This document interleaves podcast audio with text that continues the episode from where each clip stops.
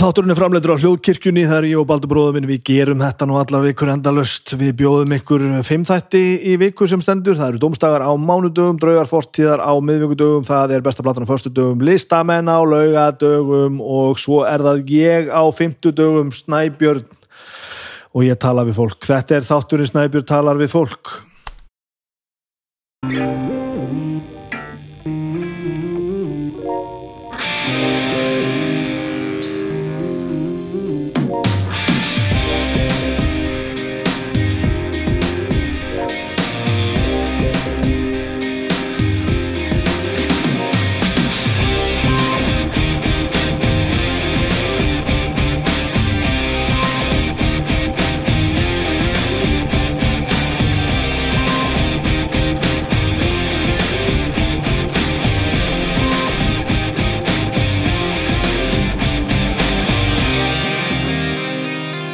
Komið sæl, velkomin í þáttinn minn Snæbjörn talar við fólk. Rosalegu þáttur í dag maður. Þetta er lánt og skemmtilegt. Við varum nú bara að fara, ég var að tala við, tala við hana þetta bara rétt á þann og við erum allar staðin upp tók eitt síptal og beint í í hlutina. Alls konar, alls konar, alls konar um að tala sko, gestagangur um helgina vetrafrí hjá krökkunum einhver með hór og einhver með hósta og þetta er alltaf að vera búið. Það er alltaf Þetta er alltaf að setjast á sama stað, þetta er gott, það er komið svona rútína át allt saman, komið rútína, mér liggum við að segja sér loksis komið rútína eftir sumarið, uh, bara svona því að, já, kannski líka því að börnin okkar voru að, já, hann, strákurinn að byrja nýri deild í leikskólanum og annar var að byrja í skóla og svona, það er kannski ekki skritið, þannig að þetta er einhvern veginn, þetta er allt saman gott, við vorum hér með barni dóttir, uh, Baldur spróðum mér var henni gistingu um helgin og þetta var mjög gaman. Þetta var mjög gaman. Þetta er búið að vera allt úr gaman. Ég er ægilega slakur, heyri hvað ég er slakur? Djúðlir slakur. Við erum búin að gera margt skemmtilegt. Við gerum mjög skemmtilegt í gær til dæmis. Við fórum á, á fórum í Eldborg sem í Björk var með tónleika. Það var ekki eðlilega gaman. Djúðlir hún best. Djúðlir hún lang best það var geðveitt gig. Vorum á ógeðslega góðum stað Sándi var frábært. Uh, flautu, septettin Víbra að spila. Nú er allt í unni liðið mér þetta heit ekki Víbra. Það er Björk Víbra. Víbra? Hlýtur að heita Víbra. Jájá, Víbra. Ég veit ekki hvað ég er að vantresta sjálfur mér.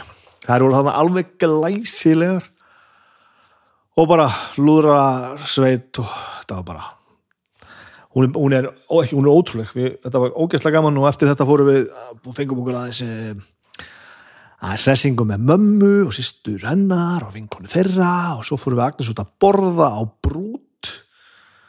Brút sem er nýlegur staður nýr, nýlegur staður. Hann er beintamóti bæjarins bestu. Brút, beintamóti bæjarins bestu. Þetta var nú eitthvað ég veit ekki hversu mikið hérna veit ekki hver á hvað og hver gerir hvað. Óli, hérna kokkaflags Óli, hann er með puttana í söll sem hann áurla slatta í þessu í hvað og hvað hann, þetta er eins og er ekkert, hann veit ekkert að ég er að plöka þetta hérna og, og, og ég væri ekkert að eða púðri þetta nema þetta var fáránlega gott og gaman. Þetta var svolítið, ég sagði þetta með duðan ég sendi hún skilabóð eftir að við fórum hana þetta var svolítið svona eins og að vera í flottasta mötunetti í heimi.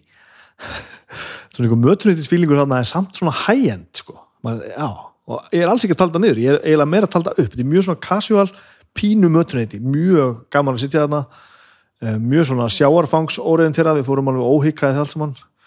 Fórum vel í forréttina og tókum svo aðeins, þetta var hérna þetta er geðvikt, farið á brút ríkalega gaman að borða þarna.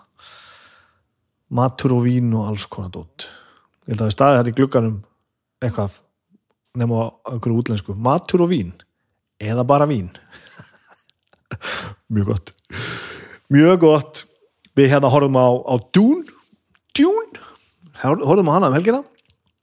E, fórum nú ekki í bíósand, við gerum þetta nú bara á HBO Max.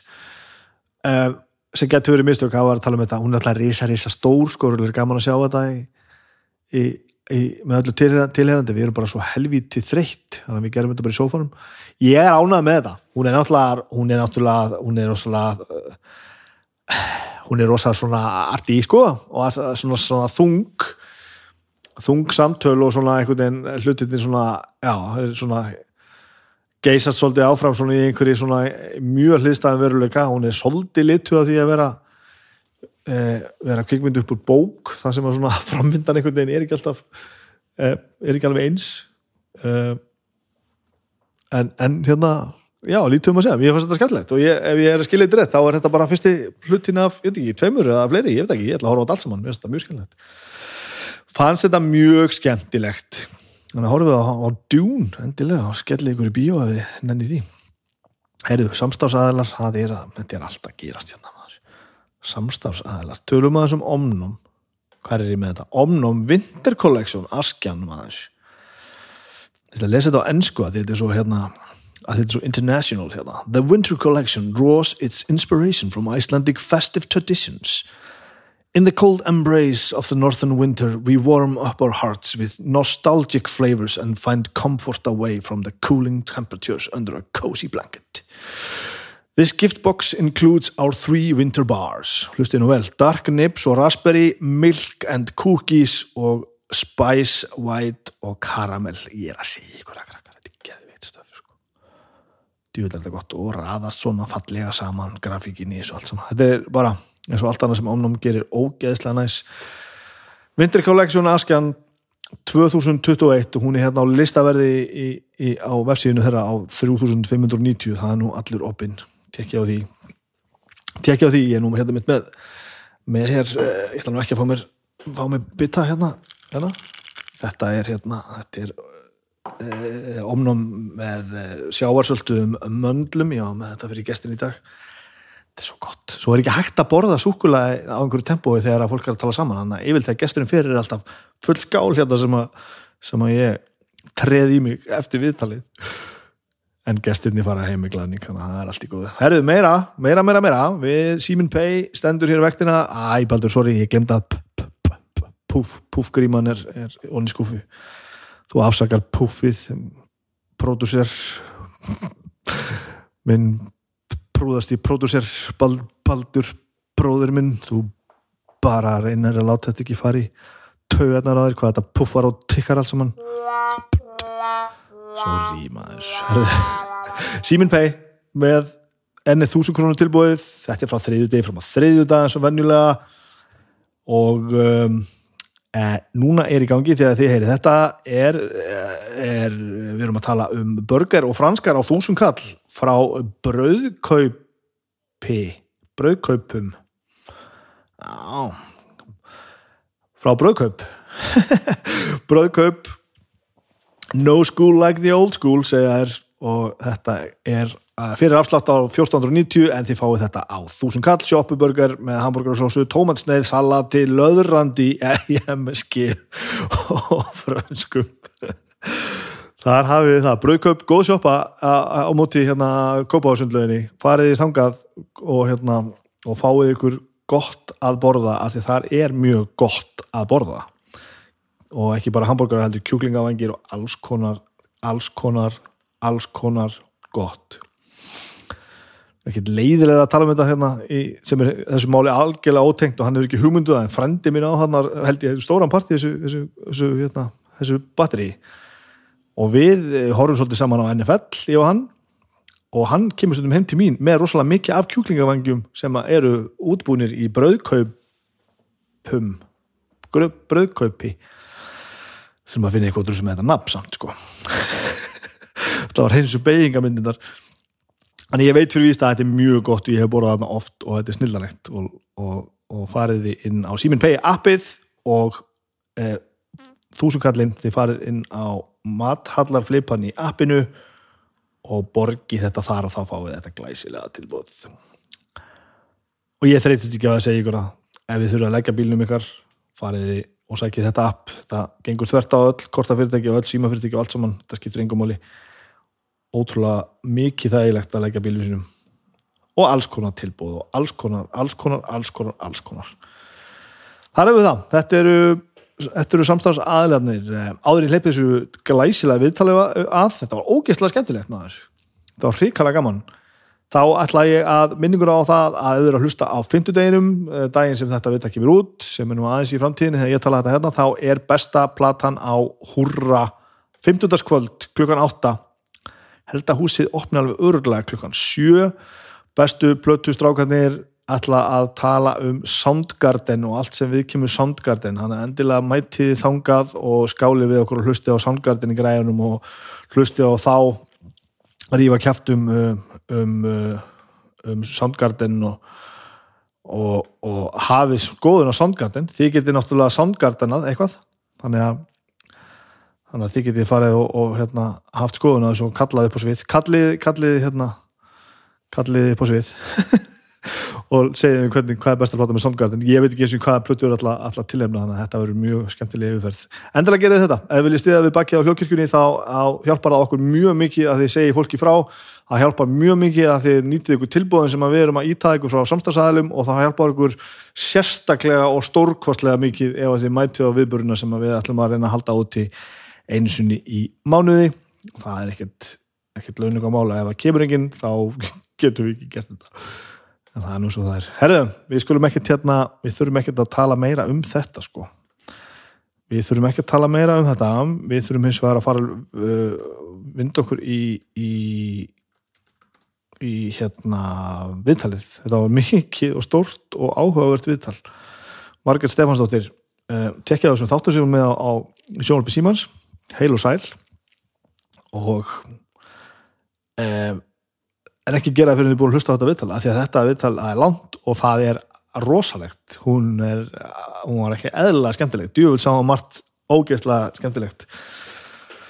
Þannig að ég ætla að hætta þessu djúvöld í stöði ég hefða bara svo gott, mér langar eiginlega bara að sitja hérna og, og bara eitthvað bladri hérna mikrofónu eitthvað áfram. Það best ég fara að gera eitthvað gálegt við lífið mitt.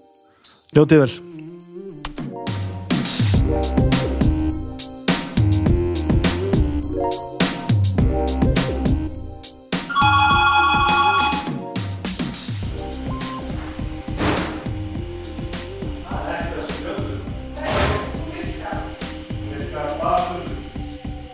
Erum við ekki hérna, þú mátt verið nánast þessu og þóri sko Þú mátt rífa þetta svona alveg Já, ok, þetta er með gott svona Já, en bara, góða radjus. já, nær er betra en þetta er ekki, þá er litli bróður minn sem að pródusera þáttinn mjög glaður Já, ég skilði. Vatn og kaffi, mm. þannig er hérna heitt Það vatn, er ef Já, þú vilt meira te og meira te ef þú vilt það frábært. uh, Guðiðin frá Omnum Nei, vá, en og flott. Takk svo er Omnum hana í skál Það er allt til alls ef hérna. þú treystið til þess að vera í viðtali og, Og borða borða um um leið.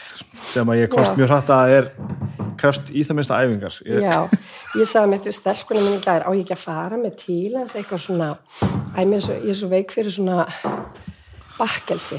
Já. Og svo var ég við, nei, það meikar ekki sens. Það var við bara einhvern veginn smjattandi. Já, það er það bara fyrir mig að borða eftir á sko. Já, akkurat. Það hefði verið, ég ætlaði að koma til en ég kom ekki með Já, henni. það er bara þá- þýr yfir að bjóða þær aftur sko. Algjörlega. Það er ljóst. Já. Við hérna, það er ég með annar hlaðvarp það sem við höfum svolítið að, hérna, að, að, að að vera með kremkeks Já, það var bara svona eitthvað þeng sko. alltaf bara, Nákvæmlega. við vorum alltaf með só, Í hérna, sparifjötunum. Já, Sæmundur í sparifötunum, sko. Sæmundur í sparifjötunum. Og við fengum bara, bara alvarlega kvart, kvartanir sko. Já, og fyrst hlóðu við eitthvað pínu að þessu Já, en svo var eitthvað sem bent okkur á að þetta er sem sagt skilgrind fóbía sko. smjart fóbía ég er sammálaði. og þegar þetta er komið inn í hausina þér bara tróða headphone inn í hausina þér og það er eitthvað svona onni mæknum bara, Nákvæmlega. þá er bara fólk trillist sko. Algjörlega. Og þegar fólk er að ringi mann já, með eitthvað þú veist upp í sér. já, Það er, ég þarf alveg svona, svona innri ró, eða þú veist, ég þarf að róa kjarna mig svolítið. þannig að þetta bögga því sagt líka rosalega og ég segi, ef ég er að borða þegar fólk ringir, þá segi ég afsakið þú veist, ég er að borða, bara, þú veist til ég, að, ég held að ég gerir þess að líka bara að því að mér var kenda þetta fer ekkert í mig sko. nei og ég smjarta held ég alveg helling sko. já, þú veist, ég meina við smjöttum öll, já, ég held ég ekki? aðeins mikið sko. já, þú þú veist, það er bara auðvitað og hún fær bara að heyra það, sko. Já. Þetta, fær, þetta fær nýja merkingu sko, að því ég man eftir að ég hef verið skammað svolítið fyrir þetta, kona mín er ekki hrifin að þessu sko. Nei, hún, nei. hún umbera eiginlega allt sko. Þetta, það komað tímar að sem hún bara nei, nei, nei, nei, nei, nei, þú verður að hætta þessu. Já, og að vita að þetta sé sko skilgreint sem eitthvað, eitthvað fyrirbæri, eitthvað fóbía gefur þessu svolítið nýtt líf sko, bara, já, ok þetta er ekki eitthvað svona uppdiktuð svona uppdikta hefðunarmynstur að við eigum að gera þetta út af einhverjum mannasum sem eru bara, nei, nei, þú verður að hætta þessu. Já, af því þetta er bara virklega, þetta bara fer inn í, þú veist, bara manns fínustu taugar, en maður er þannig stemdur, Já, þú veist, ég, ég, ok bara af því ég, já, ég fæði þetta ekki, sko. Nei, fólk má bara kjamsa á og sjú upp í nefið eins og vill í kringum mig, sko. Ég hef nefnilega einmitt svona pínu ávan að maður sjú upp í nef, sko, og vinkon mín sagði já, hún, við, við nefnilega þykjumst alltaf að fara að fara að stað með podcast, ég og einu vinkon mín, sem heitir ekki drusl, ekkert röst Já, og heyrur, ég ger svona. Og hún segir, heyrðu Margrét, ég fann að gera eins og þú. Þú veist, þetta er rosa dónaskapur að sjú upp í nef í svona mörgum menningarheimum. Já, já, já, og þegar mann er bent á þetta, menn maður mað tekur ekkert eftir þessu. Og veistu af hverju gerir þetta? Þetta, sko, já, ég er rosa ofnæmis svona pjessi, ég er með alveg ofnæmi fyrir þú veist, dýrum og trjám og grasi og svona Akkurat, en nú er ég blóði kvefu, þetta er afsökun. Að hérna og, og þóli alveg bara, þú veist ekkert svona, sumrin voru bara svona viðbjöður fyrir mér tím, á tímabili. En svo fór ég í svona rosa meðferð upp á spítala var ég mitt eitt svona ánæmislækni sem sagði bara, hvað, akkur ertu búin að reyna sjálfa að lækna þig, þú veist með alls konar svona ánæmistrastli bara úr apoteki, þess að þú þarft bara hefi svona, að ég var alveg fjögur ári í einhverjum sprautum og drastli sko. ok, og, bara- gerir þetta eitthvað? Já, öðlaðist bara, fannst mér svona uh, ný lífsgæði yfir sumatíma sérstaklega. geðveikt Já, ég er svo gjörspiltu, það er aldrei eitt að mér, sko þú ert ótrúlega hraustur að sjá líka eitthvað neginn. og það er ekki að því ég fer svo ógeðslega vel með mig, sko Er það ekki? Nei, að þú veist ég fer, ég fer ekki illa með mig ég held að fólk rosalega margir haldi að ég, ég bara reyna fyttu og drekki bara bjór sko sem var reyndar okay. Ok. freka gott Já, bara er- kombo, bara fita og... en, en hérna en ég- hugsa held ég alveg alltaf um það hvernig mér líður sko Já, ég hlusta á, á, á systemi þegar ég finn bara að það er eitthvað ekki í lægi sko já, ég veit að það sé minn kostur sko það er kostur, já. en ég er ekkert eitthvað að horfa endur alltaf á það hvað ég er að borða sko Nei. og hvað, ég reyfi mikið raskat orðið sko Er það ekki? Nei maður Býtu, en þú veist, þú býrð hér í þessari náttúru, þú veist, skellur þér ekki út í smá lappitúr? Já, það kemur svona í tímabyrjum sko Já, Ég hef börn, þú veist, þau eru fjóra og sex ára og ég þarf að fara með út Já. og mér finnst þessu ég þurfi sko Já, já. það er ennþá þannig. Ég- mér finnst þetta ekki gaman sko er þú svona úlingapappin? Þú veist, verður geggjaður úlingapappin? Já, já. Já, og ég finn þetta bara strax eftir því sem ég eldast sko já. Býtu, hvað segir þau? eru tveggja, það eru fjóra og sex sko. fjögur á sex, það eru tvö ára á milli. Býtu, erum við að tala um, er þetta eitt og hálft ár á milli? Eða þú veist, eh, hvað er þetta í mánu? Nei, tvö og hálft Þetta eru tvö og hálft, já. Einmitt, þannig að það er busy. Já, búið að brjála að gera Já, það er bara, ég er að endurheimta líf mitt núna sko já, einmitt. við eigum bara fjóra ára strák sem að er fucking brjálaðingur sko. hann er óður sko. Já, en allt í hennu núna er hann bara ekki lengur jafn óður og hann var Og hvenar gerist það að það, hann svona róast? Tryggjára? Eða bara, ja, ég, þú veist alltaf tala um þetta Terrible Two sko. Hann tók það alveg, alveg út í gegnum allt tryggjara sko. já, já, já. hann var fjóra ára í núna í september sko. Hvað heitir hann? Björgvin, Já, kallaði Bó, það kallaði Bubs Bubbi Bubs. Já, og hérna og, og það allt í, hann er ekkert mjög svona snöggur til sko. hann, hann var ekki fljótur að byrja að tala og svona, nei, nei. og svo er það allt í að kikka svo mikið inn og þá róast hann svo mikið held ég vegna þess að Já, hann hefur svo margt að segja sko. Og ef hann getur ekki útskýrt það fyrir manni í sæmilega sko, sæmilega miklu smáatrum þá verður hann bara fokkin byrjað sko, og hleypur bara stað í alvöru. Að- En, en allan hafi þá ekki verið að fá bara svona að gefa eitthvað útrás líkamlega að því hitt var ekki. Þú veist, nei, hann er bara klikkað sko. þetta er bara einfalt. Já. En býtu, svo ertu með sex ára já, hún er nýbyrjuð í skóla sko. og er stelpan, hún heiti hvað? Anna, Er, hún, er Anna rólegri já, heldur en Björgvin? já hún, hugsa, hún ofugsar allt og hugsar allt í gegn og, og bara svona á, veist, innan allra gæsala bara getur allt sko. Ógeðslega fljóta öllu og, og, veist, og mér fyndi þegar við þegar, þegar við með, með Björgvin sko, að að allt í henni komið inn í einhver tímabilið sem ég fatt að já, það er svona eða börn sko. þegar annars slefti þessu bara, hún byrjaði alltaf bara að tala sko. Já, já, hún þurfti ekki að læra að tala, hún horfði bara svona á mann og bara, ok, ok, ég veit hvernig það bara svampur. er já, og svo hann, þú veist nú er hann fjögur ára, sko, hún, hún, var sko, alltalandi tveggjara, hann er alveg að skýta sko. Þannig að með, það, með því að eignast hann sko, þá alltaf fattaði maður bara, já, já, já, það er fullt af tímabilið sem við sleftum bara með hana sko. þannig að þau eru alveg svart og hvitt sko. þannig ykkur fannst það bara geða ykkur luxus þú veist að vera með hana og heldur að dyrði bara svona þú veist auðveld en svo er þetta ekkert allt auðveldara maður nei, þetta er Að- og og bara Já. mættur á staðin og bara framkvæmur allt og ekkert mála meðan hún er svona mikla hlutina fyrir sér og hugsaði alltaf mikið. Já, það eru mjög góð kosta á sinna hátt sko.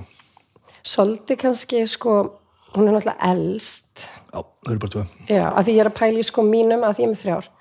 Mín elsta, ég meina ég er búin að múta henni, skiluru við fóraldrarnar mútum en við vorum í svona hérna, sundlegagörðum hvað er gamlar? þær eru sko elsta er 22 Mhm. svo er næsta 16 og svo næsta 15, 15 eða sem sagt 14, já, að verða 15 núna. Hún, það er svo stutt á milliðra Mhm. þannig ég kannast við að vera með svona já, já, stuð. En ég er að segja að þú veist maður fór í vassrenni brautagarð og, og þú veist maður langaði bara að vera trilltur aðna með barnið sko þegar hún var kannski 5 ára. Hún bara, þú veist, var einmitt svo passasum, vildi ekki þannig að maður svona sko, ef þú kemur með mér í þessa rennibraut þá færðu þe- þetta var alveg þetta var, að, að þú séu vassanubruti sko. Og það var ekki að ræða það. Nei. hún bara var ekki til í að fara Nei. og allir bara vinnirinn og allir og litli bróðin og allir fattar á stað og bara ekki fokki sérs Nei. en hún hefur, hefur það í sér að hérna hún augra sér sko.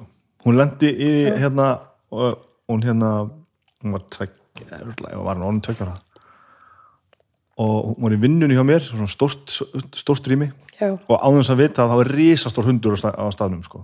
já, hann var bara korpur en svona, veist, ég kann ekki hvað hundar heita snögg, snögg harður grár já, eitthvað bara retriever eða, veist, Eða bara, bara, whatever bara stórt kvikindi sko. hún veit ekki á honum og hún snýsir semst við og þá kemur hann hlaupandum og er bara svona hleypur svona yfir hann sko. Veist, kemur alveg að hann er bara sér og ekki dilt sko. hún turblaðist úr ræðslu sko. og þetta satt svona fullkomlega í henni og man þetta bara alveg alltaf sko. En hún fekk að og við svo sem, þú veist, ég held við séum alveg ágætt, í fóreldrar sko, þú veist, og, og þannig að við, svona, við tölum ekki við bönnuna okkar og svona útskýrum og, Mhm. þannig að hún tók það frá fyrstu fyrstu mínútu að sko reynað yfirvinna hræsluna sko. Gerði hún það? Já, og sama með rennibrautina sko. Hún var alltaf svona, þú veist við, við íttum bara svona passlega mikið á hana já, og svo alltaf þegar voru hundar sko lengi þá bara dróðum sér alveg tilbaka sko, svo sá maður hann alltaf að nálgast sko og reyna að snerta litlu hundana sko gott bara henni. reyna svona einhvern veginn að Já. sigrast á sko. Já. og svo bara allt í hennu stökkun að stæði í rennbrutina og hefur bara ekki, ekki stoppað síðan sko. nei, einmitt er- þannig að það- svona vinnu sig hægt svona af málefninu Já. já, en hugsa rosa mikið á allt og mikið sko. hún er alveg svo ég og svo er litli brjálæðingurinn bara eins og brjálæðingurinn mamman sko. já, er það, Þeir eru- þú svona ofhugsari já og ég er að koma að staði núna bara síðustu mánuði sko. af hverju, af hverju þú komast að því núna síðustu mánu ég sem sagt djúvill er þetta skemmtilegt viðtal. Það er spurning hvort þið setja nafni þitt eða nafni mitt á viðtali ég byrjaði með þetta hlaðvarp já, og ég er búin að gera sem margt í gennum tíðina sko. og ég, ég tala alltaf fyrir þetta segi bara eitthvað, veist, bara hvað ég, var, hvað ég vagnar svo um að horfa á sjónvarpinu og hvað tölvuleik að spila og bara, veist, þetta gerðist og hitt gerðist og eitthvað. Og ég leittist einhvern veginn inn á að að það er alltaf verið svona í kultútum í kringum okkur að, að það er pínu áhugavert og skemmtilegt að horfa á sína eigin galla sko.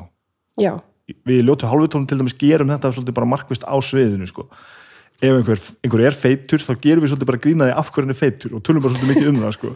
og ef þessi er, er svona þá tölum við bara um það sko. og það er all, alls konar þú veist já, já, og, og oftar kannski andlegt heldur líkamlegt sko. mjög fyndið sko. en við höfum alltaf að tala svona saman og ég fór bara eitthvað að segja bara, djöfull er ég eitthvað skrýtin hérna eitthvað og svona ger ég þetta og ég hérna, uh, veist, ég fór að tala um hérna, þú veist, eru undirbúið sér viðtöl stundum er ég alveg hakkaður, sko bara að því að þú veist, ég er hérna að gera svo margt í einu eitthvað og bara svo er ég alltaf bara komið veist, fullar ruslapoka í aðra hendina sem ég veit ekki hvað að gera við og svo bara snýst ég einhverja hringi og ég er alveg glóruleg, sko.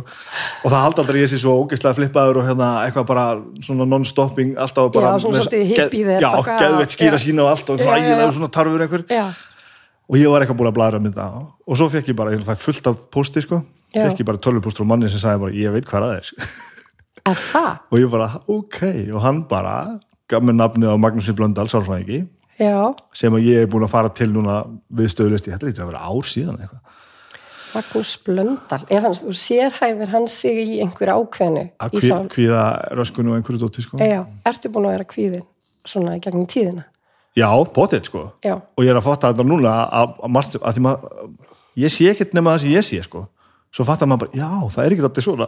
Já, akkurat, maður heldur allir sjá í hlutinu sem maður sjálfur. Já, og núna er ég bara, fer Já. ég bara eins og, veist, bara fer ég á, bara svona einu sinni í mánuði eitthvað. Og eins og fáránlega gaman sko. Já, bara átt að segja því hvað maður er fókt upp sko, að reyna að laga þetta eða veist, breyta því hvernig maður haga sér og svona, ógeðslega skemmt og þú veist, og gefur hann þér að því, að því maður auðvitað sálfræðingar eru ótrúlega mismunandi veist, þetta er bara fólk eins og við.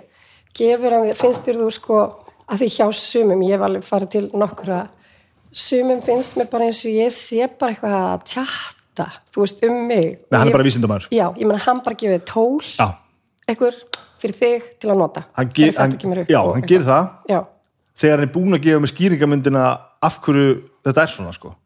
Fyrir mig er það stærsta breykþrúið er að hann útskýri fyrir þig bara nei, nei, nei, hættu nú að hugsa um logik sko. Ja, sem þú ert búin að hugsa um og hugsaði frekar um sko af því að þetta er svona þá gerir heilin í þetta hér. Já. Og þess vegna bregstu svona við. Og þess vegna verður þú að gera þetta hérna til þess að heilin að þér hægt að gera þetta Já. þegar þetta gerist. Já, einmitt. Og maður heldur fyrst að þetta sé eitthvað svona algjört svona, já, og eitthvað svona stefnulegst kjaftaði en þetta er svo basic stöf sko. Og svo alltaf fattar maður bara já, ég geri þetta alltaf af hverju geri ég þetta alltaf? Þetta er rosa skrítið já. Svona í viðjum vanans einhvern veginn svona víraður já, bara einhvern veginn.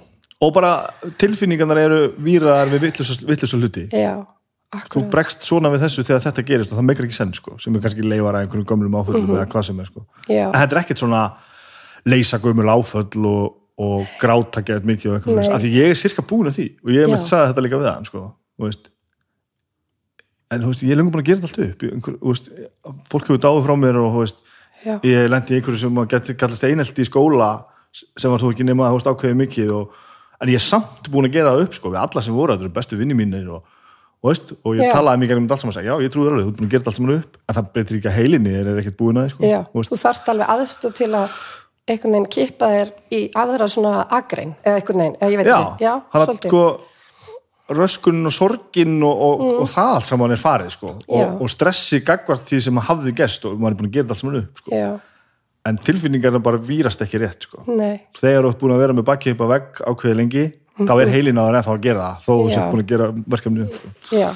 og grípa sig í svona einhverjum hugsunum, þú veist, negatífum og finnst það mitt svona svo áhugavert, þú veist, þegar maður næri að vera svona meðvitaður um það, að því ég líki svo oft við að þú ert að lesa bók að ef þú fer með hausin eitthvað, þá mannst ekki hvað þú last.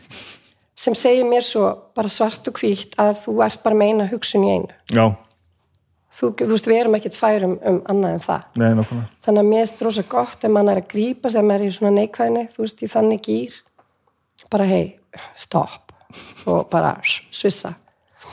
Já, ég held að sé, þú veist, og ég finna að það hefur áhrif á svona bara einhvern veginn daginn, sko þetta er svolítið stórpartur af það sem ég er að gera það er þessi meðvitund um það að þegar þú finnur eitthvað er sko, að aðeins að stoppa og bara hva, hva, hvað er að gerast af hverju er þetta svona sko?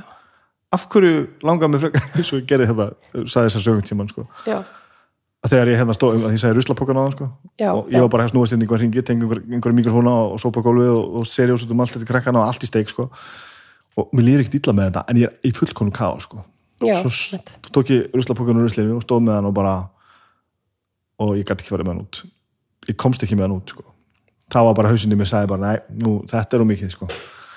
vá og ég sett hann í skáp að því vissi að gesturinn myndi ekki kíkja í skáp svo fór ég bara með þetta út þegar gesturinn var farið ekki sko. lyktina þá bara inn í Ja, þú veist, og, og, og hérna og svo bara en hvað var það? þú veist, langaði bara undir sæng Nei, þetta er ekki alveg það sko. En þetta, þetta er samt, ég hef verið þar sko. Mm -hmm. þunglind og kvíða að vilja ekki fara undan sanginni sko. Þetta tengist í já, og ég náttúrulega sa- sagði Magnúsi Blöndan þessa, þessa sögu. Og við fórum aðeins í gegnum þetta og, svo er svo fyndið. Maður er, það, maður er svo lítið sérstakur sko. Að því um leiðum maður að sé rosa spes. segja leiðum segir það við einhvern, mm. sérfræðing sem kann allt það bara, ég, þú veist, hann las mig á svona átta mínútum. Ég Já. ég veit alveg hvernig þú hugsa sko. Og bara nú, ég held að ég verið svo uník. Bara nei og það, þú veist, þá komst ég sérst að því og hann, einmitt, sagði mig það og fór, ég þurfti svona náttúrulega að vinna með sér gegnum þetta og, og hérna, koma að staði hvernig ég er að hugsa sko, að ég er alltaf með svona 3000 hluti í bakvinnslunni sko, já, þannig að þó ég var ekki með þetta að hugsa um það, þá var ég að hugsa um sko ok, hvað ef gesturinn kemur á meðan ég fyrir út með ruslið, hvað gerist ef ég læsi mig úti sem er ekki hægt að því ég er með liklabóks úti? Hvað gerist þetta, en ef símur hringir ég, er ekki meðvitað þarna en ég stend bara svona stend bara svona, frosinn með ruslapókun og bara þetta var mikið, já, svo tók ég tíman og ég var ég var 16 sekundur og leiðin út með ruslið og aftur tilbaka. En þú veist, hugsa sér þú veist, hvað þetta er ótrúlegt með okkur að, að hérna að, ge, að þú veist, við höfum við höfum bara svo mikið vald yfir eigin líðan. Uh -huh. og ég er einmitt að taka þetta samtal svolítið við yngstu stelpuna mína því hún er einmitt taldi svona lundin hennar stundum þung og svona kvíði. Já, og, og þú segja við hana sko, að það skiptir rosalegu máli með hvaða við þú ferðin í hennar dag. Þú veist, það, ég er ekki að segja að það er að fara valhapandi en út sko. En bara, þú veist það verður kannski bara ágættistagur þú veist, það þarf ekkert meira. Tjekkum á sig, í staðis bara ömulegt, nenni ekki, vil ekki. Bara eitthvað svona smá. Já og ég held sko í, í mínu tilfelli held ég að ég hafi verið að gera allt þetta sem að hann er að kenna mér sko. Basically að nota skinnsemi gegn óraukratum tilfinningum eins og þú ert að segja, þú ert Já. að vakna á mótnan og bara hvernig getur þetta verið svona slemt, þetta er næs sko. Já, förum og prófum þetta. Já, já, tekum á þessu. já, tekum á þessu. Já, en hann gefur manni svo kannski bara miklu, miklu beittari vop sko. Af því þetta er, þetta er aðeins flóknara heldur en þetta. Já, já, já, já. Að þú veist- Guð, ma mannskeppnan þannig að það er ógeðslega gaman að, gera þetta sko. Og bara einhvern veginn að kafa onni þetta og einhvern veginn bara byrju hvað ertu gammal? í 43, 78 Já, er þetta ekki svona tíminn sem að maður er með byrjar þú veist það er ykkur þroski sem maður nær af því lengi framan af alltaf upplýði ég það maður væri bara komin með fullan þroska þarna kringum 20 og eitthvað. Já, já, en svo er maður auðvitað alltaf að bæta við sig og maður er að breytast. Og mér, mér finnst þið mitt svo gott að segja þegar einhver segir við mann, þú þú hefur breyst svo mikið og er kannski að meina það negatíft og ég er að reyna að kenna dætri mínum hvaða það. fólk segir vel Æ, þú veist, veist það sem fólk sem er svona manipulativ, mér stóða breyst svo, þú veist, þessi stemning. Ok, og hérna segja bara já, þú veist, auðvitað breytist ég, ég meina, já eins gott. Já. hvað ég ætlar að gera það sama? Ég ætla ekki að vera bara alltaf hérna, föst í einhverju fari. Nei.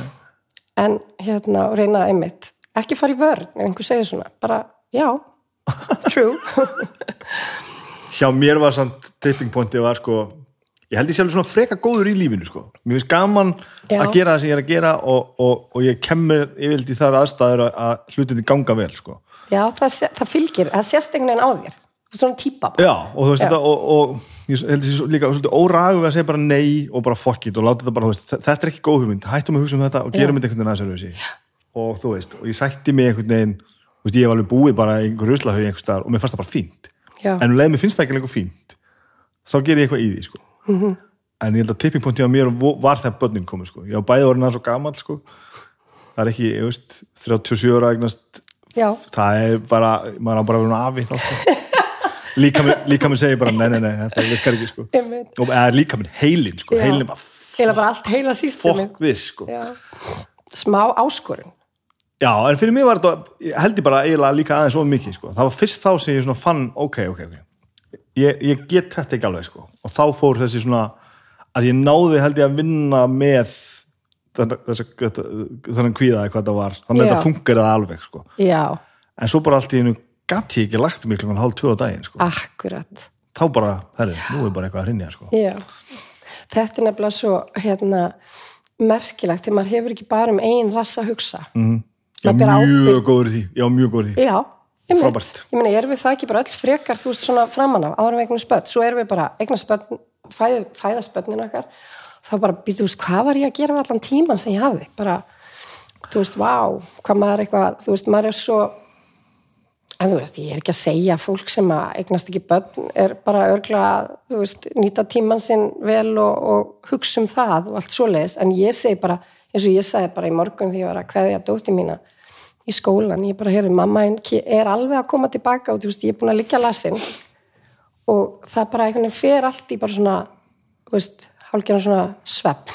Já, já, og ég er svolítið svona aktív og veist, spjallari og svona en bara röddin var ekki. Og ég bara, veist, þetta var bara, bara svolítið svona silence á heimilinu þannig að já, við erum við náttúrulega við breytumst auðvitað við það þú veist, öðlast þessa ábyrð á þessum lillu börnunum? já, já. Sko náttúrum var farin að öskra á, þetta- öskra á mig með þetta sko. Nú er það, já, ég var hérna ég held lengi vel að ég myndi bara ekki tegna spöld sko af hverju? Ég held ég að bara vita að ég er ekki góður að sjá um þau. Varstu mann ákveð, var það vírin í hausnum að þér? geti verið sko. En mér fannst líka rosa gott að vera eitt sko. Já. þú veist, óháður sko. Mér fannst, áttur þá ekki kærustu heldur? Jú, jú, alls konars bara. Já, og alltaf haft það frekar gott bara og verið í góðum sambundum og bara já, löngum svona þú Já, veist, já, og þú veist, ég og Agnes erum búin saman í sko vá 11, 11 ára eitthvað. Já, en ég er svo sem vissi það alltaf í því sambandi núna við, við, við að ég þyrfti að eigna spötna þegar hún hefði ekkert gert, ekki, ekki slefti sko. og ég er til í það sko. En, ég, en það kom eins og á tímapunktin sem ég var svolítið hissa á. Þá allt í hennu fann ég bara að náttúran sagði mig bara nú var ég gaman að eiga barn. Hæ? hvað er þetta að meina eiginlega? Nei, ég nenni ekki að eiga börn. Þau eru bara, taka bara tíma ég þarf að, ég, ég þarf að spila pleysir á nóttunni ekki, ekki vakna stemma móðuna rosa uppbyggileg. Já, ég meni það, en ég skil það sko. og ég skil alveg það að vera bara einn ég var aldrei einmanna, ég geti verið einn bara í fjóra mánuði ekki að gera neitt innan allra gæðslappa og með það frábært sko. og trú að sjálfum þér svona næ, nægur. Já, alltaf ekki en hvað, þú veist, komu sér hugsun bara, var þetta af því að það var fólk í kringum eignast börn sem að Ég sá bara allt í hennu sjálfa mig fyrir mér já, að leiða barn á gangstett sko. Já, var það? Já. Og ég fann bara að það yrði öruglega ógislega gaman. Já, sem það er. Já. bara allt í varstu komið með eitthvað bara á eitthvað stað. Já, og ég mig ekki alveg á því hvort þetta er, þú veist, bara bara bara þró, þróun mannsins, skilur að hafa bara svona kikk einhvers staðar inn einhver svona Mm. Já. kvöt, sko. Eða hvort þetta var einmitt úr umhverfinu eða vantanlega bæði, þú veist, ég mig ekki á því. Nei, en var Agnes þá líka reddi, var hún bara Já, hún reddi, bíð alltaf, eftir hún er alltaf verið reddi, sko. Er hún á sama aldri og þú? Nei, hún fætt 91 hún er 930 já, er, við, við erum búin að saman eiginlega alveg nákvæmlega blengi og og við megum að vera saman. Já, það er fallegt. Já, það aldur er eitthvað svo bara afstæður í þessu samingi held ég. Veist, Já, allavega séu okkur. Við erum, við erum bara besta teimi í heimi sko. já, en þú ert hamingjusamur. Já, ég er alveg ég er alveg sko ég óttast að stundum hvað ég er hæmingusamur já, ég skil þig. Þú veist, að, að, vera að fara að missa eitthvað. Já, eða bara að, að þú veist Já, ég veit ekki, að blara að springi einhvern veginn sko. en ég hef engar, á- enga ástæð til að halda það sko. Og ég er ekki býð eftir eða, eða ég sé það ekki fyrir mig gerast sko. nei, þetta er bara gott. Já, þetta er bara sitja gott. í því svolítið, hvað er gott. Já, það er svolítið þannig sko. Herðu, já, ef að, byrja að vita. En ekki byrja Jú, ég er ekki Einmitt. Hérna, segjum mér aðeins frá svona þetta Sjóðum Mm, já, sko. Hann ymmit fjallar bara eiginlega nákvæmlega svolítið um þetta sem við erum búin að vera að ræða. En eitthvað, sígur hann eitthvað? Það er eitthvað. Um, ég nefnilega fór að hugsa eða fór að hugsa, ég var bara mjög mikið að hugsa þessa, þetta samhengi andans líkamanns, bara tilfinningana. Og þú veist, við erum ein, ein heild. Það verður ekkert slitið í sundur og, og ég var að vinna semst riðið með tímabundið á heilbriðsvísindasvið háskólans. Og það er náttúrulega bara endalust af flottu vísindafólki og, og hérna og ég var svona aðeins að píjara einhverja rannsóknir og þú veist, hérna, plugga þeim í fjölmjöla og svona. Og fer síðan á eitt fyrirlestur hjá Ólufu sem er kallið Olla ég kalla hana það, hún var dósent í hérna við næringafræðidildina og hún fer að svona spyrja út í salin hvað það er í svona á ferlun okkar næringalega séð sem að segir mest til um lífskeið okkar þegar við eldumst og við, bara hún let okkur svara og við vorum öll okkur að fyrstu þrjú árin og allt þetta. Hún sagði bara í móðukviði búm, þar eftir hvernig, í hvaða þyngd bann fæðist, ef það er í sinni réttu þyngd, þá er það með öll réttu spil á hendi, ef það er of létt, þá er smá átak og bara var að lýsa þessu fyrir okkur að ef það verður einhver brestur á meðgöngu að þá akkurat það sem er að gerast í þroska bassins þá það verður fyrir því hvað, hvað maður að segja ekki beint svona skemmtum en verður það ekki eins og það kannski geti best fyrir og ég fór bara að velta fyrir mér og ég lappa rosa mikið út á Altanesi af því að það er nú svo dásamlega náttúra eins og hérna. Og ég er svona já ég ætla hérna mér langar, gera, mér langar bara að pæla í hilsun okkar. Og minnst ég alltaf vera að fá líka ég er alltaf að lesa eitthvað svona greinar hér og þar og heyri út af alls konar svona tölfræði um okkur. Við erum svona þú veist, feit og við erum svona hins einn og ég sem mér mér langar að reyna að ná einhvern veginn utanum þetta. Er náttúrulega rísa málaflokkur heilbriði og ég er svona, já vinnu heiti er andlegi þátturinn og ég ætla bara einhvern veginn að byrja á þessu og ég eh, svona lista niður svona þau, svona, svona efnistættina sem ég finnst að verða að vera. Og Pálmi hjá Símanum eh, sjónastjóri, ég og hann vorum eh, vinnir þegar við vorum múlingar höfum ekkert, þú veist, haldið sambandi þannig og ég ringdi bara í hann til aðeins að þú veist, eiginlega fá ráð, þú veist, hvernig snýja mér í þessu? Og hann bara heyrðu, þú veist, það er, og ég var með eina aðra hugmynd líka og hann bara er að mér líst rosa vel á þessa pælingu með helsuna eins og þú veist að hugsa þetta. Og svo er Lilja uh, hjá Pegasus, hún er við erum saman í svona vinkunahóp sem að þykist spila golf. Jú, jú, við við erum að bæta okkur. Allavega, hún hérna hún er sérstaklega yfir þessu framleyslu fyrirtæki og ég fyrir til hennar líka. Og þetta var svona líka gert til þess að fá ráð. Veist, hvernig á ég að svona fóta mig í þessu? Og ég var náttúrulega fréttakona upp á stöð 2 því ég var 26 til 30 eitthvað svo les og blundar kannski alltaf í manni þetta svona að sko miðla veginn eða svona já ná utanum gera eitthvað svona skýrar aðeins. Og hún bara sagði þú veist ef þú vilt vinna þetta með okkur þá bara förum við í þetta.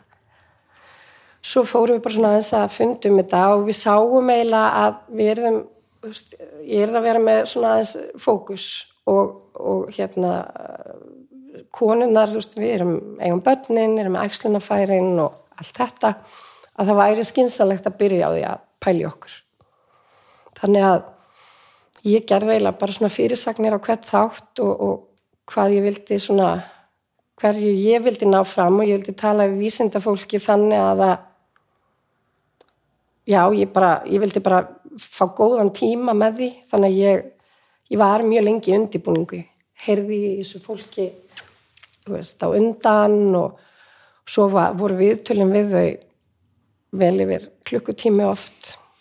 Alveg geðveiki að klippa og finna bútana og allt þetta. Og ég minna ég var með frábæran samstagsmann í þessu sem er hérna Eirikur sem hefur gert ímislegt með rúf og, og fleirum.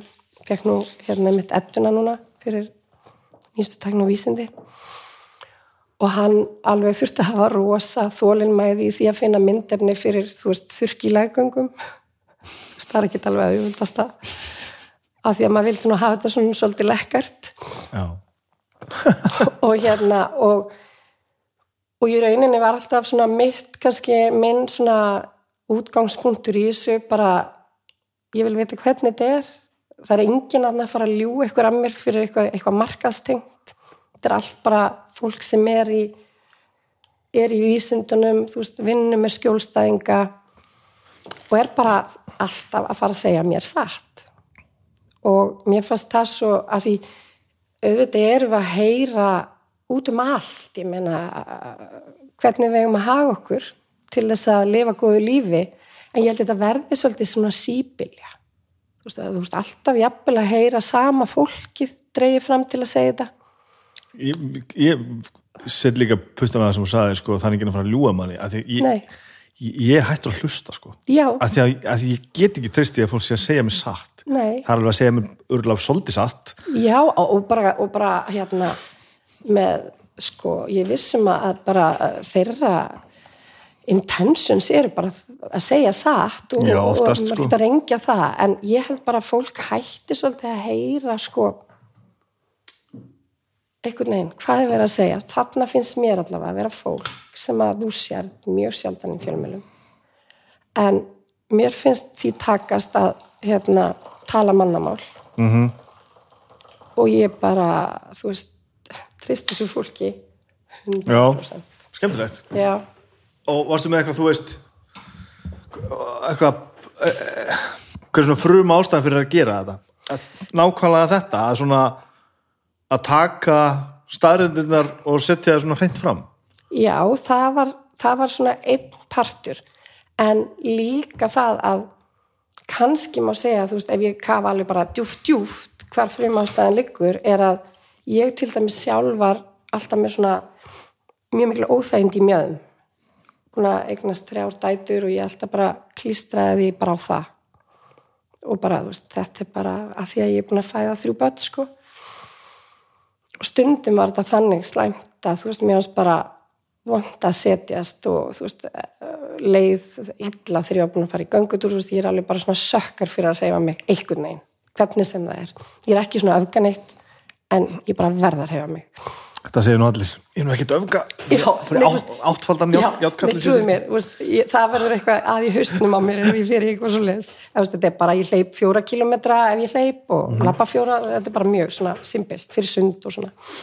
En hérna síðan bara vinn ég úr ákveðum, ákveðinni flækju, tilfinningaflækju hjá mér og hérna bara eins og dögg fyrir sólu þá var þessi verkur farin og ég líði ekki. Vá, já.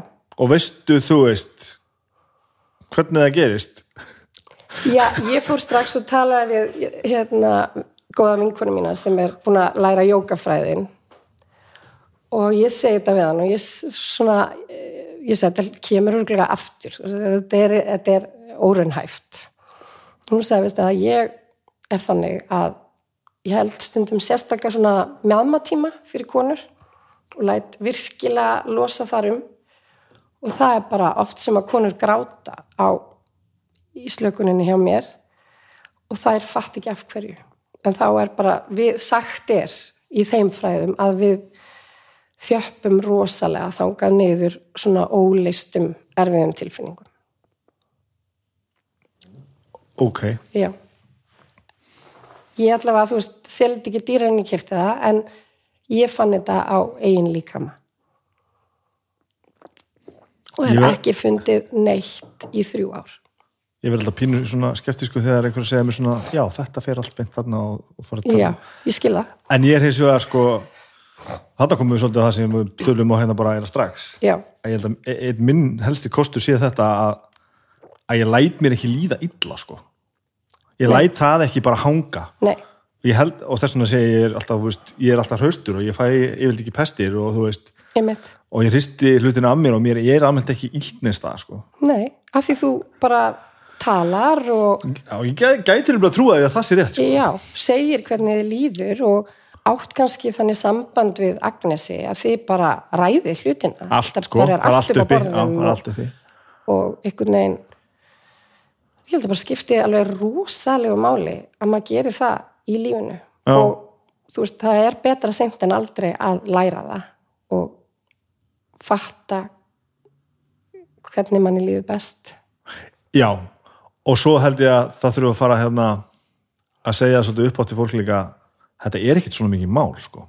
Mhm. þetta tekur ekki svona langan tíma þetta, er ekki svona hræðilegt sem ég er ekki að gera litu og stórum áföllum og öllu svoleiði sko. en bara til dæmis í þessari vinnu sem ég er í sem er alltaf svolítið svona, veist, svona veist, bara svona stíkur hobby sálfræði líku við sko, ég er alltaf bara að taka mjög gott líf og besta einhvern veginn sko. bara frábært en sko bara þremur viku setna það bara, er, það er alltaf miklu öðuldra en það var sko. og eins og þú ert að segja, þú veist, þú fer bara að tækla einhver mál já og þú, og þú veist, það tók þið ekki fimm ár sko. Nei, en kannski var í rauninni aðdragandinn allt of langur. Þú, veist, þú Já. lætur einhverja líðan hjá sjálfum þér viðgangast. Ég myndi bara algjörlega mín ábyrð mm og gerir ekkit í því. Ég menna, þá bara er þetta orðin samt mörg á, já, eskilur. akkurat sko. Já, og það er, það er svo áhugavert þetta af hverju maður tæklar ekki hlutinu sko. já, það er svo skrítið. Það er, það er mjög áhugavert og kannski bara eitthvað sem að maður er svona búin að býta í sig. Þetta er eitthvað svona harka af sér Já, já og svona já, já, bara, látið það ganga. Þú Já, veist, já. eh, já, ég ætla bara að gera þetta svona og hérna, og þetta verður svona punktur, ég fæ líka, ég held að þetta sé rétt þér. Ég fæ líka þetta ég held að sé, sé búið að kenna okkur of mikið að það sé of, að þetta sé svo stór átök sko. já, það bara, þú veist, já, já, nú ætla ég að gera eitthvað í mínu málum, það líka bara að þú segja upp í vinnunni og setja allt á hold í, í sex mánuði bara til þess að, þú veist ég fór bara í tíma til sálfræðings og það breytti öllu, sko. Og ég, veist, það var, var ekkert erfitt við það, sko. Nei veist, það er málið, sko, ég er ekki að gera, eins og ég segi að sjálfsögðu þarf maður líka að vinna úr erfiðleikunum og það er erfitt, já, sko. Já, já, en það er ekki svona erfitt. Nei. Ég þetta stundum í samhengi við, þú veist, það er búið að skemma hljóðfarleik fyrir svo mörgum. Það er búið að segja öllum að það sé svo læra á gítar, sko. Þú getur alltaf að spila gítar og bara, veist, og bara eftir tíu daga og getur þú bara að spila alveg fullt af stöfi, sko það er bara, já, þú er að setjast niður klukkutíma dag í fimm ár og þá getur þú kannski fengið að vera Já. með. Svona bara, þessi menning. Bara um hvað ert að tala eiginlega? má ég ekki bara leika það er bara eitt fokkin gítar, sko þú er bara að fara til sálfræði, sko, er þetta, þetta er gaman sko. Já, minnst þetta mitt, minn, kemur upp í hugan á mér Þorvaldur Þorsteins rítufundur Mhm. við vorum miklu vinir. Og hann er mitt uh, ég fór í svona skapandi skrifunámskeið hjá honum. Hei, ég líka. Er það? Ótrúlega skemmtilegt. Og þar sagði hann í mitt, þú veist, þið er ekkert að fara að segja upp vinnin ykkar til að fara að skrifa bók. Bara skrifið þið bara gerið þetta Já. og mér var svo frábært, þú náttúrulega þekkir það á taktikina hjá honum að því að þarna var ég bara alveg rosa busy, ég var upplýsingafulltrúi hjá símanum og ógislega mikið að gera. Og maður einhvern veginn var alltaf svona spólandi einhvern veginn á næsta stað og, og ég kom svona hlaupandi síðust inn í tíman en þá hafði ég sko meiri segja bara, ég var að fundi í keks, á kekshostel og ég alveg bara, á oh shit, já, skrifa eitthvað. Ég var að koma eitt blað af ykkurju og ég fer inn á klósett þar eru svona bækur af alltaf mannstu mm -hmm, og já, er örglega, örugglega. svolítið langt sem ég kom anga og ég sé eitthvað orð. Og ég bara, já, ok. Skrifa, kem fram, skrifa út frá orðinu bara eitthvað. Og úr varð bara veist, eitthvað saga mm -hmm. sem ég bara, veist, þetta bara gerðist og svo áttum við að lesa upp og, og ég var bara svona næstu í hissa þegar ég var að lesa þetta því svo lagði ég þetta bara helt áfram á fundinum og beint til Þorvaldar sko. Þannig að minnst þetta með svo flott nálgun hjá honum. Ekki, ekki gera svona mikið úr þessu. Nei. Nú ætla ég að vera rítöfundur ég, ég man þetta nákvæmlega eins, sko. ég, þetta var bara eitthvað helgarnámskeið sem ég fór á sko. þannig að það var, var, nú ekki, var nú ekki hérna sem er bara frábært nóg, sko. að ég man nákvæmlega eftir þessu og ég, ég hérna að, þetta taka heilaleika nú sko. akkurat þetta er ekkert svona heilagt mm -mm. gerði þetta bara einmitt, ef þið langar Já. en ég er hins vegar líka að þarf að passa mig á móti að hérna, ég dangrið þetta stundum að sem ég geri út af þessu sko. ég á alveg sko veljun að gripa einhver starf við geimslu eða eitthvað fyrir sko hérna textasmiðar sko textahöfundur ársins, þú veist. Og mér líður alltaf fruðlega ef einhver alltaf að fara að kalla mig skáld. Ég bara, na, það er eitthvað ekki skítið vera að leipila mig þá er ég svona, nei, ég held að sé nefnilega ekki leipulið ég held að það sé uh, mér finnst að mér finnst ég ekki ná upp í það Ekki sko. eiga það skil. já, eða þú veist, ég veit ekki hvort að eiga það skili sér rétt en örgulega, jú. Það er ekki alveg hárrétt orðað ef þú pælir í því sko. að mér finnst, sko, ég er allavega fóður að þannig að mér finnst eins og ég sé bara eitthvað annað sko. að því ég er tónlistamæður sem þarf að syngja texta. Sem er þetta helbert kæftæði sko. Og ég veit ég er ógæðslega góður í þessu. Og gerur þetta mikið? Ertu að alltaf að skrifa? alla, nei, ég sem bara því ég þarf að gera það. Já, en ég sem alla textana fyrir skálmöld til dæmis já, allt rasti já, sko. já, sem eru langir og flóknir bólkar sko, og að heldur betur. Þannig að þú ert, þetta er þín svona þinn kjarni svolítið mikið. Já, já, og ég er ógeðslega góður í þessu og ég eh, nota nákvæmlega þetta sem að tala með Þorvald sko. bara gerði þetta bara, þetta, er, þetta það bara fokking rýma sko. og svo, ger, svo rýma ég þetta bara ógeðslega vel og þá er þetta ógeðslega flott og fullt af stöðlum en málega það og... geta það samt ekki all, Nei, ég veit það. bara alls ekki. All, og ég átta mig á því sko. en svo þetta er einhver að fara að kalla mig ljóðskáld og þá er ég bara, þá er veginn nægir því ekki sko. kannski að því að þú veist, þá er ég kom, gengin og langt í að taka heilagleikan úr þessu. Já finnst mér já, þetta bara, veist, þetta er ekkert mál. Veist, já, að sem er líka eitthvað sko, já. everyday thing, bara hvað? Skrifa hennan texta, ég meina sumt fólk bara skilur ekki það að geta það. Það er margt, ég get ekki tekna hest til að berga lífið mínu sko. nei, og ég meina ég sé þið ekki fyrir mér eitthvað bara svona brjálegan Excel-gaur Ég, jú, jú, ég er frábær, ég er bara tíu samlandur í, í, starfsvæði, sko. Já, já ég, ég er ekki að minna starffræðing en ég, séð, ég séð ekki fyrir mér svona já, já, nú ætlum við að fara í frí með börnin, skulum taka upp Excel-skjali Nei, en þetta er eins og að mér fyndið, sko. Út af þessu hérna sem hann greindi mig með hann Magnús Blöndal, óvissu óþól heitir þetta, orðið yfir þetta. Ég er bara með, bara alger, algjört óþól fyrir því að viti hvað er að fara að gerast. Já, það má ekki gera svona surprise fyrir þig dag Nei, ég hata. Þar að Já, Ég hata, sko, óvissuferðir eru bara versta sem ég veit, sko. Og bara allt svona surprise kæft, ég verð í mannígur, sko. Ég hef alltaf, alltaf fóðrað þannig að ég, þú veist, að mér finnst þetta, að mér finnst það bara ekki eitthvað svona. Mhm. En þetta er ekkert annað heldur bara massífu kvíði fyrir því að veit ég hvað er að fara að gerast, sko. Massífur, nei, ekki massífur, en svona óþól fyrir, fyrir óvissunni, sko. já, Þannig ég er í staðin fyrir það að vera með Excel-skjalið sem væri kannski af tvennu yllu bara skára Mhm. þá stendi ég bara með ruslapókan á, á stigaskurinni og er bara með óunnið Excel-skjal í bakgrunnum sko.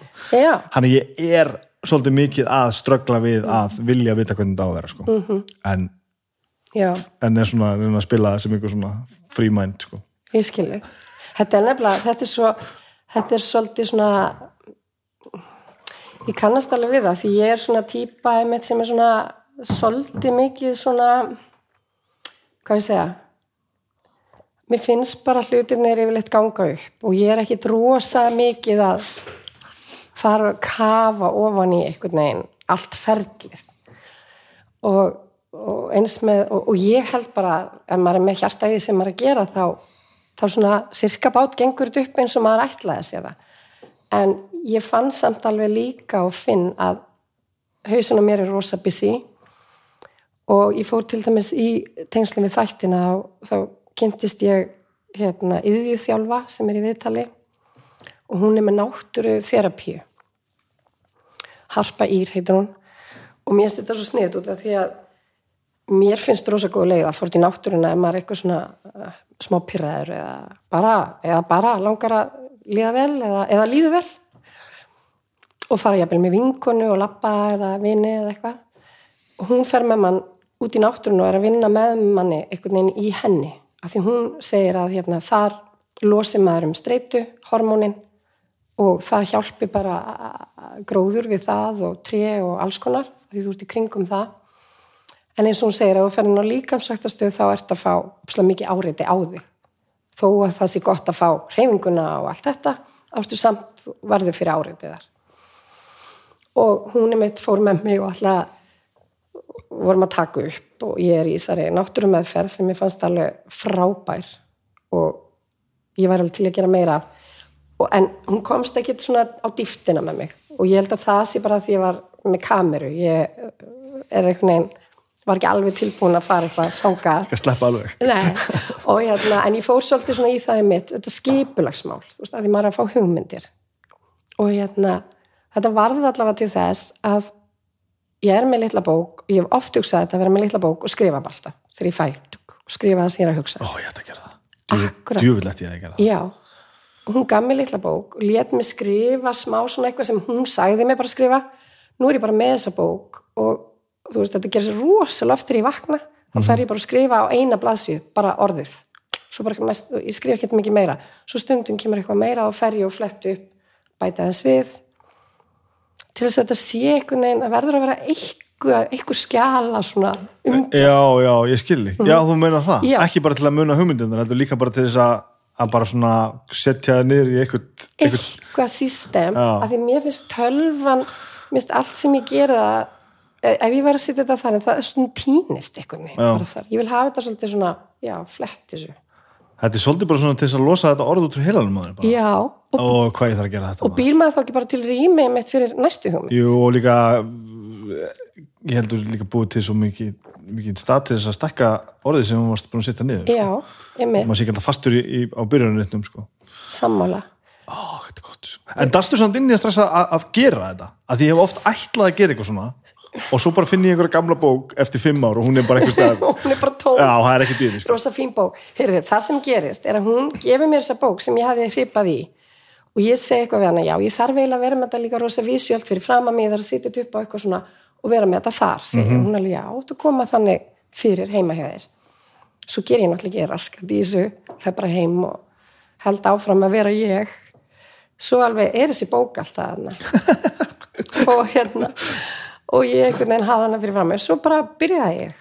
Og stundum er, kemur ekkert og stundum koma þrjár hugmyndir yfir daginn eða fleiri. Og svo bara spurning hvað verður úr og örgulega gaman og gott fyrir mann að fletti svo alltaf reglulega og svona ég ætla að fara að gera þetta, bara nákvæmlega þetta sko. Þetta kemur svolítið inn á það sem ég er að gera með, með líka sko. er hérna, ég lísti þessu fyrir Magnúsi sem að, og sem er náttúrulega, ég held ég var rosa uník sem kemur að að þetta er svona hjá öllum sko. Æ, þegar, ég hef alveg, alveg dílað sko þegar ég vestu bara við svona kvíða bara, og bara svona massívan verkkvíða sem kemur bara ekkert í málinn sko. og ég fór að lýsa því fyrir hún sko að ég stend hérna út á gólfi og þú veist, ég ætla bara að taka, að taka til eða eitthvað, ég stóldi oft um það að því að það er að gera svo oft, ég held að sem meira það heldur að því að það er svo einmitt. Og ég sé það í lítinni eldhús og ég þarf að fara að setja upp út af velina og ég get ekki gert það sko. Nei, færði ekki til þess. Já, og ég fór að lýsa þessu fyrir honum að, að stórpartur að ég væri það að ég væri alltaf með svo langan lista af því sem þetta gera. Mhm. Og hvað svo ertu búin að setja upp, þú upptafélina þá setja setja þvóttafélina eða allavega aðtökust að þurfa setja þvóttafélina og, og svo gerur þetta og hitt og svo gerur þetta og svo þarf að smýra bílinn og eitthvað og svo bara þarfst aftur að setja upptavél mm -hmm. akkur ætti ég að vera að byrja á þessu, þetta er algjör kæftæði sko. já, Og af þá því fer- að hún fyllist aftur. Þá, já, en liggum við sko. En, en sko, ég þurfti alveg svona sm- smá vinnu til þess að sko til að, til þess að fatta þetta með listan sko. Já, og hann sagði, já, þetta er alveg rétt. Og, og, og, það mjög þekkt dæmi sko, bara, ok, fokk, ég held ég var uník en takk og hérna, og svo fór ég eitthvað að vinna í mér hann eitthvað og, og, og mitt greina þetta. Og svolítið eins og þú ert að segja, setja eitt og eitt orð niður nema bara aðeins á hérna annan hátt. Og ég spurði hann svo bara, en þú veist, listin verður alveg áfram hana og þá sagði, hann, nei, listin hverfur sko, þú hættir að hugsa um hann. Já og allt í hennu fattaði ég bara þegar komin eitthvað ákveð langt inn í þetta bara já, ég er ekki lengur að, þetta er ekki það er engin listi, nei er við erum svona- bara að vakna mótnana og reyna að fara að ég það var allt á svona einhverju to-do bara og ég held bara einhvers þar innst inni var þetta bara ég, ég, næstu 15 árum þar ég að kaupa nýtt parkett sko.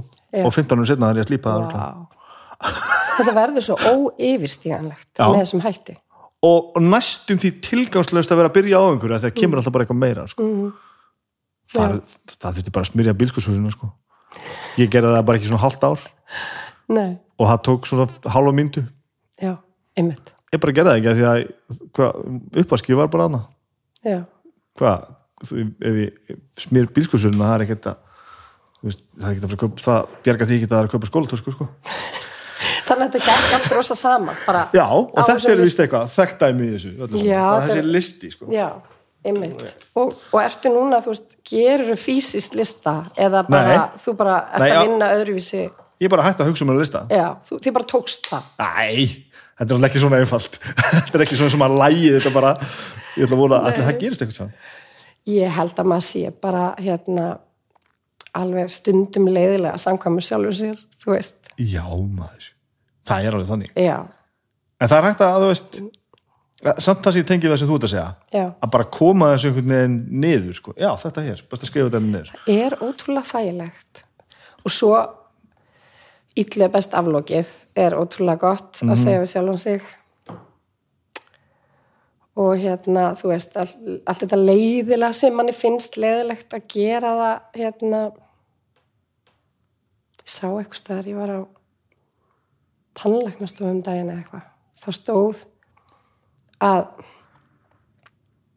mann ekki hvort það var fælst í því en það sem þú ert að gera bara þá stundina gerði það bara vel og einhvern veginn við þekki alveg svona fólk sem gerir hlutina bara svona til að hægt. Í dáist rosa að því og það mérst ég að gera allt svolítið hratt. En ég held að sé eitthvað svona þú jafnvel nærð meiri afkostum ef þú bara gerir það hægar mm -hmm. og ert bara svolítið þar meðan þú ert að þessu svo bara ok, þetta er frá. Næsta já, þetta get ég ekki sko. nei, ég, ég nefnilega ekki held og ég er væri rosa til í þetta sko. þetta. já, mér finnst það svona aðdánavert ég hef svona dáðst af fólki sem ég horfi á fylgist með, gera svona já, ég líka ég veit að þarna er ég alveg með það sko. en þetta með illu besta loki og allt saman Mhm. ég f- fór samt að finna fyrir því í því sem ég er að gera að að mér fór að finnast færri hluti leiðilegir. Mér finnst, þetta er ekki spurningu um leiðilegt held ég sko. að því allt í einu bara komst ég á í einhverju svona hugar og það sem þetta var bara svona eitthvað verkefni sem ég þurfti að leysa sko, í stað fyrir að bara já, með allar heimsins byrðar á herðunum og allan listan og allt saman og komst ekki út með rusli veit ég hvað, bara, "Ó, þetta er allt ómögulegt þetta er helvítstrasl í staðið fyrir á allt í einu bara, þú veist ég er bara að fara að setja í þóttavel sko. Já, og það sem meira er, ég nenni eiginlega ekki, þannig að ég ætla bara að setja aðeins minna í þóttavelina mm fram að þessu hef ég alltaf sett eins mikið í þóttavelina og kemst. Bara bara tróð fyrst ég er að þessu á fokking Já. annar borð þá er þess að gott að gera þetta bara allar leið af því þá er kannski aðeins lengur að það að gera þetta næst. Þetta er allt svona sko. Já, sem er algjört kaftaði þú veist. en þú ert á einhvern hátt greinilega búin að temja þetta sem ég var að segja. Hvað? þetta sem ég var að segja, þú ert að gera þetta betur þú ert að gera þetta með einhverju allt Já. öðru viðþorfi þannig ég myndi segja að þú sérst á þessari fínu leið. Já, já, og ég er mjög ánægð með þetta. Já. og ég er mjög upptikinn að þessu, ég er frekar erfitt að hlusta á þess að þætti mínu núna, ég ég tala um þetta bara viðstöðlust við alla, eðlilega þetta er mitt líf sko, að, já, þú ræður, þetta er minn þáttur, ég er að ég meina það. Sko, ég þarf að vita eitthvað meira um þig sko, eða það vita eitthvað um þig. Já. förum bara alveg aftur bara, bara hvar og hvenær ertu fætt og hvað gerist þá? Já, ég uh, fættist 1973, 16. mars, uh, í, fætt í Reykjavík, en fóreldri mínir byggu í Hafnafyrði á miðvangi 14. Þá höfðu fóreldra mínir Stefán Bergson og Þórun Ingolstóttir átt að höfðu eignast eitt son sem er Stefán Þór, bróði minn, fjórum árum eldri en ég og ég er bara, held ég, þú veist, óskup venjuleg stelpa sem að er alltaf bara út að leika átti, þú veist, fyllt að við, þetta var svo ofbúslega mikið að krökkum aðna í hafnafyrði á miðvagnum og fóreldra mínir þau voru bara óskup svona duglegt, harduglegt fólk, pappi er endurskoðandi. Og mamma var semst að vinna á ferðarskristofu ríkisins, hún er svona hún er alltaf verið í því að skipulega gera ástefnur og halda alls konar viðbörðum, hún kom til dæmis að því þeirra Regan og Gorbatsjó voru hér. Ok, það var ekki dörfið sig og hérna og þau, eru svona það má alveg segja að bæði mamma og pappi hafi verið svona vinnu algar sko. Og uh, við bróðum minn bara ölumst þarna upp. Síðan uh, skilja mamma og pappi þegar að ég er sex ára en þau taka saman aftur og skilja svo þegar ég er tíu ára. Og það var eiginlega má segja það að sko þau eru faktíst fyrsta fólki sem skilur bara í kringum mig sko. já. Þetta var svo miklu minna um það. Og þarna búum við á Breiðvangi tvö í Hafnafyrði, höfum flust í svona nýja íbúð sko. Og mamma var og það var ekkert eins og maður var að fara sem eitthvað helgarbarn eða viku til pappa, það var bara ekki þannig. Og það verður svona það er ekkert hægt að líka þessu saman við það sem að er að gerast í dag þegar fólk skilur. Nei, þetta er bara voru, þetta var alveg kærleiksríkt hjá þeim og allt það. Og ég bara bý að því. En þetta er náttúrulega ekki, það er ekkert verið að spyrja hvernig manni líði eða eitthvað, verið að pæla í þessu mann er bara sagt þetta. Og samfélagi vantilega kann þetta bara ekki neitt? Nei, nei, nei. og ég meina ég svo, þú veist, fara þau bæði í ný sambönd og mér fannst þetta náttúrulega bara astnalegt og, og, og sagði að sko kærastinn hennar mömmu ég laug því að hann var í frændi minn rosa skrítið eitthvað dæmi.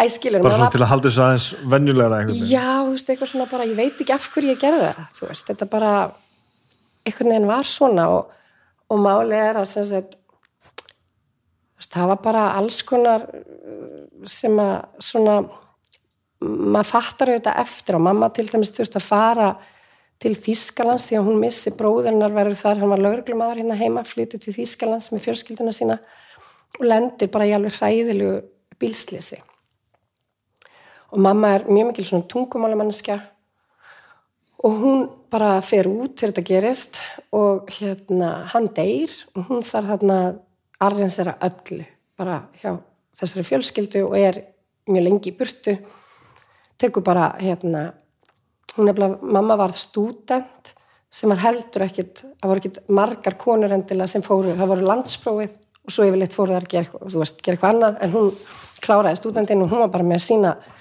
hérna Veslunaskóla þísku og bara var alveg mögnuð í þessu. Og þannig er hún að missa bróðu sinn, hún er með ömmu og afa með sér sem er náttúrulega að missa són sinn og alls konar, þetta er bara rosa álag held ég fyrir hjónaband pappi endurskoðandi, þú veist, eitthvað fulla að vinna og reykita heimili með okkur bróðum minn og, og hérna þannig að þú veist, það bara verður úr að þau halda ekki þetta hjónaband. Já. og margt annað þetta sem kemur þar inn í en kannski eitthvað sem fyllt í mælinn bara. Og hérna og ég man bara eftir því, ég var bara rosa mikið að hérna átti fyllt af vinkunum, ég var, ég var svolítið svona kannski svolítið svona leiðtói í mér að skipulegja leikina, þú veist hvernig þetta ætti að vera og hérna vorum alltaf út í eina krónu og öllu þessu dóti og hérna og síðan sko var líka mjög áhugavert og ég hef svolítið rifjaði upp og ég held að hafi verið svo gott veganest í því að ég fer og fæ vinnu semst hjá verðskristofu ríkisins þegar ég er tí ára. Mamma semst er að halda ráðstemnur og þar er fjármálstjóri sem heitir Hjörtur opbúslega svona vígalegu maður á velli svona gráhærður bara svona svona gæti mjög góðu mótilegi jólasvinnin og hann hérna mamma segir hefur þú ert að fara í launaviðtal. Og ég bara, veist, vissi ekki hvað það var eiginlega. Og svo fór hún bara að vinna. Og ég bara láti hann sita hann fyrir fram að skrifstóna og svo kemur hann fram og hann segir, tekur í höndun á mér og já, já, hvað er nú hennin og spjallar við mig og spyr hvað ég er að fara að gera og svona og ég lýsi því eitthvað og svo segir hann, og hvað vilt í laun? og hérna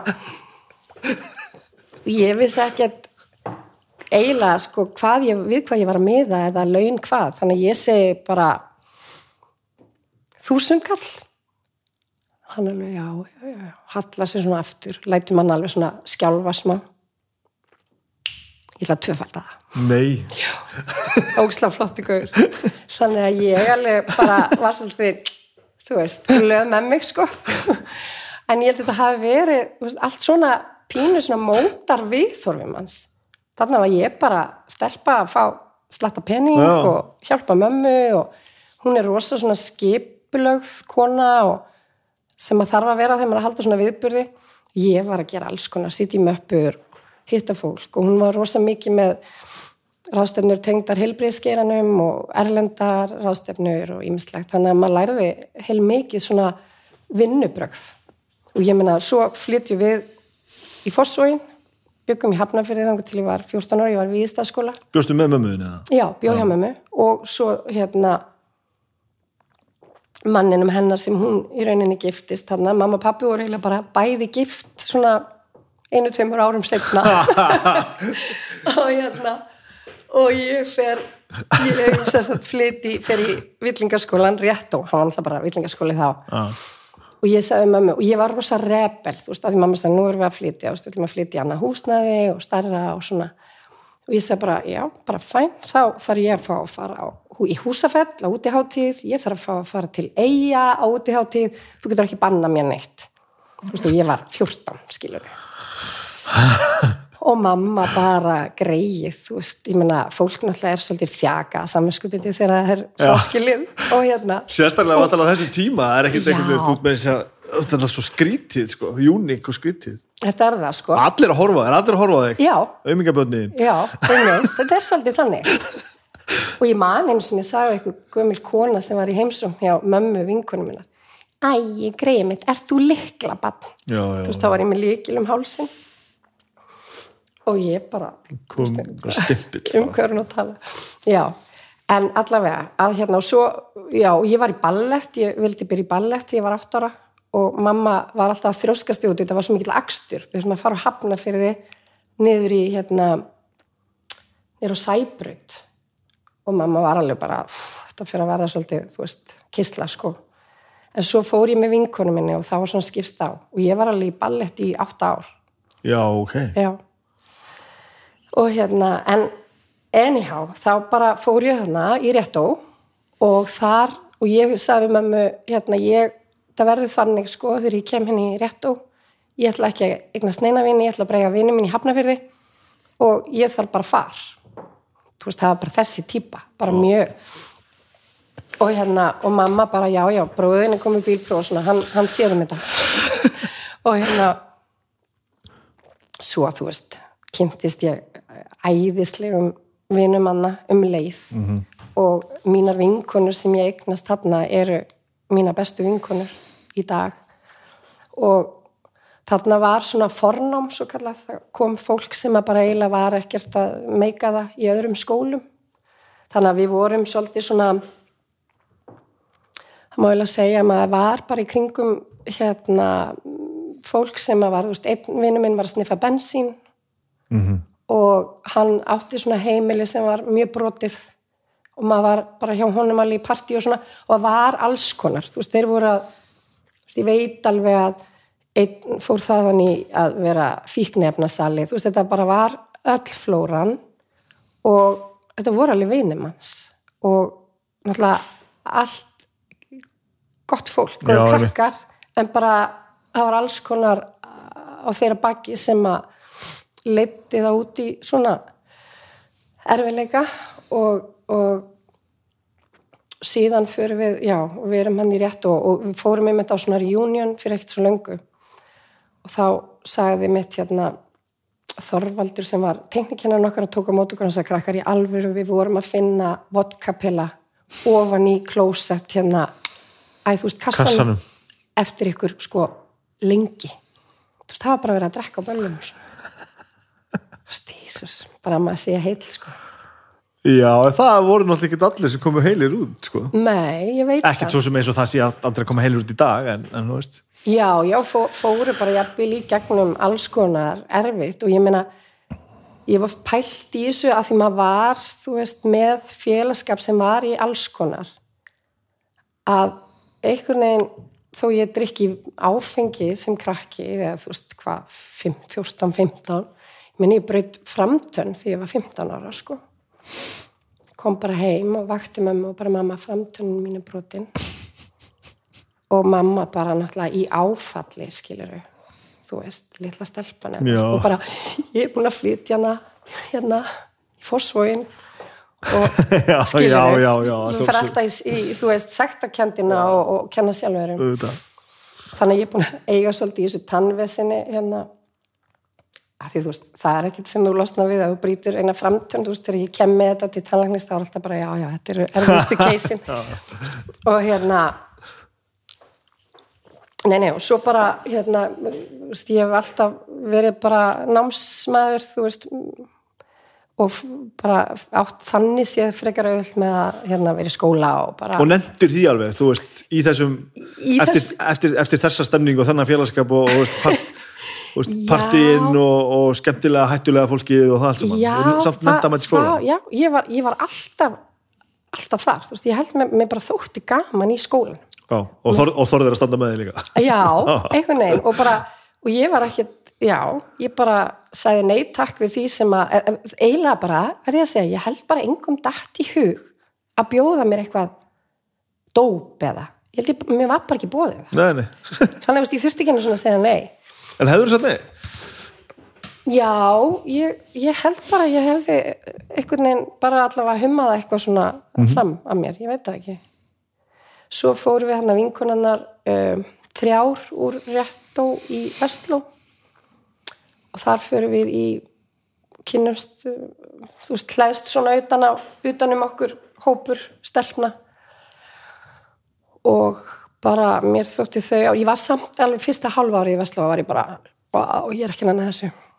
Þetta bara, veist, ég er ekki ég, ég ætla ekki að vera hérna. Var farin að hugsa veist, hvert ég ætlaði annað. Svo ekki bara kikka þetta inn. Og hvað var það sem að, var að bögga þig? bara þessi, þessi yfirgengilegheit ég sko ég, ve- veist, ég veit ekki hvað það var. Mér fannst bara kannski bara af því að maður kom úr svona daldi viltu -hmm. að þá fannst mér þetta eitthvað of svona reserved eða eitthvað, ég veit ekki mér fannst samt svona alveg bekkur minn var skemmtilegur og allt svoleiðis en það var eitthvað sem trublaði með þetta fyrsta halva ár.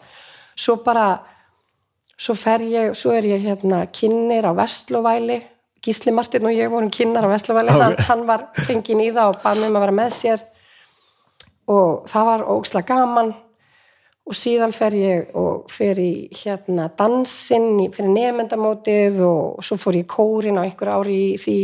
Ég var einhver svona tímavörður í einhver, veist, þetta allt svona gerða verkum að mér svona fór að finnast stuð. En ég var ekkit svona, ég er ekki svona félagsmála típa sem er að bjóða mig fram í hlutina, það var meira svona einhvern veginn gerðist varstu með plan, þú veist fórstu í Vestló til þess að hafa gaman eða ætlaði að læra eitthvað ákveðið eða þú veist Sko, ég, meiningi mín, mann er bara alltaf að fara, ég, ég er, það er eitthvað tenging við Frakland sem ég veit ekki alveg hver er.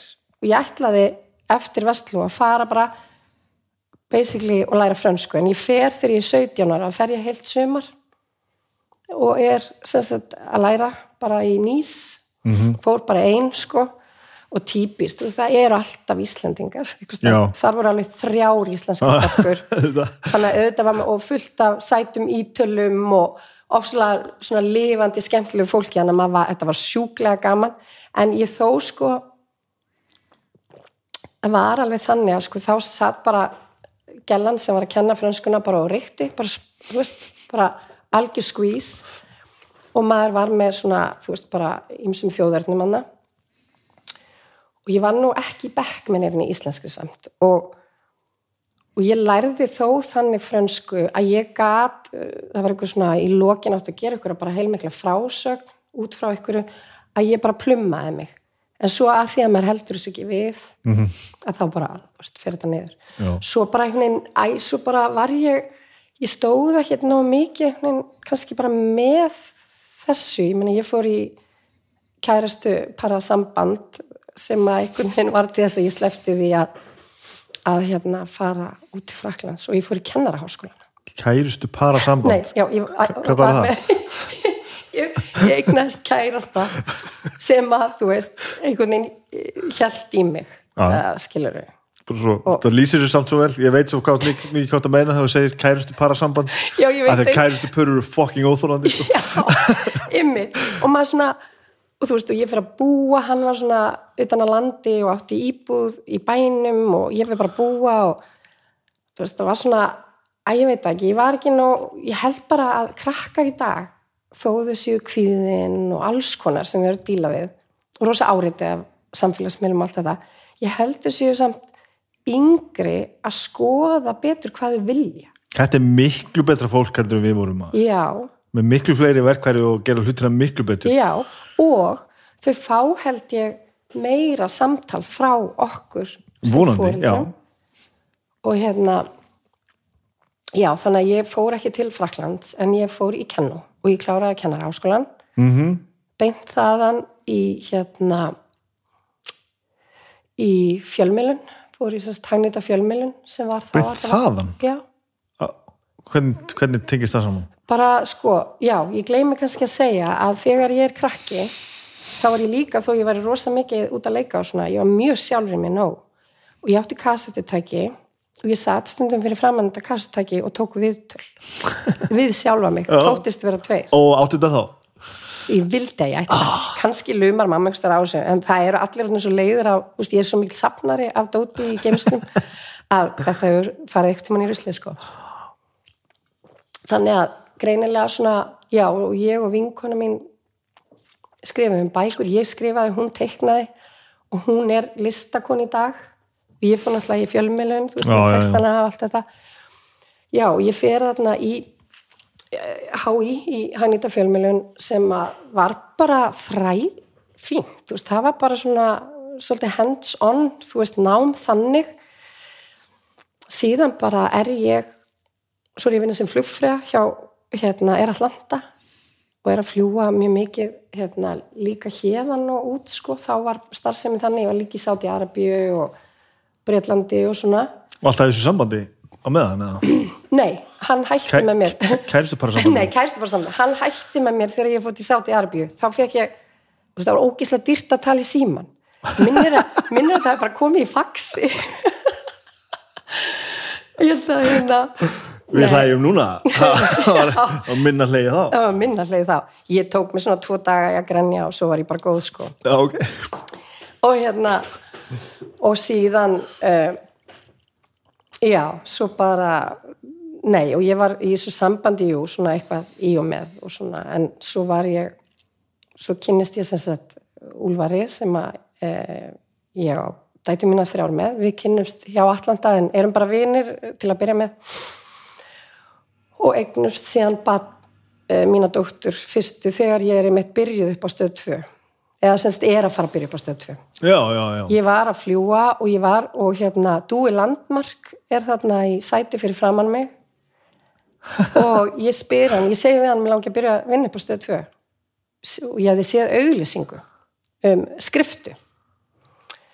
Og hérna hann er svo spjallarlegur og, og yndislegur eitthvað og hann bara, já, heyrðu, bara ég hérna sé nú alveg hvernig típa þú ert og vinnubröðu þín hér, ég bara skal vera meðmælandi þá sækir um þetta.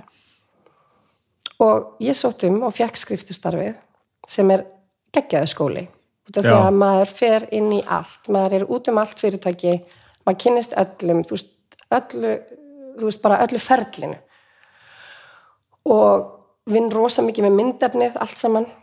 Svo segir Páll Magnússon uh, mig, ég var náttúrulega búið með fjölmælafræðina Páll Magnússon er fréttstjóri og hann bankar ekkert tíma nýma og segir við Margrét ég sé að þú ætlar ekki að festast í að vera að skrifta hér. Sýnist nú þú ætla að stefna á hérna fréttakonuna.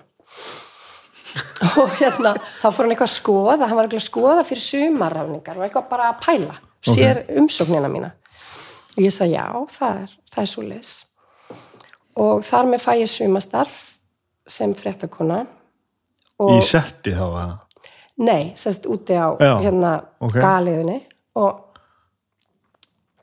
það sem að gerist eftirminnilegt þetta sumar er að hérna ég er einn á vaktinni og ég er að, þetta var alltaf þannig að voru morgunfréttir, morgun sjónvarp alveg rétt. Af því það þurfti það þurfti náttúrulega rosa mikið, svona eins og í Ameríku og hérna, og ég þurfti að undibúa fréttir fyrir morgunin svo var eitthvað klárt fyrir sjónvarp skilur og það var ég, ég var á vaktinni og einn tökumæður og þetta er Vestlandmann helgi, ég var búin að vera vaktinni alla helgina. Og ég er bara svona að fara slökka þegar að það byrja bara allar línur að glóa. Og ég svara og þar með er mér sagt að það hafa voruð flugslis við Nautalsvík já, já, já, og rétt áður hafði Egil tökumæður sagt hérna bara erum við ekki góð, þú veist, ég fer bara ég bara já, og ég bara ringi í hann. Kottu núna, við erum farin bara í Nautalsvík og ég og hann förum einhverju svona bakleið og allt í nýri, ég er bara mætt út á hérna, út í fjöru. Búið að loka allt af og ég er eini fréttamaðurinn sem er þarna fyrir innan. Og það er bara verið að leita skilur í sjónum og svo sé ég bara alla, bara Kalla Garðas og Pál Magnússon standa þarna og bara vink, þeir skildi ekkit af hverju ég væri þarna. Nei. og þar með bara var gerður auka fréttatímum til svo gríðalegt áfall. Já, ég man eftir þessu, þetta var svakalegt þetta var hryllingur og þetta var svo sérstök bara tilfinning það var svona, það var alveg þögn. Og skilur bara einhvern veginn verið að leita að líkum í sjó. Mhm. með einhverju svona falska veikavón einhver staðar undir sko. Já. Og, hérna, og þar með bara þarf ég að standa þarna og gera svona stand-up eins og það er kalla bara hvað hafi gerst og ég held að ég hef nú þurft nokkra tilraunir í það. Því maður eru þetta í þetta er svona, það er smá svona áfall í þessu, skilur mig. Og uh, síðan bara er náttúrulega þetta fyrsta frétt og ég er með alveg rosa mikið efni í fréttatíman af því að svo voru þeir að gera fréttir þú veist, þarna utan við. Þannig að ég bara held einhvern veginn að þarna hafi bara verið sjálfgefið að ég erði fastráðin sko, skilur já, bara fyrst að þú gast lifir að þetta bara, Já, ég bara, ég, og ég, sko, ég hugsaði ekkert, ég bara eiginlega fyrir maður stað og eiginlega alveg með allt á tæru. Þú veist, ég var ekkert að pæli að ringi í fréttastjórun eða eitthvað. Ég var bara í þessu verkefni. Svo fenguðu þetta allir fréttinnar af þessu. Þannig að þetta var svolítið sérstakt og hérna, þarna var ég í, í nokkur ár og hérna, svo var Kalli Garðast fréttastjóri, Pál Magnússon fór yfir, nú ekki fara yfir á rúf og þú veist, bara maður á alveg félaga frá þessum tíma sem maður heldur ennþá sambandi og ég á tvo mjög goða vini úr þessum, frá þessum tíma sem eru, voru klipparar. Maður var svo mikið með klippur mm -hmm. meira en öðrum já, þó að þú veist, þeir sé alveg félagar skilur en það var eitthvað svona vinátt til þar sko, í klippurunum. Mm -hmm. og hérna Já, þannig að þú veist, svo bara var, voru uppsagnir uh, á sjökonum, sjökonum, þetta var mjög, sko, þetta myndi aldrei gerast í dag. Og, og ég var þar á meðal. Og bara, bara konur bara konur, sjökonum sagtu og hérna, þetta var náttúrulega, þetta var skandal, þú veist, og máli er að ég var svo mikið svona, æ, ég meina, þá er bara komin tíma eitthvað annað, einhvern veginn. Svo reyndar sko var mér alveg bóðið þetta var þetta bara eitthvað galið? Og það var ekki tægt að reyka fréttastofu þú veist, áfram á einhverju mínima, mínimum fólki. Þannig að mér var alveg bóðið að koma aftur. Þór Jónsson var nú mikið í farabráti þannig að við vorum góðið vinnir og, og ég kom líka eins inn í morgun sjónvarpið eitthvað smá.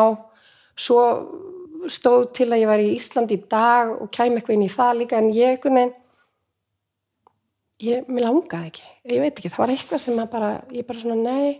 Og þá, og ég fyrir að vinna hjá Gunnarsteini Pálssoni, sem var náttúrulega algjört gúru í svona hann er svona PR-gaur Íslands. Mm -hmm. ótrúlega skemmtilegu maður og það er bara, þú veist, var hann bara það var alltaf gerast í honum, hann var bara gaurinn hann sagði bara margit kvötum með mér fundur um að fara að ákveða hérna Kápibanka logoið.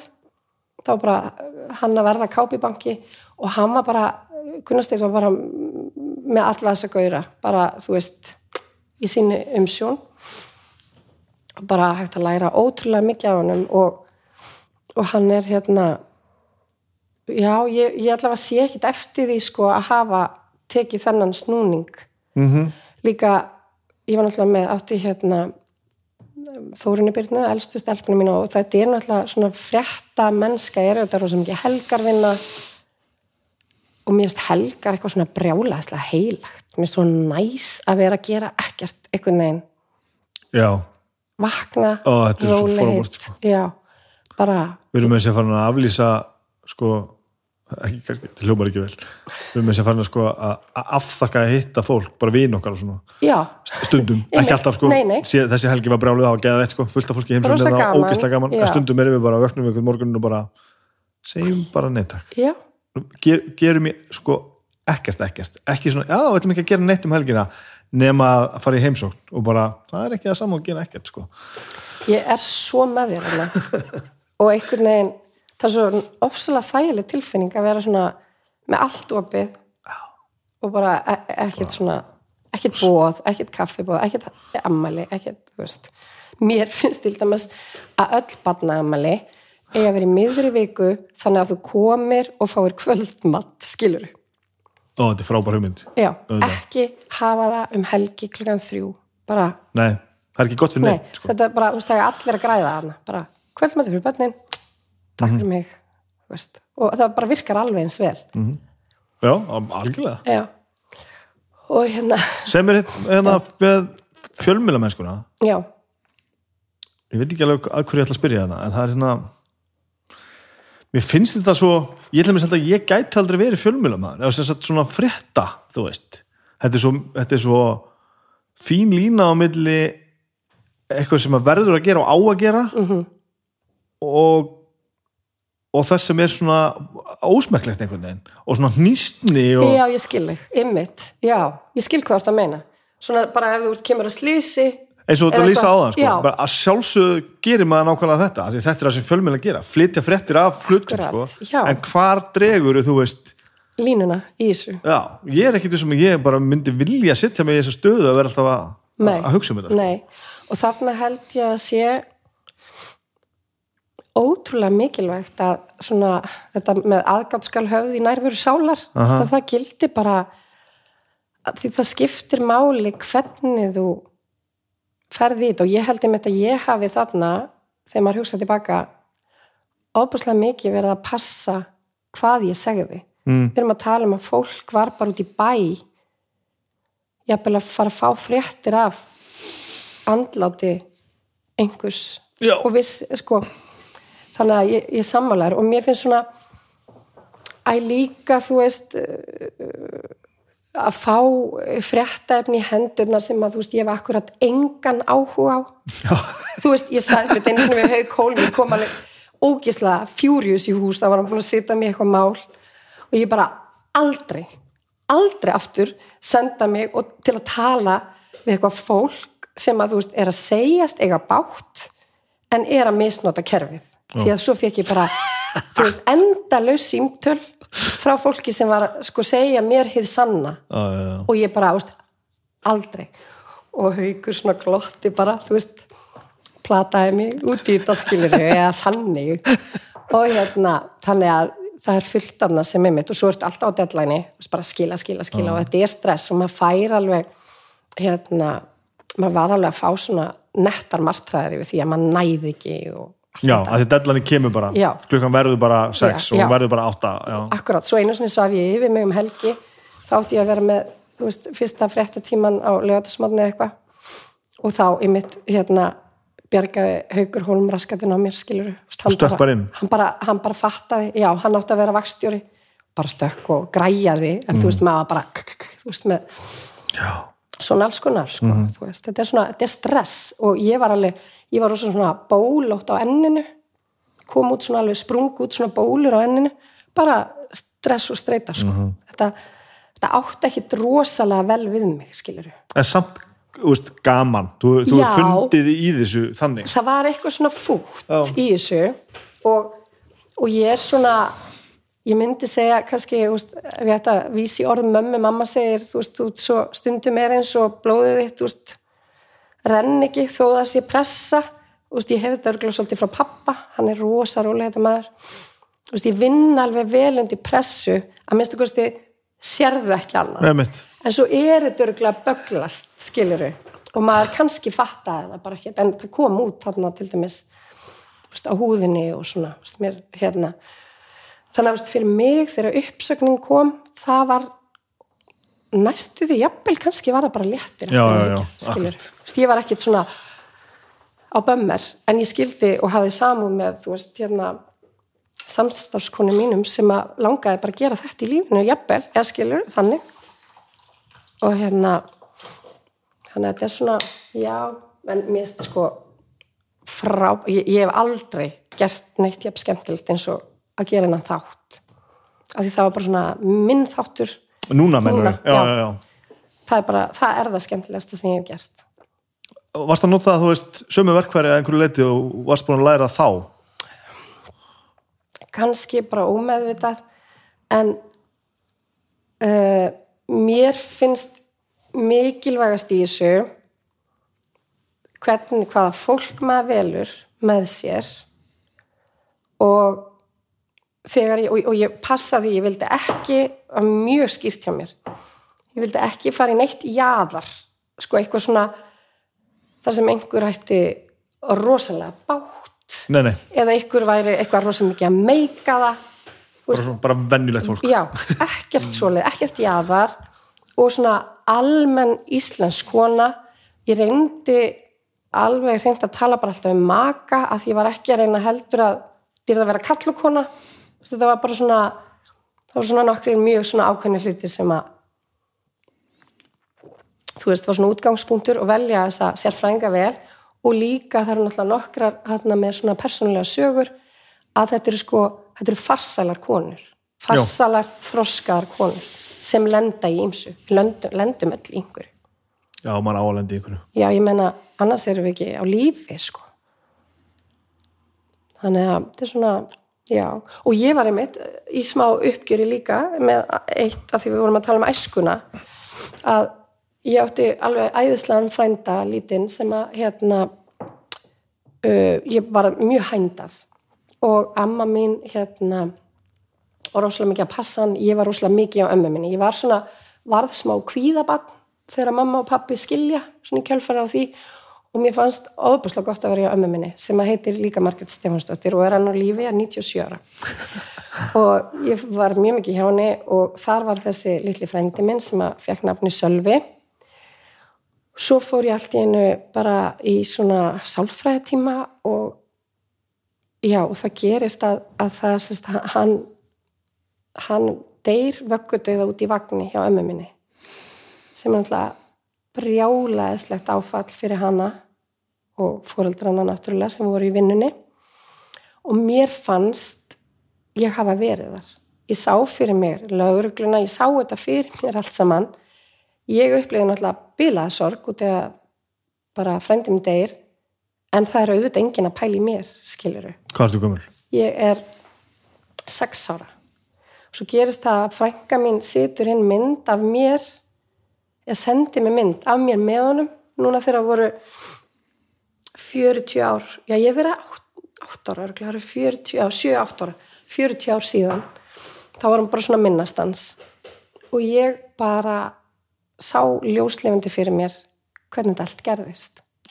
en ég var ekki að það og ég fór bara sérstaklega og tjekkaði á því ég ringdi pappa og pappi, þú veist, ég hafði aldrei talað um þetta við hann og hann saði mitt hérna, ég get líst þessu fyrir þér eins og þetta hafi gæst í gær því að hann þurfti að fara til frængu minnar sækja hann í vinnuna. Og hérna svo talaði, spurði ég frængu mína líka ég bara þurfti að vita þetta, að ég bjóta til í hausnum, Vá. já, ótrúlega skrítið. Og það var bara af einhverjum frásögnum eða, þú veist, Það reyna að ná einhvern veginn. já, já. Og hérna já, já, svo einmitt fór ég með frængu minni sem er í kvikmyndageranum, við fórum og tókum viðtal við ömmu í síðustu viku til að eiga svona sögunennar sem er merkileg. Og þá spurði ég hana út í þetta líka. Hún saði frá þessu og þú veist, einmitt, eins og gæst hafi gær. Það mun allir svona áföll. Já, ég held að það sé bara stærsti ótti hversi einasta mann sko. já, einmitt, og svona óútskýrt. Það er svo rosalegt sko. já, Og þur, þurftur að gera þetta sem sagt upplifur þá þú vorst að skoða þetta núna eins og þetta væri óuppgert. Já, veist, ég hafði, já, sennilega bara svona, ég hafði aldrei rætt þetta út frá því að ég var já, skilur að því manni fannst maður ekki þegar rétt á. Nei, þú átt ekki skil, já, þetta er ekki þitt. Nei, þetta er sko fóreldrarnir og þetta er amma sem að, og hérna, og ég rætti þetta bara heilmikið, þessi frænka mín, mamma hans sem eignaðist svo annan indislegan dreng sem að ég er mjög, svona við erum hændað hvort öðru, að hérna, hún bara rætti þetta svo opinskátt og sagði mér frá öllu sínu, maður skilur þetta svo allt öðruvís í dag og, og henni fannst þið mitt svo, ég hafa svo fullkomin rétt á því að veist, en, en eins og maður, það voru bara allir upptegnir af sinni sorg en ég man bara að þetta var heldur ekki rætt við mig svona, svona bara var tíðarand já, ég- einmitt. Er þetta ekki svolítið það einmitt líka? Jú. Þetta var bara ekkit, maður er ekki að, þú veist, maður, maður getur ekki sakast við neitt, þess að þetta var tíðarandin þetta bara var svona.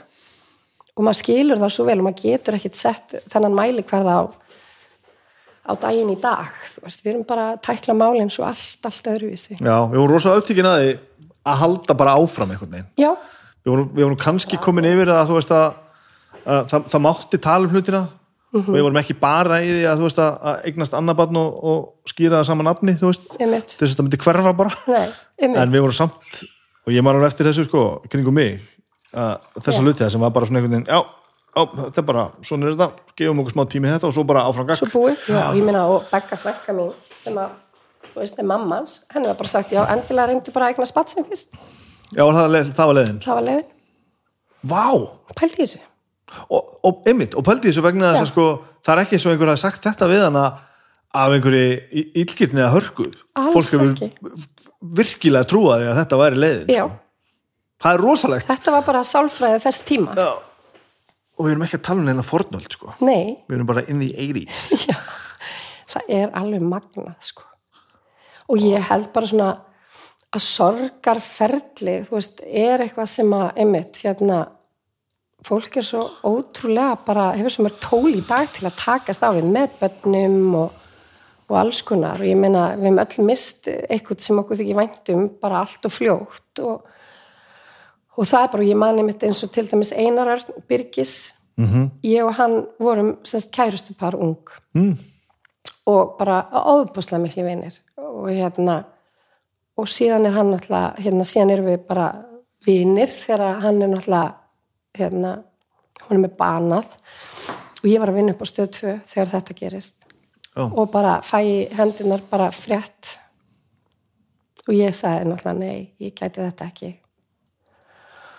Og hérna það var svo skrítið að mér fannst af því mér fannst ég kannski ekki eiga nefnd rosa rétt á að vera að syrkja þarna líka. Þetta er svolítið svona svo staða skiluru að hérna, en mér fannst ég alltaf vera að sjá hann eitthvað starf í mannþröng eitthvað. Og ég held að þetta sé bara svona örglega e einn ángja einhver svona sorgar veist, hérna. Svona hluti tryggir að rosa margt í manni sko. ég er kannski svona eigingjart sko. mér finnst ég alltaf að ég rétt á öllu bara. Og það er þannig. Ég veit ekki hvað þetta er í manni. Því það er pláss fyrir alla sko. já, algjörlega. Og þetta er meiri sér að ég sí- búin að fara ekki nógu margt til þess að sjá sko. það er alltaf eitthvað hjákottlegt sko, þegar að þegar maður missir eitthvað sko, já, og þegar að fólki sem mást að tala við kemur til inn og það á meira bátteldur en þú sko.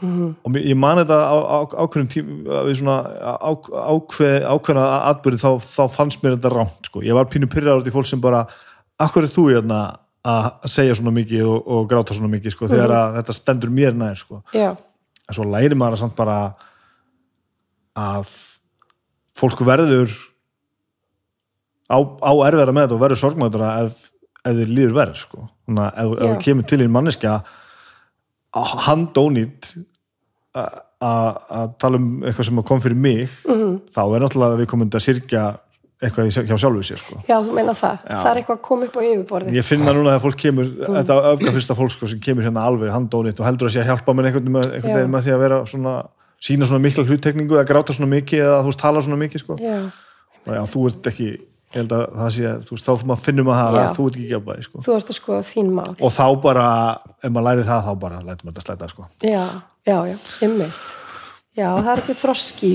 já, já, svo líka eins og eins og og þetta er sko, þú veist, maður læri þetta líka bara. Já, ég meina, ymmit það verður sumt auðveldar já, að missa einni viðbót sko. þá veist hvað er að koma, það er margt Já. sem er eins sko. já, ég skil hvað það meinar. Það er svona, þú fær eins og Gissur Sigursson, fréttamaður sagði margir mín, við erum komið sigg á sálina. Góður, þetta er góður frasi. Það er svolítið góðið frasi sko. En, en já en svo er ég með þetta samt að sko gráta og það. Ég, ég á svo rosalega erfitt með það. Já, og ég held nefnilega að sé ótrúlega góð útrás í því að gráta fyrir fólk ef að það veist, hefur eitthvað. Og ég meina, svo fyrir ég gegnum ég skil fyrir þreymur árum. Og hérna sem að var náttúrulega uh, sjúklega erfið ákverðin ég meina ég á þrjár dætur með, með manni sem ég var búin að vera gift í 14 ár. Já, að vera saman síðan, síðan ég var 23, 4 og hérna og það er einmitt svona ferli sem að þú veist, það er bara annars konar sorg. Mm og þó að maður sé þó að ég hefði tekið ákverðunina að þá er það svona einmitt uh, rosa ferli.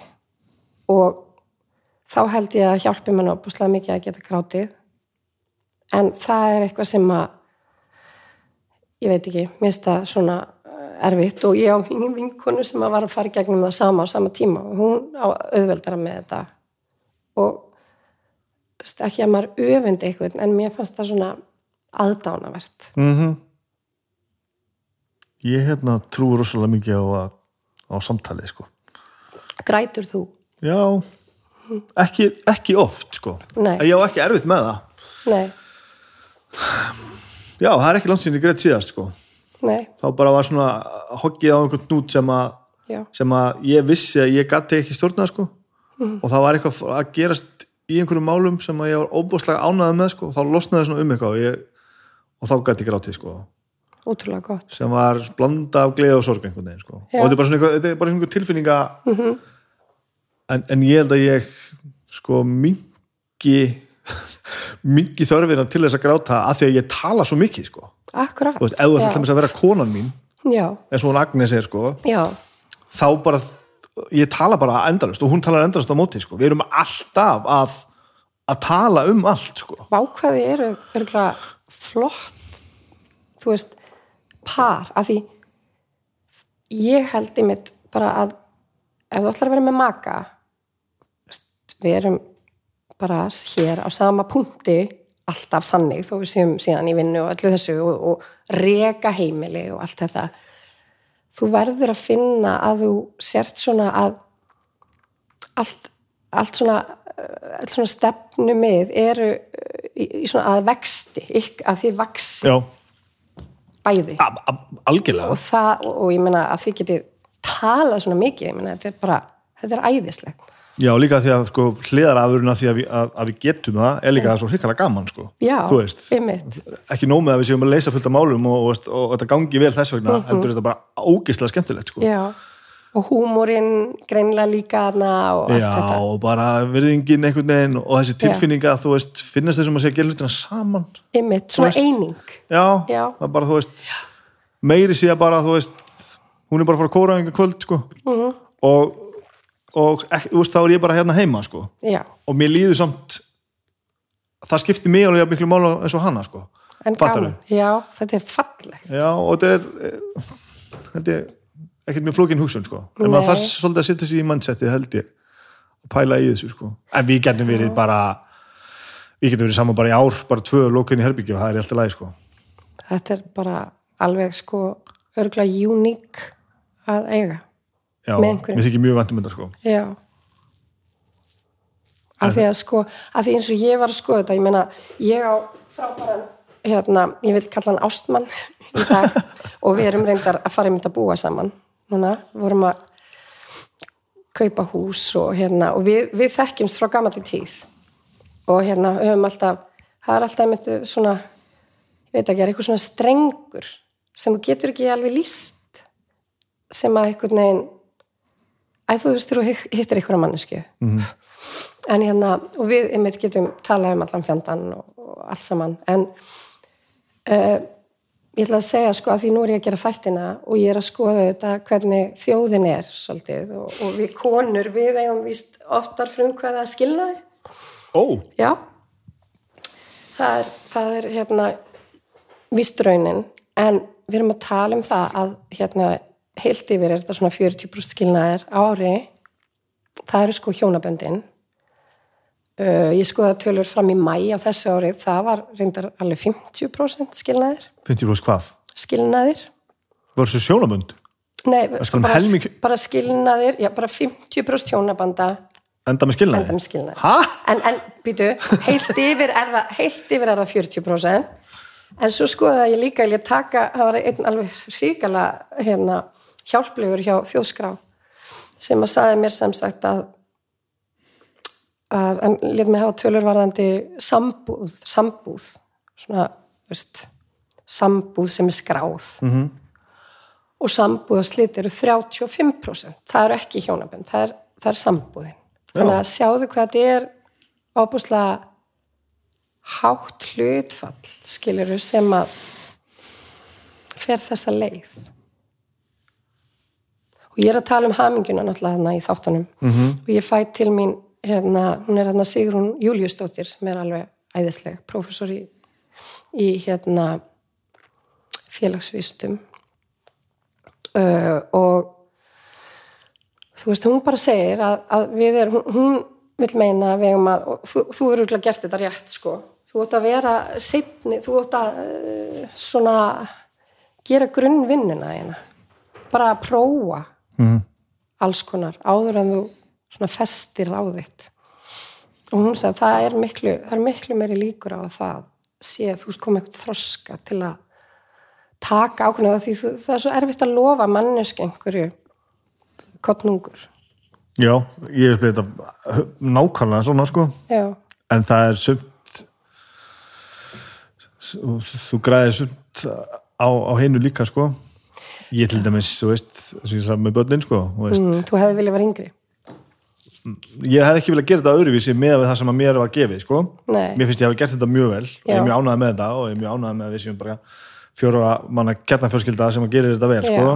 Já, en auðvitað horfi ég stundum á, á sko vinni mína sem eru jafngamlar ég og, og börnir eru bara að fara heiman sko, já, fattar og ég sé alveg margt sem var gott við það sko, já, það er alveg svoleiðis. Já, já en ég er ekki kvarta, ég var, veist, ég var fullur hann til að að, er það? já, basically sko, Já, þannig að ég bara, veist ég bara var í, var í til að, þáka til að hérna, þetta kom og það var bara Já. frábært frábært breyting sko já, en já, ég er sammála ég er sammála þessu með eh, að lí, líka þetta, ég sé ekki alveg hvað liggur svona mikið á sko.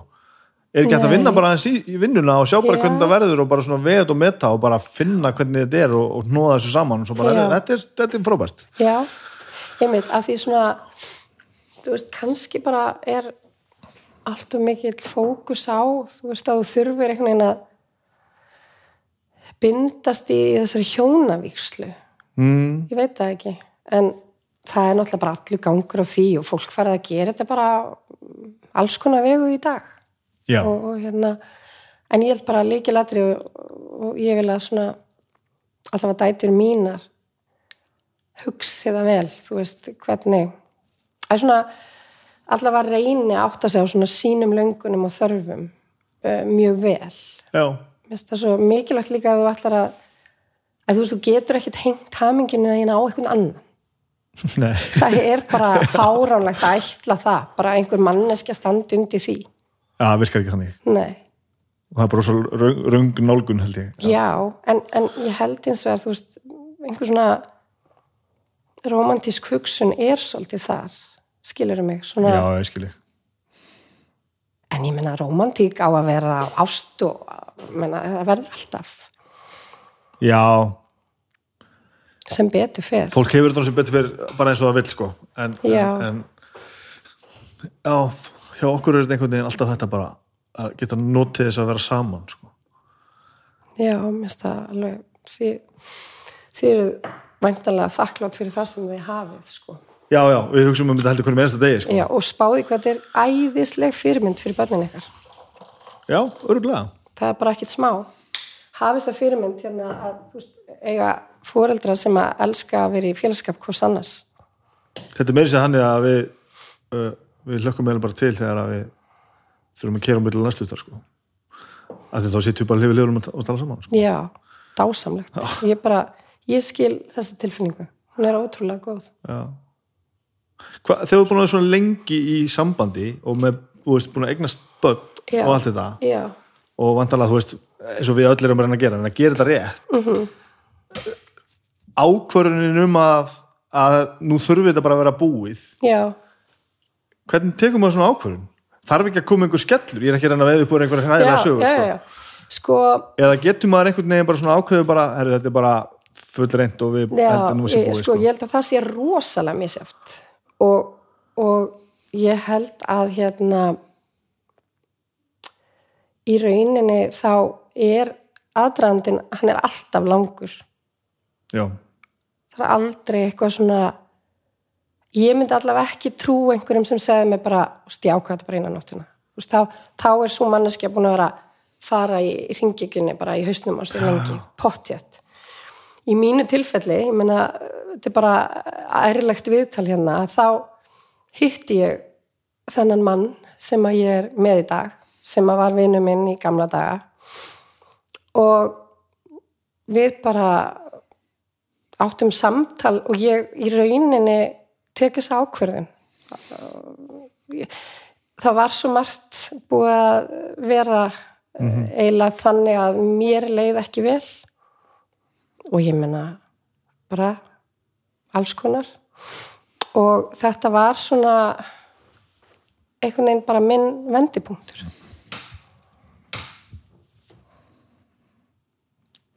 Þetta er svo stór ákvörður, sko.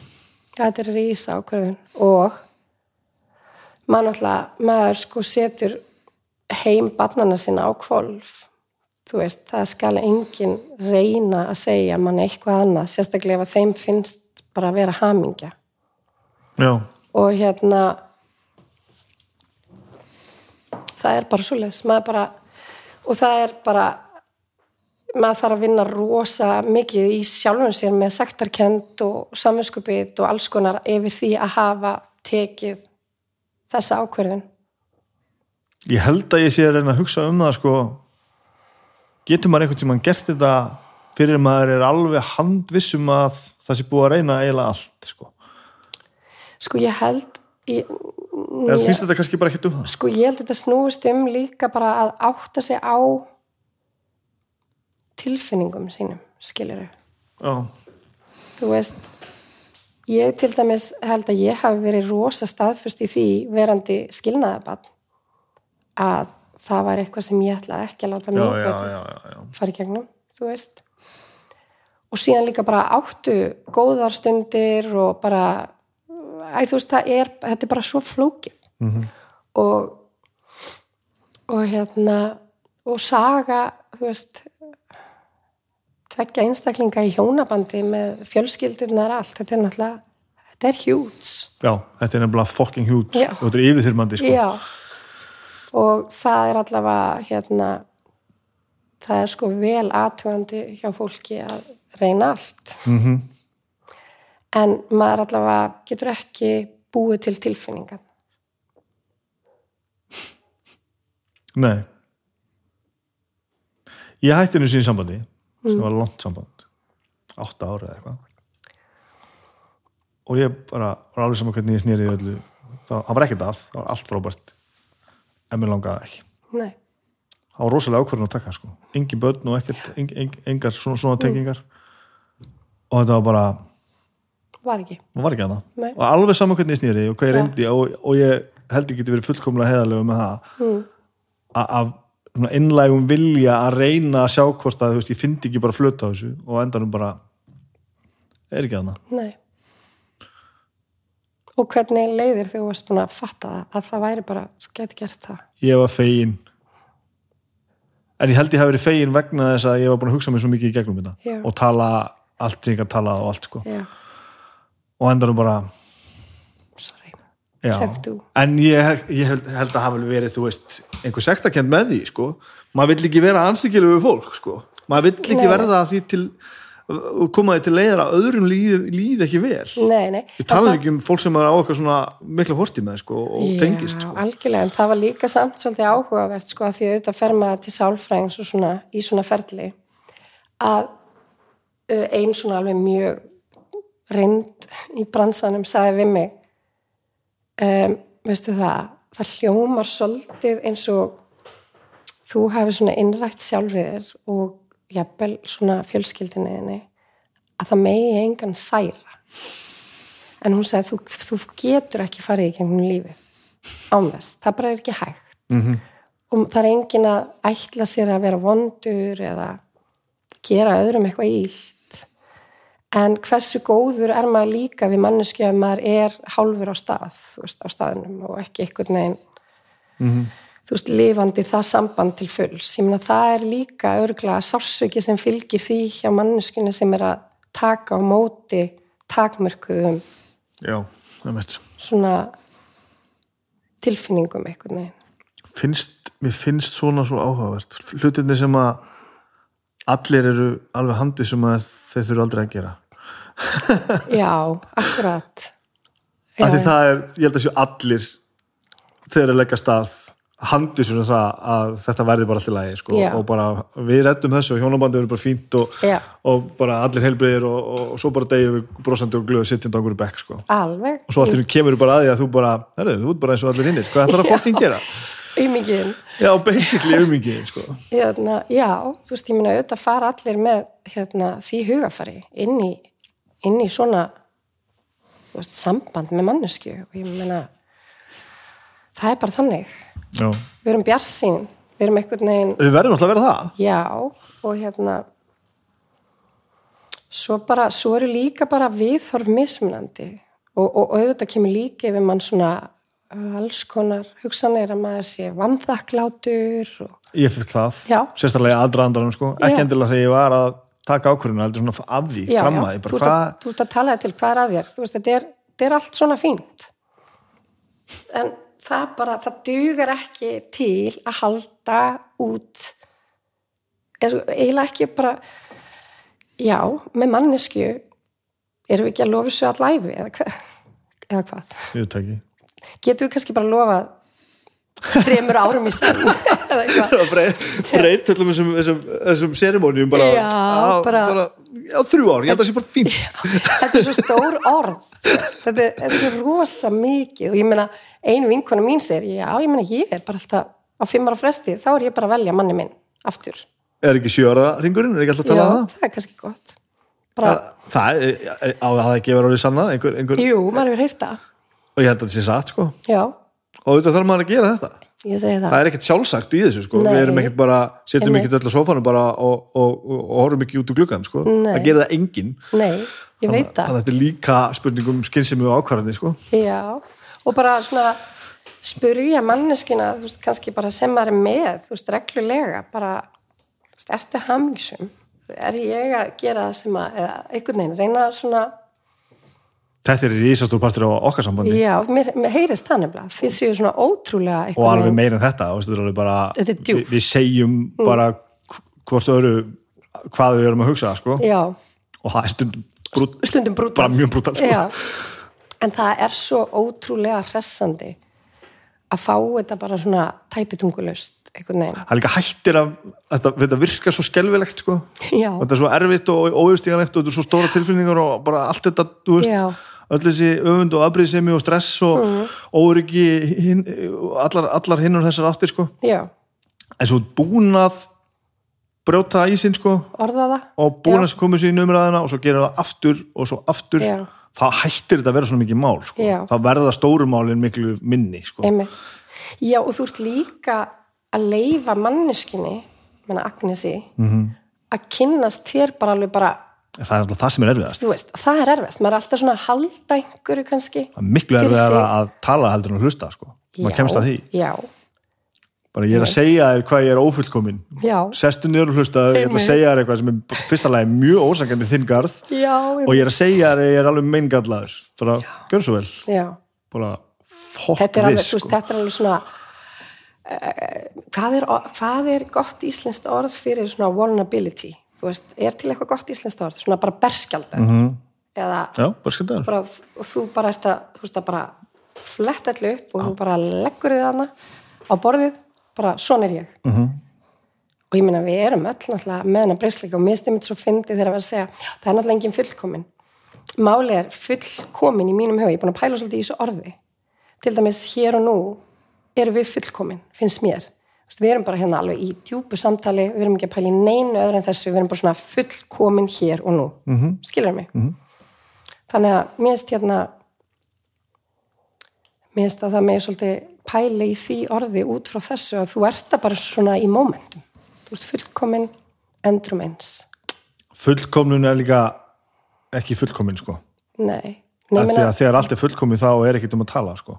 Og þá, dey, þá deyr galdurinn sko. það er svo boring eitthvað. Það má ekki vera, alveg sama hvað það er listum og allstar, allt þetta dót. Þetta má Já. ekki vera, þú veist, allt sem er fullkomið fullkomlega slípað og púsað og hárrétt. Já, að bara ekki- er, þá vantar sálina í það sko. já og ég held líka að fólk kannski sem er alltaf að leitast við að hafa það þannig það er, þú veist, það kemur eitthvað krass. Veist, þú, þú á ykkurum tímapunkti getur ekki haldið þetta út. Nei, og þetta er svolítið líka rauði þráðurinn í þessum þáttum mínum að konur eru svo öflugar og vilja gera svo margt og hafa þetta svona og hins einn og svo þarf þetta alltaf að vera svona picture perfect líka Er það skoðað að þú trú samfélagslegu pælingum þá? Að... uh, já, ég meina það er alveg komið inn á það að, að þetta er svona ofbúslega pressa og það, ég talaði þarna í þætti sem var síðastlegin 50 dag við konu sem að, veist, fór í MBA-nám, hún var kaupa íbúð, hún var með þrjú með ein, börn, eða ein með þrjú börn. Og hérna og var í vinnu, bara millistjórnandi og stóri fyrirtæki og hún svo bara sagði hún, svo um leið og hún sagði, þetta gekk allt rosa vel. Og um leið og hún var svona, veist búin með námið fekk rosa góða rengunir, gekk vel í vinnunni íbúin tilbúin þá sagði hann bara, ég klesti á vegg. Ég hætti að sofa þá bara kom aftan að henni Hvað þá?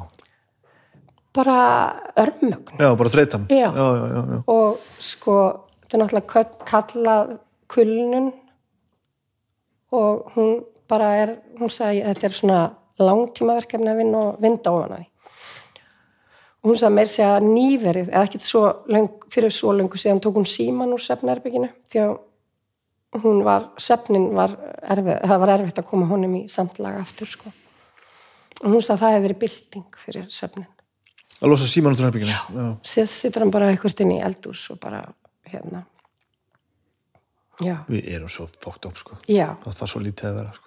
en finnst þér ekki líka hérna í rauninni, veist, við erum kynnslóðin sem erum að fá þetta allt svona í fangið þetta, þú veist, hérna, síman Mm -hmm. Með öllu því sem því til er sko sem er þokkalega áskorun fyrir okkur sjálf en við erum líka, þú veist, börnun okkar Mhm. þú veist, þetta Já, er já. mér finnst þetta ógeðslega erfitt ég ætla bara að segja, Ég er ekki komið, náttúrulega, börni mín er ekki komið með tæki, sko. nei Og ég alveg, sé alveg að það gæti orðið svolítið stór pakki, sko. Já, þetta er nefnilega alveg stór pakki og að bara allur þessi samanburður, bara áreitið, mér finnst þetta mjög mikil áskorun og ég bara reyna að tala við dætu mínar út í eitt um alls konar. Ég, bara, ég tók mér að segja eitt sem að, ég ætla, ég ætla ekki að nefna COVID hérna einu sinni, en ég ætla að segja þetta og ég kalla þetta COVID klukkutíman. Það, var, það voru við náttúrulega svo mikið heima, það er hérna bara ekki skólinn var lokaðar og ég var að vinna heima og ég sagði bara okkur, nú er COVID klukkutími, nú, nú erum við að fara að segja hverju annara, hverju annari hérna, eitthvað sem að svona okkur finnst jafnvel þið ekki geta sagt mér og ég ætla að segja ykkur eitthvað frá bara, þú veist, mér, minna æsku jafnvel eitthvað svona. Og við tölum bara og það má ekki dæma, ég má ekki skamma, ég má ekki, þú veist, ég verð bara að hlusta. Og það er bara það bara, það bara vall upp úr þeim. Kom alls þeim? konar, alls konar. Svo fór, voru þær farnar að byggja um þetta.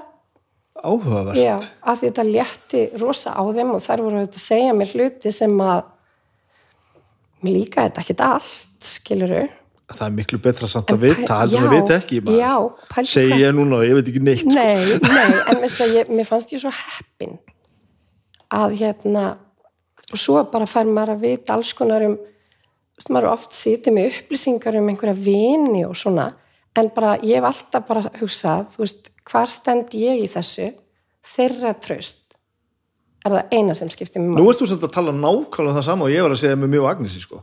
Nefna bara með börni, sko. Já, já, Það er, já. er að opna fyrir þetta að það megi segja allt, sko. Já, Og þetta er ekki dæma, sko. akkurat, Það er svo ofbúslega stert, sko. já Hvernig gekk að koma svo stað? Saður bara, já, ég stelpur, Já, COVID klukkutíminn og svo bara, bla, bla, ég trúi því ekki, sko. Nei. Ég á náttúrulega rosa mikið inni hjá þeim vegna þess að ég á mjög svona opið samtal veist, við dætu mínar Mhm. -hmm. og þær sækja opaslega mikið í mig þær bara, þú veist, liggu við pyrra sig þegar ég fer til síman þegar þær bara vilja vera, þú veist, ég er bara mjög ég hef bara byggt undir ofslega svona gott samband við þær Hvernig gerur það? með því bara held ég að vera bara daldi svona ærleg með sjálfa mig líka skilur, ég er ekki foreldrið sem líga börnunum og segja ég hafi byrjað að drekka því ég var tvítur skilur það er bara að vita að ég kom heim með brotna tönn Já, og alls konar svona. Nei, þetta er flott æðislega. Hérna, já. Þannig að ég myndi segja að ég hafi átt ansi góða innistæðu fyrir þessu. Og þannig að þetta er bara eitthvað svona sem er dettur í hug bara til að, þú veist, líka brjóta upp daginn. Þú veist, bara, já, já, leggjum núna alla síma frá, ég hætti tölvunni, hérna, og tökum við þetta. Svo bara var ég, þú veist, að hjóla með dóttur minni, þú veist, hún alveg, mamma, getur við haft kannski bara smá COVID klukkutíma núna, þú veist, við erum að hjóla. Þetta er bara svona, bara svona fóreldrarlegur stórsigur þegar barnið þið fara að byggja um þetta. Já, að því að, því að forsendan er svo að ég má ekki dæma. En það er, frá, það er frábært alltaf, sko. Það er frábært alltaf, en þú veist alveg hvernig við foreldrar erum.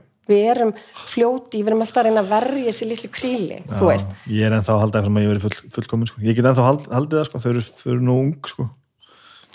ég meina, veist, ég, ég myndi halda bara að þú sért ótrúlega góðu pappi þú veist, Já, þú er ég- bara svona gaur sem bara segir hlutin eins og þeir eru, Já, það ég er best held að það sé rétt sko Já, og einhver tímann, þú veist, sagði einhver lítil stelpa við hérna, mömmu sína sem að ég þekki, hún alveg, hérna Margrét, hún tala bara svona við, það var það elsta stelpan mín, tala bara svona við henni eins og hún sé fullorðin. Mm. -hmm. Maður er ekki með neitt eitthvað svona batna hjall. Já, nei, það er Það ekki skilur hvað ég meina, maður er bara maður sjálfur og, og hérna, Það stundu pikkaði mig í blót svolítið mikið. Já, ég meina, veist, ymmið, kannski, þú veist, ágætt að minka um helming eða eitthvað. Ég, veit ég er ekki, samt miklu svaka til að börnum mín kunni bara blóta og góður í íslensku heldur en þessi bæld og þú eru ekki að tala við fóröldar sinna á fólkið sitt sko. Og bara þú veist börn sem að þú er ekki að ringja og panta pítsu eða æ þú veist bara einhvern veginn ég er bara já, ég er alltaf að reyna að hérna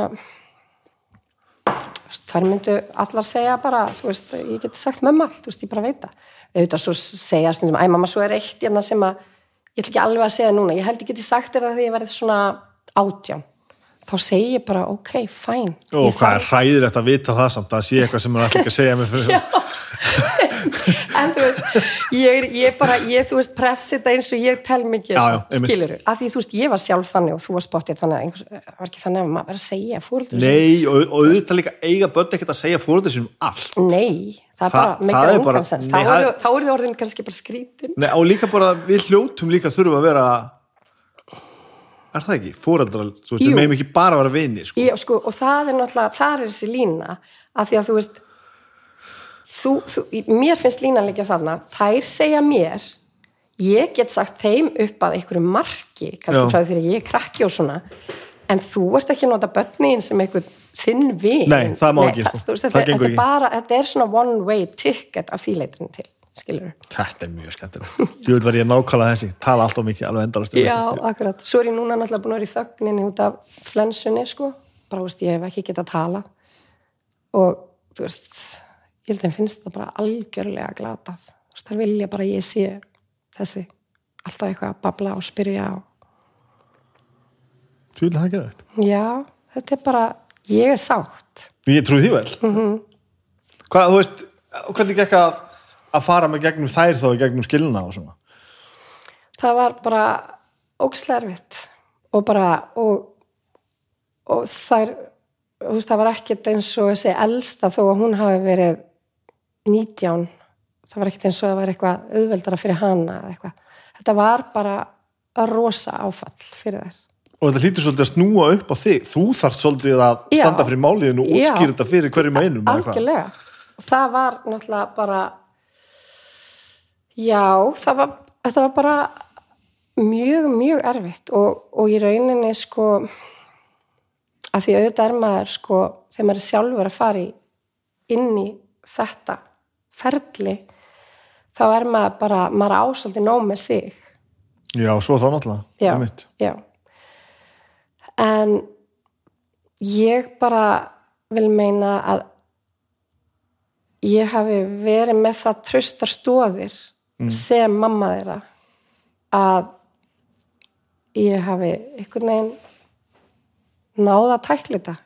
Pottið með alls konar mistökum en bara þú veist 100% en við erum búin að eiga, við erum búin að búa sagt, þrjár núna saman í, á Altanesi það er ólist upp þar sko. Og hérna allavega þess að tvær yngstu hinn, við byggum í Kópavogi fyrst og við bara höfum það rosa gott. Já. og hérna en ég meina, svo kom alveg dýfur og, og hérna, og, og þessi yngsta er svolítið að ströggla og, og, og með svona kvíða, smá svona þunglindis einkenni, en svona fótboltastelpa og aktíf og allt það, en þú veist pottið er skilnaðurinn einhver hluta þeirri hérna svona vannlíðan sko. Þannig að og svo er þetta bara, það getur enginn kentir þetta, þú ert bara að, þú ert bara að díla við tilfinninga þínar fara í gegnum eitthvað svona, díla við alls konar því tengt. Og hérna, og um leið áttu að ertu með ábyrð á þremur einstaklingum já, já, já. og þeirra líðan. Og þetta er bara svolítið svona einn dagur í einu verkefni. Ég finn rosa stert í þessari vinnu sem ég er í sko að þetta með að setja grímuna fyrst að sjálfa sig sko. ég, ég finn svo stert núna sko, hversu miklu auðvöldar ég á með að láta öðru líða vel í kringum mig af því að mér lífi betur sko. já, það er eitthvað sko varð mjög þetta opnaði augum mín algjörlega fyrir því bara að það fyrsta sem að verður að gera er að vera lægi sjálfur sko. Ég er ekki að segja sumt alltaf að takla hlutinu og tala við fólki í þetta og það allt saman. Já, já, en bara ekki setja það á eitthvað hold sko, af Nei. því að bara að setja eitthvað að djöfla öðrum í einhverja hamingju og, og setja, setja sjálf- sjálfa það einhver, einhver, einhver, einhver stær aftur fyrir sko, að því ég var svolítið komin á hnefan bara að að sjá um börnum mín en að veikum mætti og bara skildi ekki og bara vaknaði á mótnan og fóð með þau fram og, svona zombie og svolítið, ég, já, það bara lýsir þessu frábælega þú veist, og reyna samt einhvern veginn að vera ekki í símanum og þú veist eitthvað svona. Einmitt. Og þetta, og, þú og þetta gekk alveg og ég svona gerði það sem þetta gera og spjallaði við og eitthvað sko. Mhm. Svo bara leið og ég anskotaðist í þetta veist, sem var nú ekki, eins og ég segi ekki stór, stórkvöldið átak, heldur bara svona aðeins horfist í augu við þetta, já, að þá hérna bara gengur það miklu betur og allir eru miklu hamingi saman af því ég er glaðari sko. er þetta ár síðan, þú fórst í þessa vinnu? Já, ég er svo liðlega um tíma, já, alltaf sé ég og ferðu alveg bara, bara er þetta bara heilagt? Einu sinni í mánu já, bara, bara, bara svona cirka einu sinni í mánuði. Ætli við Íslendingar séum eitthvað svona feimin við það? Þú veist, ég meina Kanin gerir þetta.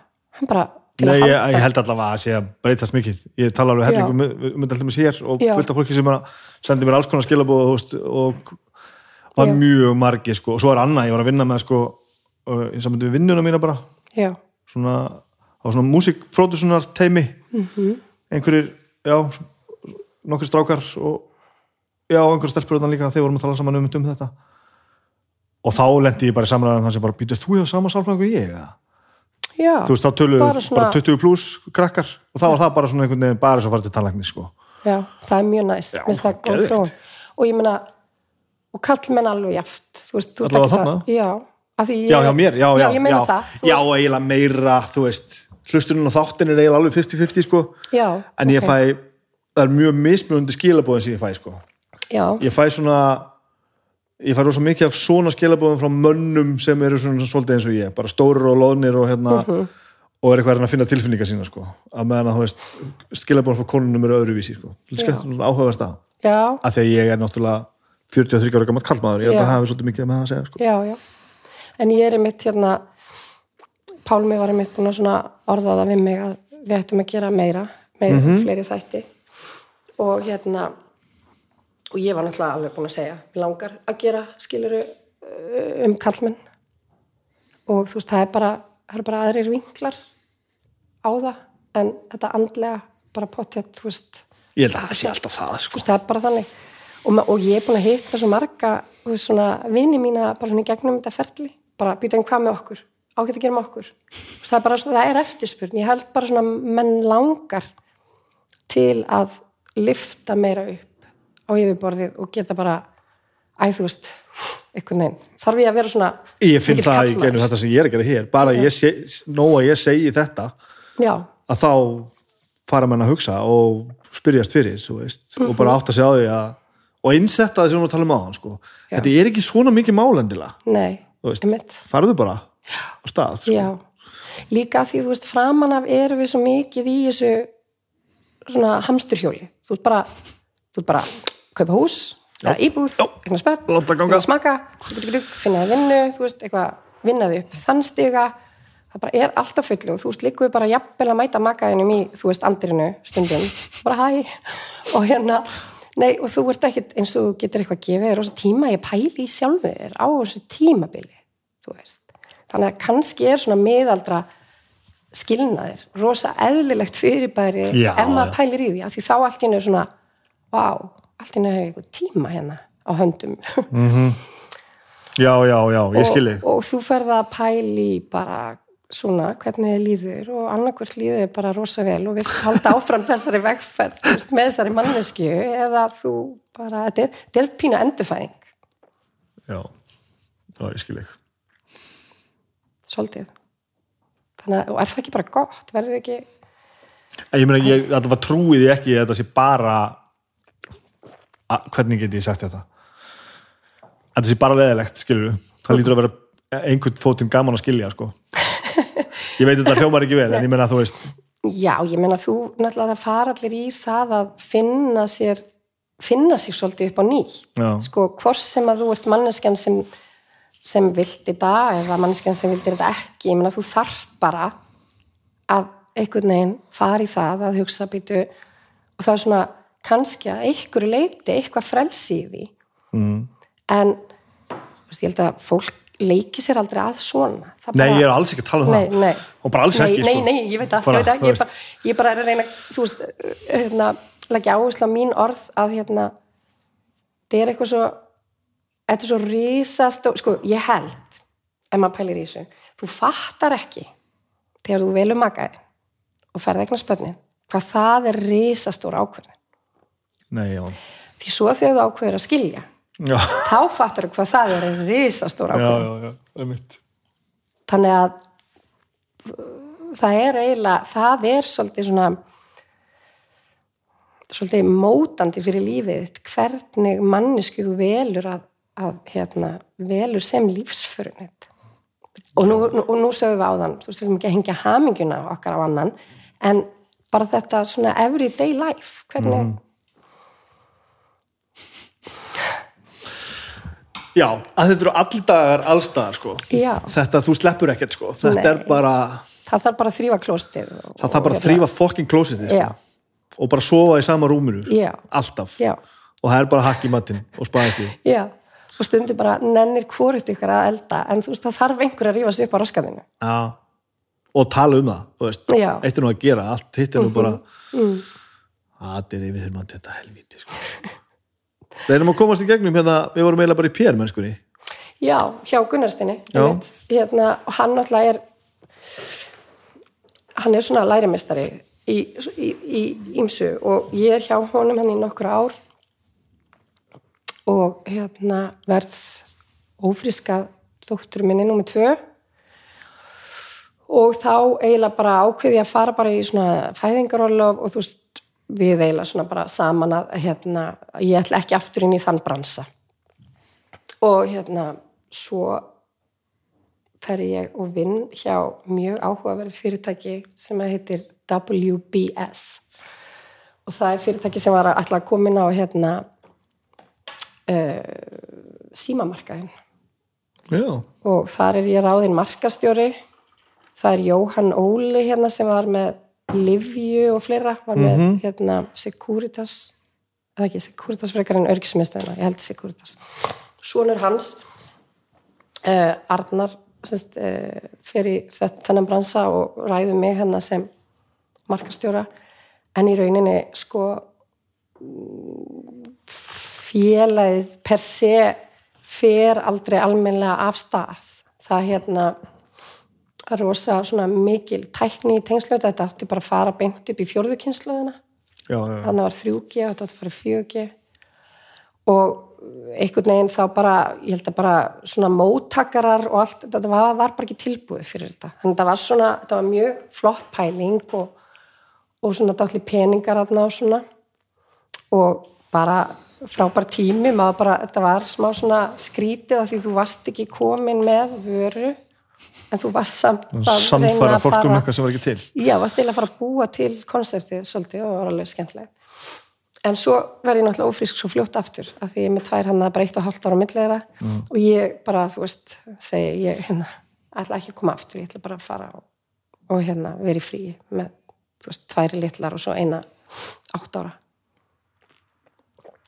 Og svo bara er ég í fæðingarorlofi, þannig að náttúrulega hún fæðist þessi yngsta 2007 og maður var bara svona flett, fletta blöðunum. Þetta var bara svona crazy. Maður bara svona, hér sitt ég bara með barnabrjósti, þú veist eitthvað. Og það er allt bara crazy. Allt nú- til helvítis bara. já, en sko, í rauninni er þetta þegar allt er bara svona geðveikri siglingu, skilur já, já, þú að því, já. já, já. og hérna, svo bara uh, fæ ég þarna þú veist, ég verður svolítið það er svolítið gaman kannski fyrir mig að ég hef ekkit rosa mikið þurft að fara svona og bara svona leita mér að vinnu einhvern veginn. Þetta er kannski bara svona tengsli gegnum tíðina, þú bara hitti fólk og einhvern veginn. Og sem betur fyrir að þú veist, maður brennir ekki brýr að baki sér, maður bara svona á held ég heilt yfir, þú veist, góð samskipti við fólk. Og mér er bóðin í rauninni miklu fyrir en ég ætlaði mér fer ég til Símans og bóð hérna, beðin um að taka þar innri markas setningu Já, já. Nei, stýra því. Og ég kem þangað og er með Cirka þegar var verið að finna það upp hvað, Já, það, hvað já, það var. Í, í rauninni. Og ég er með stelpuna pínu litlar og þetta er rosa svona átak í rauninni. Koma þeim út á modnana og veist, allt sem því fylgir. Dagumömmu, vesenið leikskóli veist, og ég veist, sem sagt maður minn fyrirverandi var í þannig vinnu, hann var farin bara eldsnemma, veist, þetta var alltaf minnikönni þetta er bara heavy job í tvo klukkutíma hvern morgun. Veist, bara, ég man, þú veist, ég kveikti bara á National Geographic ugan stöðinni, það var eitthvað svo róandi og fyrir dýrum, sittist í hér þú veist, svo var ég svona að klára mig klæða æskilur, maður bara svona í þessu einhvern veginn. Og hérna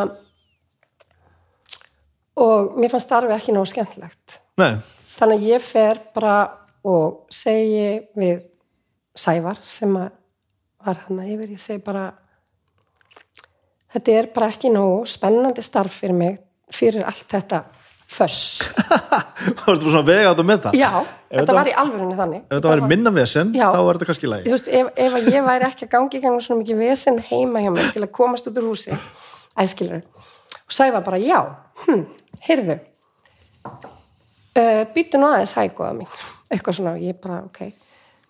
Ég, og svo bara segir hann bara ekki ekki svona fljótaðir, ég, ég ætla að heyri þér eftir smá. Heyrðu, þá er mér búið staðan upplýsingafulltrúi hjá símanum sem, sagt, sem er skemmtileg staða, þú veist. Svona stór staða. Já, já. eitthvað svona sem að og ég bara hugsaði í stutta stund og svo bara já, heyrðu, ég ætla bara ég ætla að kýla það og Þetta kemur alltaf sama, niður á það sama. Bara segðu bara það sem þetta að hugsa. Verður ekki að þessu, Nei. verður bara ærlegur og segðu þetta bara. já. og, verðum ekki endilega að tala um einhverja stjórnundastöður eitthvað, þú veist, bara eins og í fokking vinnunniðri og segir bara, hérna, mér finnst þetta ekki gaman sko. það er enginn að fara að segja bara, já, þá verður bara drullaður heim. Nei. Ef þú ert að gera hlutina vel og einhverja ástriðu, þá Já. kemur einhver tíður og segir bara, ok, finnum út úr í hvernig við getum gert þetta þannig að þér finnst þetta meira gaman. Og, og þá verður líka meira skemmtur alltaf bara, þetta er bara Ég svona þetta er bara svona, ég get ekki sagt Mm. ég er svo sammála og líka því sko þessi herpingur sem verður svona innra með þér þú veist, ef þú fílar ekki að svona að gera það verður svo lítið pláss þú veist, um leiðurspánu losan þá verður svo mikið pláss fyrir Já, þetta étur alltaf Nei. allt eitt, sko. já, Já. og hérna, þar með fer ég í þá stöðu og er þá að skipti voru svona móður fyrirtæki og var það með, með, hérna, með Petri Óskarsinni sem er núna uh, frangvæntstjóri Íslandsstofu. Jó, og bara, þú veist, geggjað gaman. Og, bara, og það var alltaf frétta hjá símanum á þessum tíma, það var verið að kæra hægri vinstri, Vodafone og, og þetta voru svona lið alveg geðvik lið, sko. Og ég var líka, og svo var Petra sem er góð vinkona mín, hann markastjóri. Og ég var bara komstundum til hennar bara getur í alfur, má ekki koma ein pokking auglýsing í loftið á þess að þú kærir, skilur getum við hætti svo aðeins, við erum risin hérna. Og hún bara hlóa mér og og svo var, veist, þetta var bara þetta var svo mikill skóli, þú veist, af því að maður er bara í ég meina að það var húsleit. Við vorum bara, ég og Pétur Óskars vorum í einhver svona, hérna, síðasti vetradagur partíu bara með einhverja brennubolta þegar bara, maður leit á síman og bara 15 mist calls, skiluru þá var bara húsleit hjá símanum og fórum í gegnum svo alls konar Hvað var mál. það aftur, þessi það var hérna, það varðaði þetta varðaði mál sem að uh, hafði með útringi lista að gera, eitthvað slíkt varðandi eitthvað markkóp og það var lögð sekt á síman, bara risasekt eh, sem var um rúmar 400 miljónir þegar upp á staðið sko, en við erum að tala með þá þegar það gerist, þá var ég í sívöld með fjölskyldinni þegar ég fæ símtalið að nú sé komin sektin. Ég var að vísu búin að undirbúi þetta búin að fá PR fyrirtæki og allt alveg þar að ég vissi ég eruð úti. En ég var bara að veifa familjunni bara í símanum, það var aldrei frí. Nei, því nei, það er enginn sem hleypur í skarði fyrir þig í svona starfi. Og hérna svo er ég þarna alveg til 2012 og mamma rak sitt eigið fyrirtæki í ferðabransanum með rástefnur, mjög dugleg búin að reyka það þá í einhver 10-15 ár sko. Og ég hugsa með mér, ég ætla að prófa þetta ég ætla að sjá hvort ég vilja taka þetta eitthvað veist, taka við af henni. Og hérna, þarna var hún í raun orðin einir, einirki með þetta. Og hvort sé eitthvað sem ég vilja, þú veist, gera eitthvað með. Þannig að ég bara ákveð að segja upp hjá símanum. Og það var erfið ákveðin þess að félagslega, maður svo félagslega degraðar hana, það voru, já, það voru svo mar- marga vinnið hana og hérna, það var bara svo gaman í vinnunni, það var bara geggja og þetta var svo ótrúlega, þú veist, ég var að fara svolítið svona gegn öllu. En af hverju? af því að mér leið svo vel en, ég, en, en skilurðu en ég hugsaði, ok, þú veist en nú er bara komið að því að þú veist, við erum bara siglinn í svona, eh, kannski eitthvað svona lignara umhverfi, þannig að ég er búin að fara í gegnum þessa rússipanarið með þessu fyrirtæki. Og mamma komin af, af vissan aldur og veit fara að hætta, þú veist, verð ég ekki bara að gera þetta núna? Jú, ég ger þetta núna.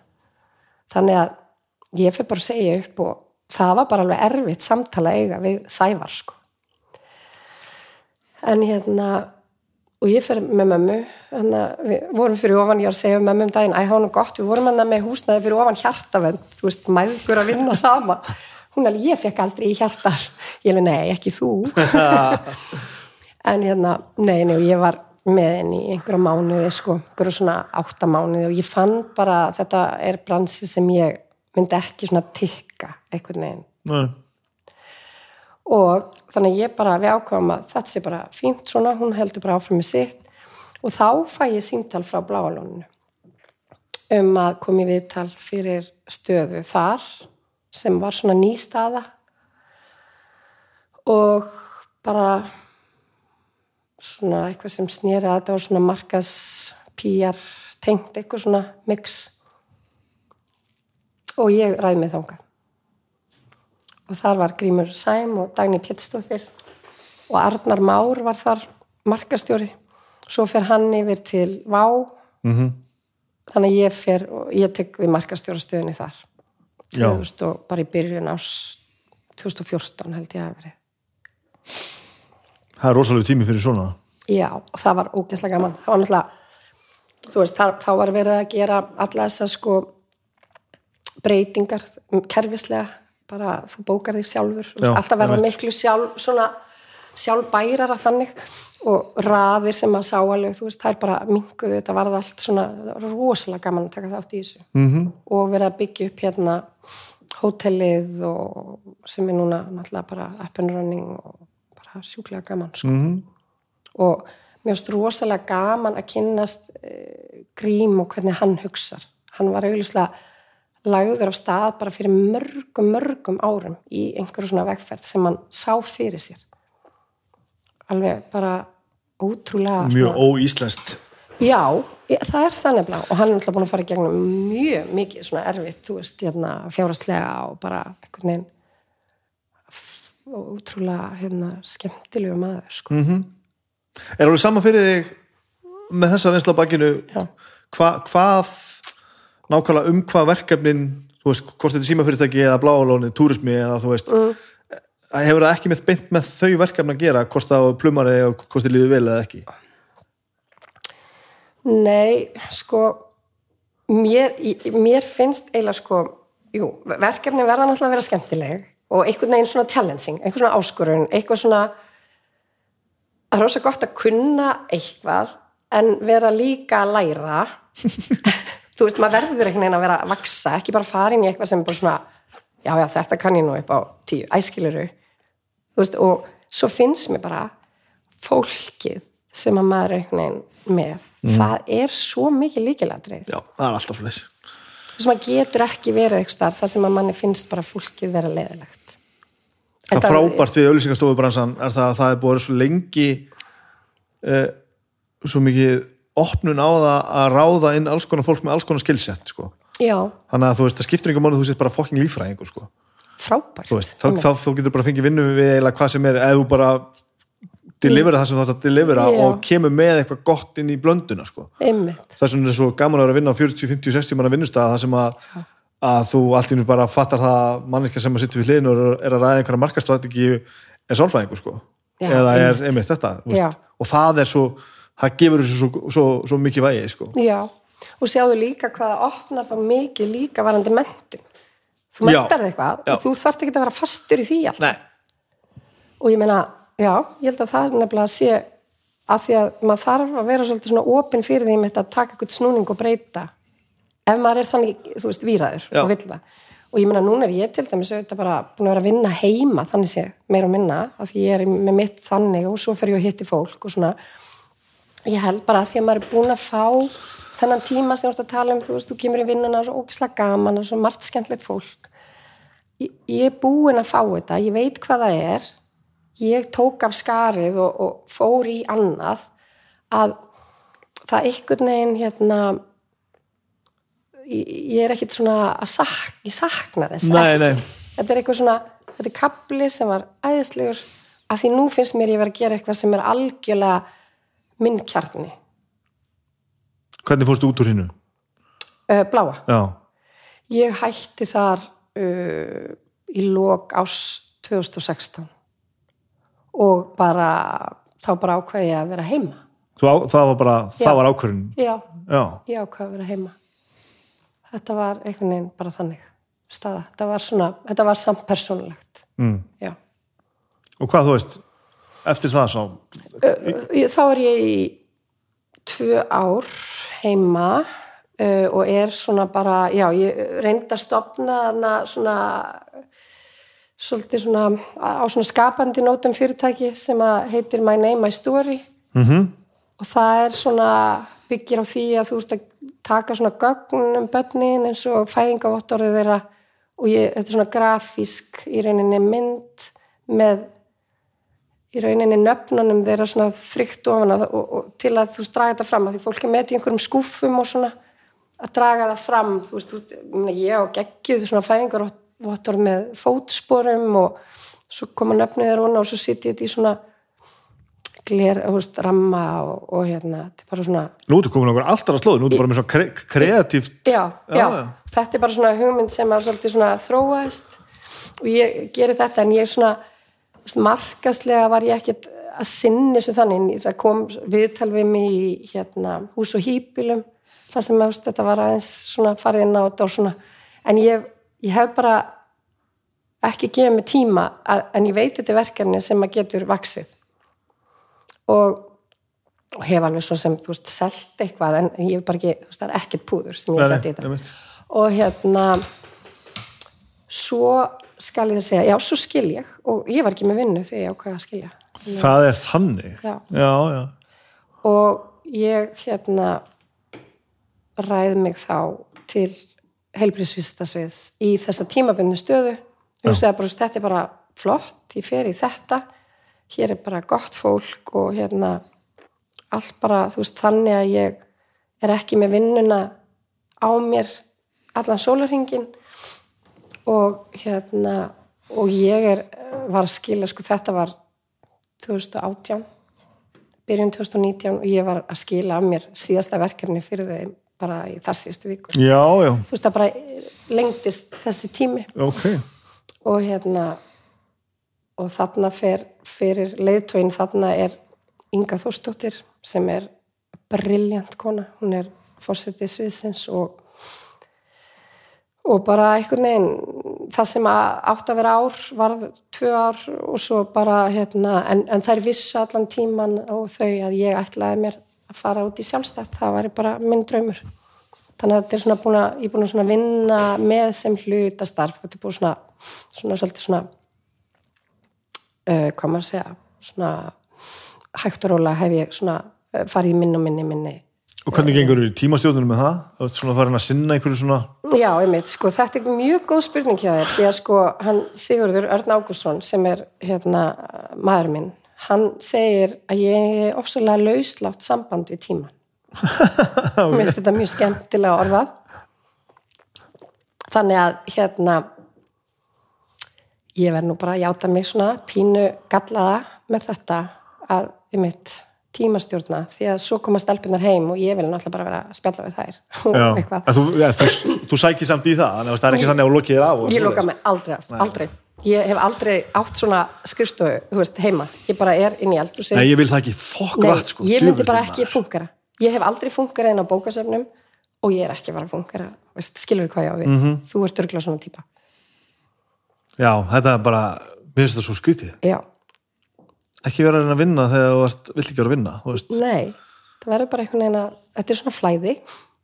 Og hérna og ég á, sko reyndar alveg auðvelt með það, ef ég fer er í tölvunni það þarf kannski að segja nafni mitt nokkur sinnum. Bara já. já, svona hyperfókus. Æ, já. Þannig að ég vinn alveg vel í svona opnum speysum og svo leys ég myndi miklu frekar en að vera eitthvað starf einin á skristu og ég myndi aldrei, mér þætti ég alltaf vera að missa af. Þú veist, já, þú væri hvað, af. Ef ég væri fórstjóri á lokari skristu þá myndi ég bara, mér þætti ég eitthvað svo, svona út úr.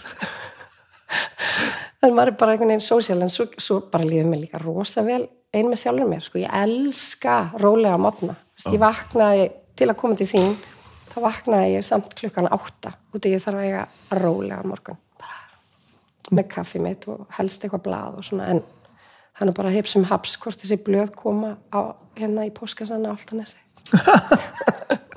hvort er maður að segja því já, rosa svona þetta er nú bara þannig. ábending já. og hvað þú veist þetta með að fara að vinna sjálfstætt, er þetta eitthvað svona að vera sjálfsins herra, já, eða er þetta bara að gera eitthvað nýtt eða frelsi já, þetta er svona allt held ég, all of the above. Svona mér finnst rosa gott að stjórna sjálf. Já, og þú, þú getur það sagt. Já, ég er bara ég held ég nefnilega alveg ágæti svona verkefnastjóri með svona yfirsýn og, og eins og í þessu verkefni, ég menna ég var með þú veist, 30 viðmælendur hátt í það. Mm og maður var að eiga samskipti við þetta fólk og arrensera og auðvitað náttúrulega í góðu samstarfi með, gegn, með því líkri hjálp frá Eirikur sem að vin, vann þetta með mér var náttúrulega líka algjör perla sko. En svona já að missa ekki bolta ég held ég sé alveg ágætt í því. Mm. og svona ég er ekki með neina verkefna lista beint út í að mér finnst þeir bara tínast inn í tölvuna. Þá er ég helst með að skrifað og einhvern veginn bara svona þetta er einhvern veginn í hausnum á manni svona, ég er rosa góður í öllu svona þegar að uh, þegar að myndi bitna á öðrum meðan fyrir úskeið sko. en um leiðu þetta bara ég sem þarf að halda sjálfum mér á teinunum þá er ég komin í rúgleið sko. já þú meina það að, já, að því maður, maður ber svona virðingu fyrir sko annara manna einhvern veginn tíma Já. og slíku það. í, í, í svona já, í, sérstaklega í svona einhverjum verkefnum mæta eitthvert og slíkt mjög góður í því sko. Já. en þegar ég þóttistur að vinna sjálfstætt sko, Mhm. þá er ég alltaf að brenna minn eigin tíma og fara illa með, með, með já, illa með tíman og, og, og svona Já, vinna þetta kostnað. já, á minn Já. kostnað sko.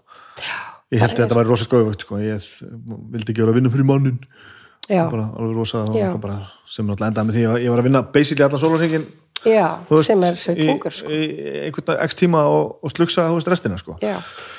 Hver, og hver er þá, veist, árangurinn í rauninni af því? Og ég fann einmitt rosa mikið, talandi um svona því þú ert í markas hérna, umhverfinu og ert að vinna í því. Eh, ég auglisti þarna þegar ég var hjá Blálunum eftir sérfræðingi eitt skiptið og ég vildi að viðkomandi hefði reynslu. Ég vildi ekki fá eitthvað nýjútskrifaðan eða mér langaði bara að fá eitthvað svona reynslubolta. Og það var svo margt fólk sem kom einmitt úr þessum bransa sem að var langað svona að losna við þetta hark veginn. já, þetta er óverfitt sko. Já, ég skildi það mjög vel en þetta var alveg ég þurfti alveg svolítið, þetta var svona pínu stoltmál líka mm. ég þurfti alveg að díla við það bara, mér leiði svona pínu sem ég var að gefast upp sko, sem er Já. algert kæftaði sko. einmitt, og leiði og ég byrjaði, svo sem álpaðist en besta vinnistæði heimi að vinna á pipar er bara, er ógeðslega Frábært, gaman, sko, henda já. mér ógeðslega vel. Já, þannig að þú veist, ég gæti áfram sint, þú veist, ég gæti áfram farið að túra með hljóstinu minni og þú veist, ég gæti gert þetta já svona, Fe- fékkst þetta frelsi með og skilningin og, og, og þú gefur miljón fall tilbaka, sko, þú veist, Já. ég mæti vinnuna hvern minnast að morgun og bara ég, ég, ég skal breyta heiminum eitthvað pínu, sko, ótrúlega ferskur. En þetta opnaði fyrir allt þetta sem ég langaði til að vera að gera. Þetta sem Já. ég held að ég væri svo mikið að gera sjálfur mig greiða með að vera að gera og fá borga fyrir það, það er svo Mhm. Frábært, ég er að semja einhverja músík hérna og þetta og leikstæri hér og tónlistastæri hér og fla fla fla fla fla, sem á endanum var að kera mig í kaf. Já, fæ alveg þess mikið út fyrir að gera bara miklu minna af því en með andri mið sko. Já. Fær tekjur, ert að gera skemmtilega hluti Já.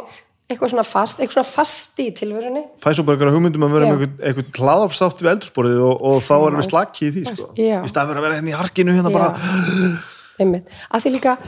og, og við fyrirtæki eru farin að fatta það að sko þetta er líka það sem þú ert að gera hér sem að spyrst út og, og fólk þekkir þig það er gott fyrir businessin. Já, auðvitað, auðvitað er hangir bara þetta allt win- saman þetta er saman. win-win. Það- það er máli og að, auðvitað fel ég ekkert hvað ég er að vinna. Mei, það bæða því ég er stoltur að það er líka því að ég já. veit að það kemur vinnunni minni vel. Einmitt. Við Darri vorum einmitt saman á hérna skapandi skrif námskeiðinu. Já, hann gaf bók með þessu já, já, já hann er alltaf held ég, ég ætla að vona að sé að skrifa markvist já, einmitt, bara ég vona það líka. Hann er flottur. Já, en já, mér finnst hérna mér finnst það flott hér og, og líka bara að viðurkenna, heyrðu, þetta form hendar mér ekki. Já, það tók mér langa tíma. Já, það er einmitt eins og þú segir mér finnst, ég, mér finnst mér hafa misefnast ég meina, pældi, þú varst bara hugur akkur fóst í þetta og svo líka bara þar ég, ég myndi flokka undir hugur ekki að segja, hei hérna, það gekk ekki nægilega vel hjá mér akkurat svona já en maður þarf að læra þetta samt sko. Já, já. þetta eru nýja ár síðan og ég var einhvern veginn bara svolítið á þeim stað þar að mér fannst svolítið eins og ég væri bara eitthvað fínum feljur sko. já, í dag myndi ég bara svona vera búin að átta mig betur að ég bara sumt virka bara já, og annað bara virkar ekki, ekki og Já, vel og þú já. stjórnar ekkit alveg öllu alltaf sko, þannig að bara breyttu einhverju þannig að þetta byrja að virka. Já. Og, og ég meina, allt svona kemur með þroska. Já, við verðum að þroskast, annars er þetta ekki gaman. Við verðum að breytast eitthvað. Já. E, e, eitt sem þú sagðir áðan. Já, það með verkefnin. Að hafa þau svona valdi sínu en finna samt eins og þú sért alltaf að læra þess mm Mhm, -hmm, er þetta eitthvað sem að þú veist þú hugsa markvist um? Að því að þetta er svona ég veist að margir myndu sko veigra sig við að segja þetta, þetta hljómar svona pínu eins og, eins og veikleikamerki sko, ég kann ekki allt sko. Já, ég skilði uh, og ég, það, ég dáist fullkomlega þessu af því svona, þetta höfða mjög mikið til mín að mæti inn á Já. verkefni bara, ég veit að ég veld þessu en shit hvað er mikið en það sem ég hef ekki hugmynd um sko. Og, og, og leiða mann að segja það upp átt sko. Já. verð ekki alltaf með þetta face bara, já já, ég er með þetta allt. Bara I got it covered hérna, Bara- ég er rosa mikið að sletta önsku já, hérna, veistu, ég var ekki búin að pæla í þessu svona.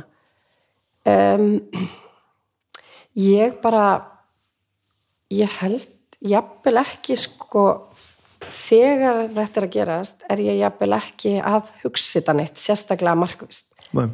heldur meira svona bara, já, heyrðu. Ég er ekki, ég til dæmis skrifa ég hef aldrei verið svona manneska sem skrifa markmið. Það myndi bara, þú veist, tínast eitthvað staðar en ég er alltaf samt svona í kollinum, svona, hvað langar mig? Og mér fannst mér svo frábær hérna uh, pæling ef maður tekur all, alla hræðslu út fyrir mengið bara þegar maður er að hugsa þetta. Taktu alla hræðslu, allan ótta, allan efa út fyrir mengið, hvað langar þig? Og bara, búm, hvað langar þig mest? Og ég bara, nú er ég bara að lýsa þessu dæmi því að svo var ég að tala við eina konu um daginn sem að ég hef sagt inn á hún sé á rángri hillu í lífinu. Og tekið það þér. Ég tók það með að því hún er alltaf að bölva svolítið og finnst hún ekki finna sig og svona. Og ég segi ok, nú skulum við taka allar hæðslu út fyrir hérna bara þennan bálk hérna og Eva og allt og bara hvað langar þig? Að því ég sá hana fyrir mér sem svona náttúruna batn einhvern veginn. Nú skrifa handrit. Ég hafði aldrei hefst þetta. Já, og hún sagði bara, hún, líka hún kvíslaði þess að mér og hún sagði bara, ég, ég bara segi þetta ekki upp átt og hún sagði, ég ger þetta í laumi. Og ég var bara já, einmitt. En það vilt ekki bara halda áfram með það vinna mín? Og allavega, þú veist, kannski halda tekjunum og starfininu og reyna bara að gera það vel eins og, þú veist, hún er að því. En mér finnst þetta svo ótrúlega svona frískandi og þegar yfirleitt er svarið þá hana en þú ert búin að drepa svo margt hérna, ruggla svo margt með einhverjum svona hömlum svona, sem hamlar bara sjálfur þú veist, það er engin vin en að fara að segja við því að það, þú getur það nú ekki góðum en skilur, það er bara hvaða hömlur er þetta? af hverju eru við að, Akkur gerum við þetta? af hverju þú veist þurfum við að kvísla þetta? Nei, já, ég meina, ég allavega tók þarna bara, heyrðum, mér langar að gera sjónvastátt um heilsu kvenna.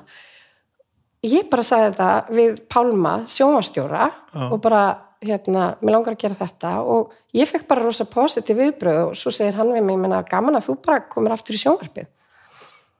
Ég var ekki búin að hugsa það svoleiðis. Mér langaði bara að gera eitthvað. En af hverju er til dæmis vinkona en að kvísla að því hún, þetta er, þetta er bara svo ríkt í okkur að- vannmáttarkendi Já, og bara svona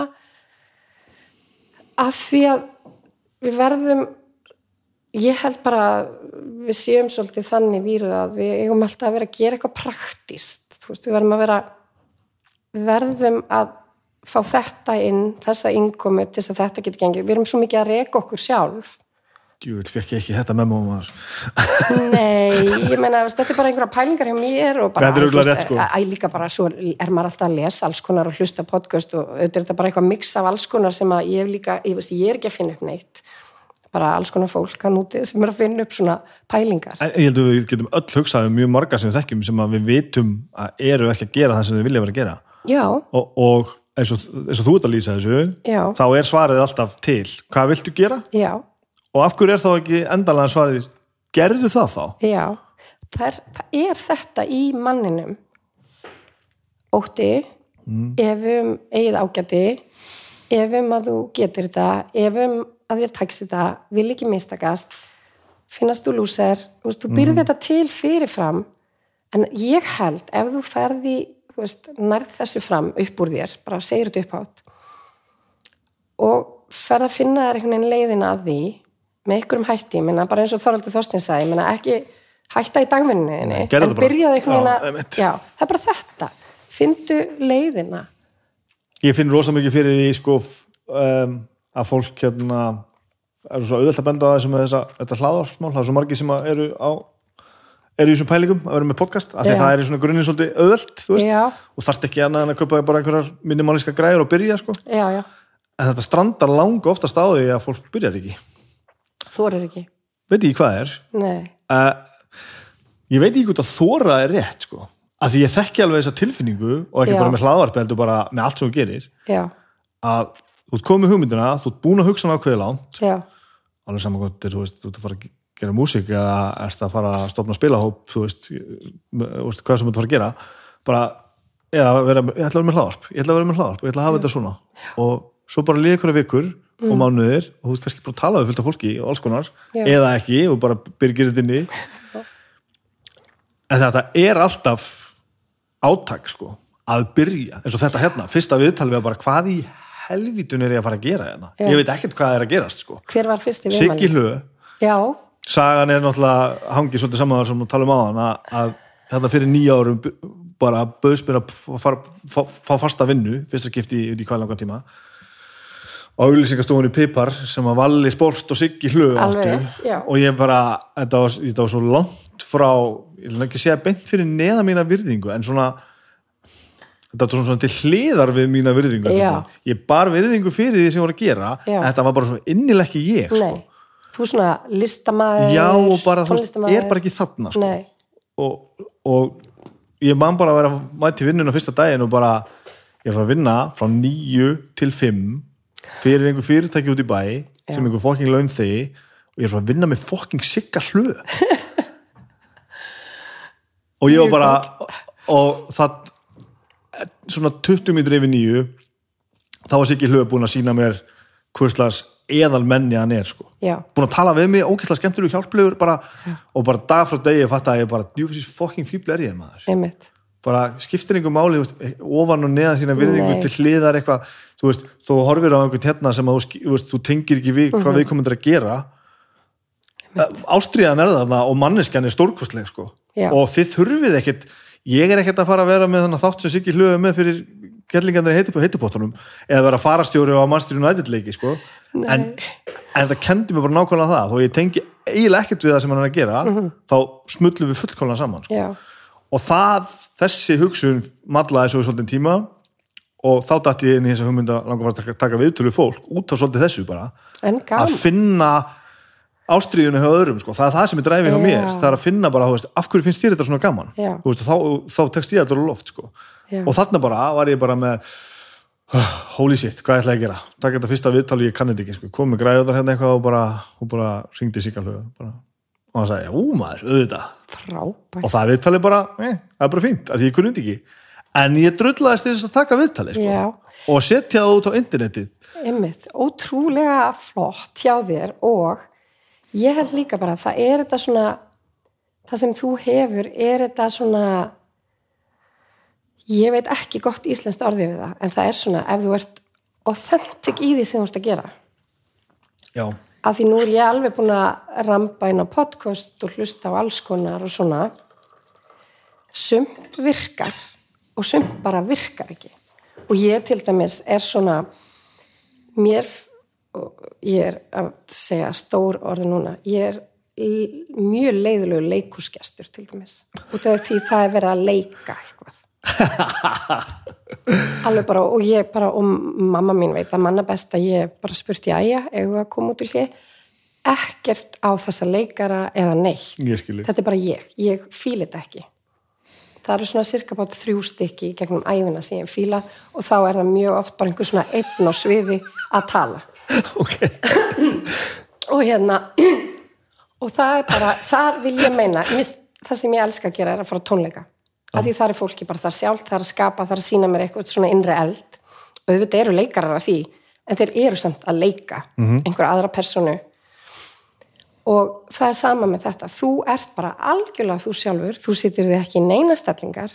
Nei, þú bara kemur til dyrann eins og út klættur og það er það sem fólk er að leita eftir þú veist, það er það er uník að geta bara sest svona fengið upp úr mér bara sem þú ert búin að fá upp úr mér mm. og, og það virkar og fólk nennir að hlusta í alverðinni þú veist á eitt viðtal sem eru tveir, þrjú tímar -hmm. þetta er bara magnað og þetta er hæfileiki þetta held ég ég held að hafi alla, allir hæfileika á einhverju sviðum sko. ég er ég ekki að segja að hafi allir hæfileika til að taka, taka viðtöl sko. Mhm. ég veit ekki hvaðan ég fæði þetta úr uppeldinu eða eitthvað sko að ekki vera að reyna að að geta upp eftir einhverjum öðrum sko. jafnvel þó þið finnist aðdánavert það sem einhver annar er að gera mm. ekki vera að reyna að herma það sko, eftir Nei, eitthvað að vera, reyna að vera likeable Ertu að meina það? Er svona að reyna, Ég, ég hefði alveg getað stopna bara poppljómsveit að því ég er góður að semja lög og texta Já. og gefið út bara hérna miklu meira en spendur þú veist, já, og þetta er bara fínt að nota magna þetta já, þannig já, vinnu minn já, hérna. einmitt. Ég myndi aldrei semja þetta lag veist, ef ég myndi reyna þetta, þetta væri bara þetta væri bara hjákvæmlegt og þetta myndi ekki virka sko. Já, og að læra þá að standa með því bara, mér langar bara að stopna þungarhljómsveit. Einmitt. Að því ég brenn fyrir það. Ég veit og ég ætla að gera það ógeðslega vel. Mhm. Já. alveg ógeðslega vel. Einmitt. Og nokkrum árum setna þá var ég að spila þá músík með Sinfóniljóst Íslands upp á sviði sko. Geðveikt, var þetta ekki geðveikt og það var bara tilfinning? besta sem þú getur gert en þetta er að ken, kenni man, manni það sko. ekki, fara, ekki þú fara og vera með svona þátt af því að því finnst þessi þáttur svo frábær sko. Einmitt. findu þetta passjónu þér Já, findu þessa sögu þegar að Siggi Hlög kendi mér að fólk, allir eru snillingar já og findu þessu einhvern farveg sko.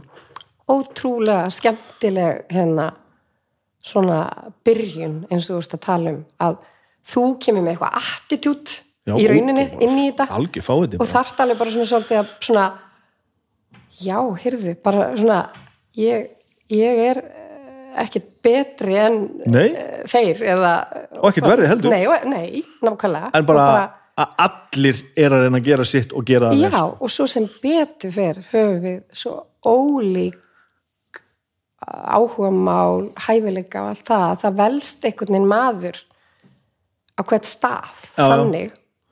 Sérstaklega þegar fólk finnur svona sinn eld, innri eld. Uh en en það þarf samt að gera. Það. er alveg sama hvort þú stofnir hljómsveit eða verður með hlaðarp eða hvað. Já, og eins og þú segir að stíga þetta skref. Og það er svona þegar vinkonuðin segir sko, skrifa handrit. Já, bara byrjuð- þá ertu búin að finna það sem þið langar sko. þú, þá verður að gera það sko. Já, og ég er að vonast til að því þetta er svona ekkit innsta kjarna vinkona mín. Ég vona bara að hún sé áfulli í þessu. Við þekkjum svo, við þekkjum svo öll svo marga sem að eru svona sko. eru Já. bara með eitthvað bara do it maður, gerðu já, þetta. já. og það er svo auðvelt náttúrulega að segja þetta við eitthvað þú veist hvernig það er. Ég meina hvenær byrjar þú að, að semja texta? Það lítur að komið út frá eitthvað svona ég byrjaði bara í, tilfinningum eða? Nei, það byrjaði bara út af að því ég var í hljómsveit sko. mér langaði bara að spila rámaskítar og, og þá vantaði bara alltaf eitthvað að syngja.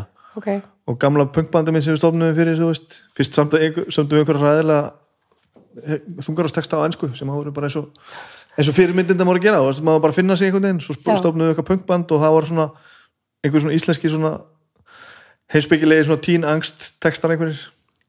Ok. og svo er rauninni bara svo stofnuðu ljóta hálfvitana já, og það fara að vera eitthvað svona hnittnar drikkjuvísur sko. Einmitt. Þá fyrir ég að hafa mér áhuga kynnist þér strákonum þar sko.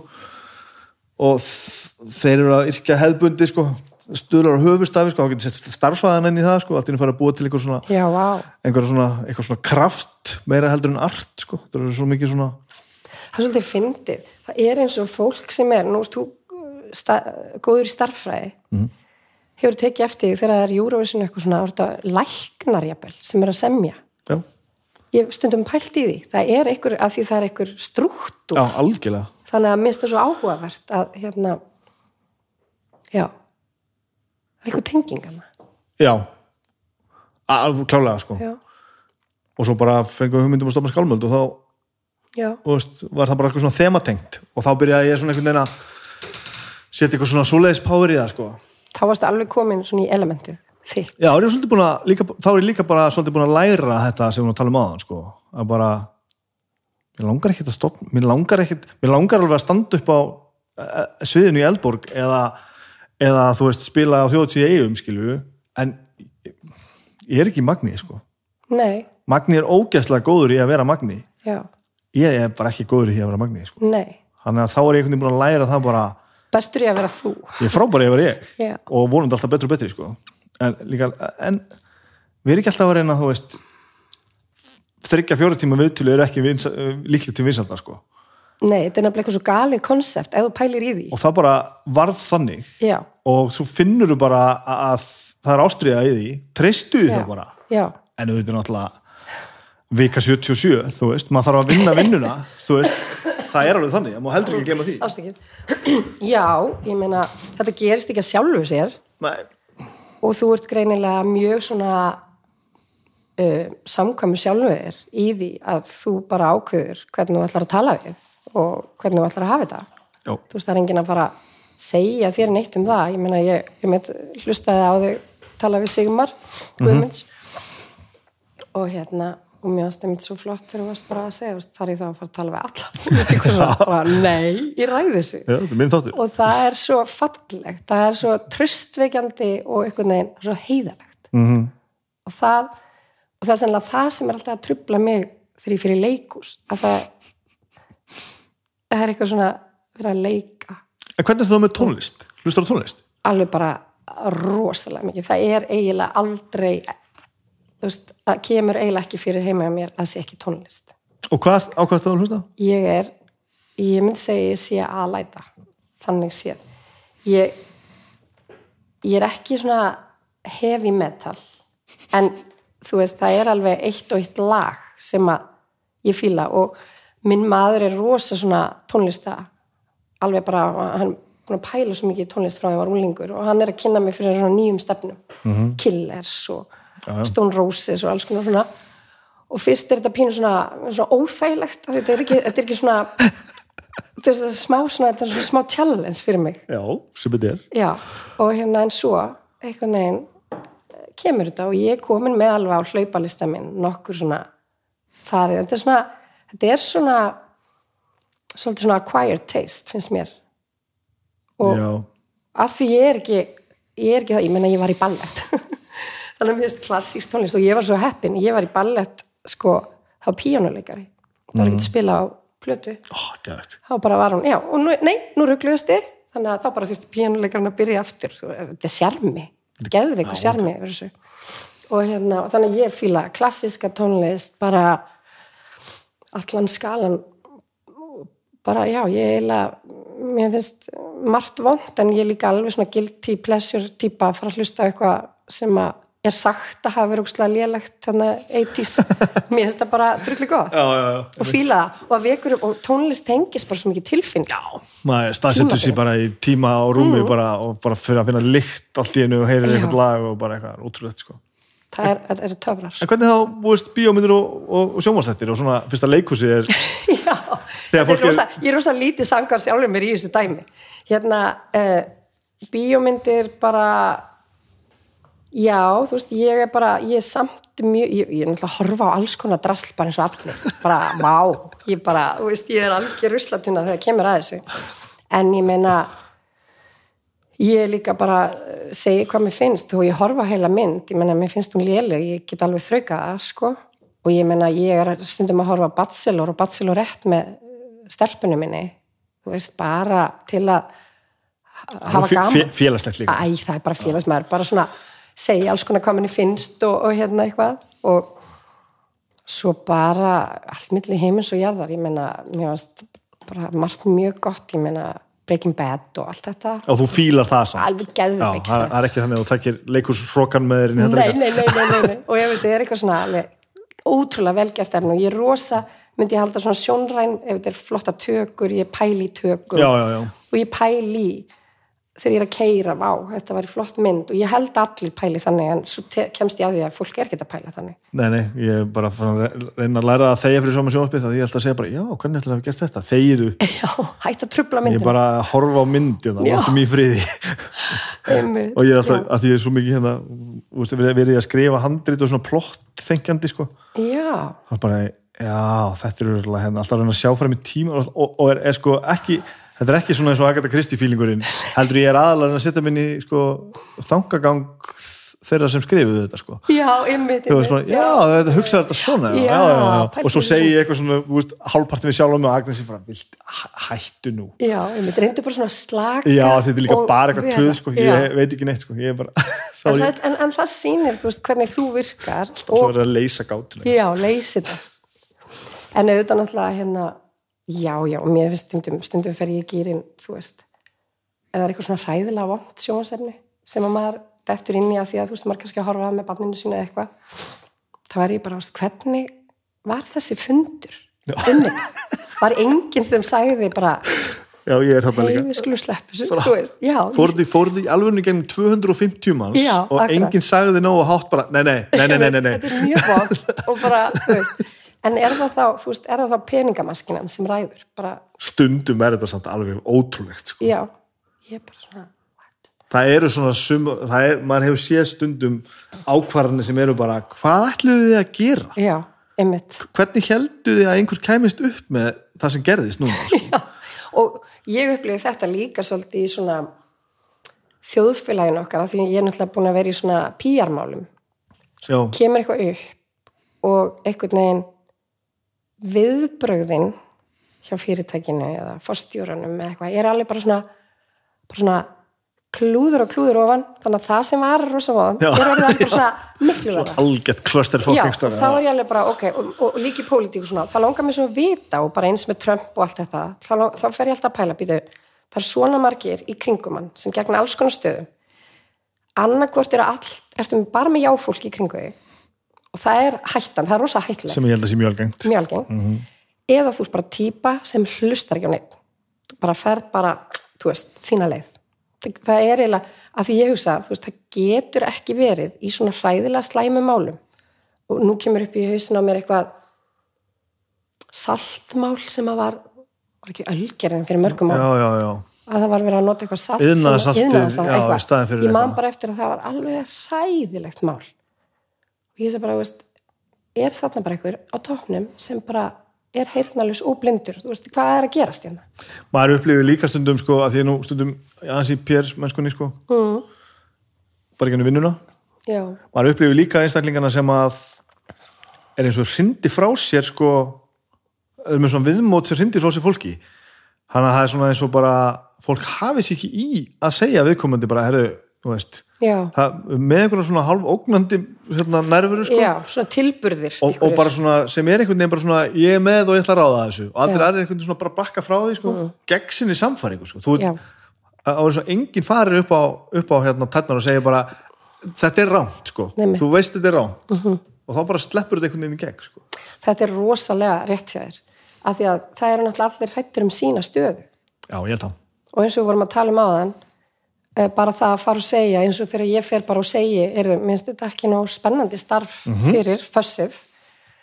Bara það að segja það var bara ótrúlega frelsandi og þá gerðist eitthvað. Já, þá gerist eitthvað. Já, en þú að vera típan þegar allir eru í klappliðinu og þú ætlar að vera devil's advocate í því, það þarf alveg daldi svona breytt baki í það.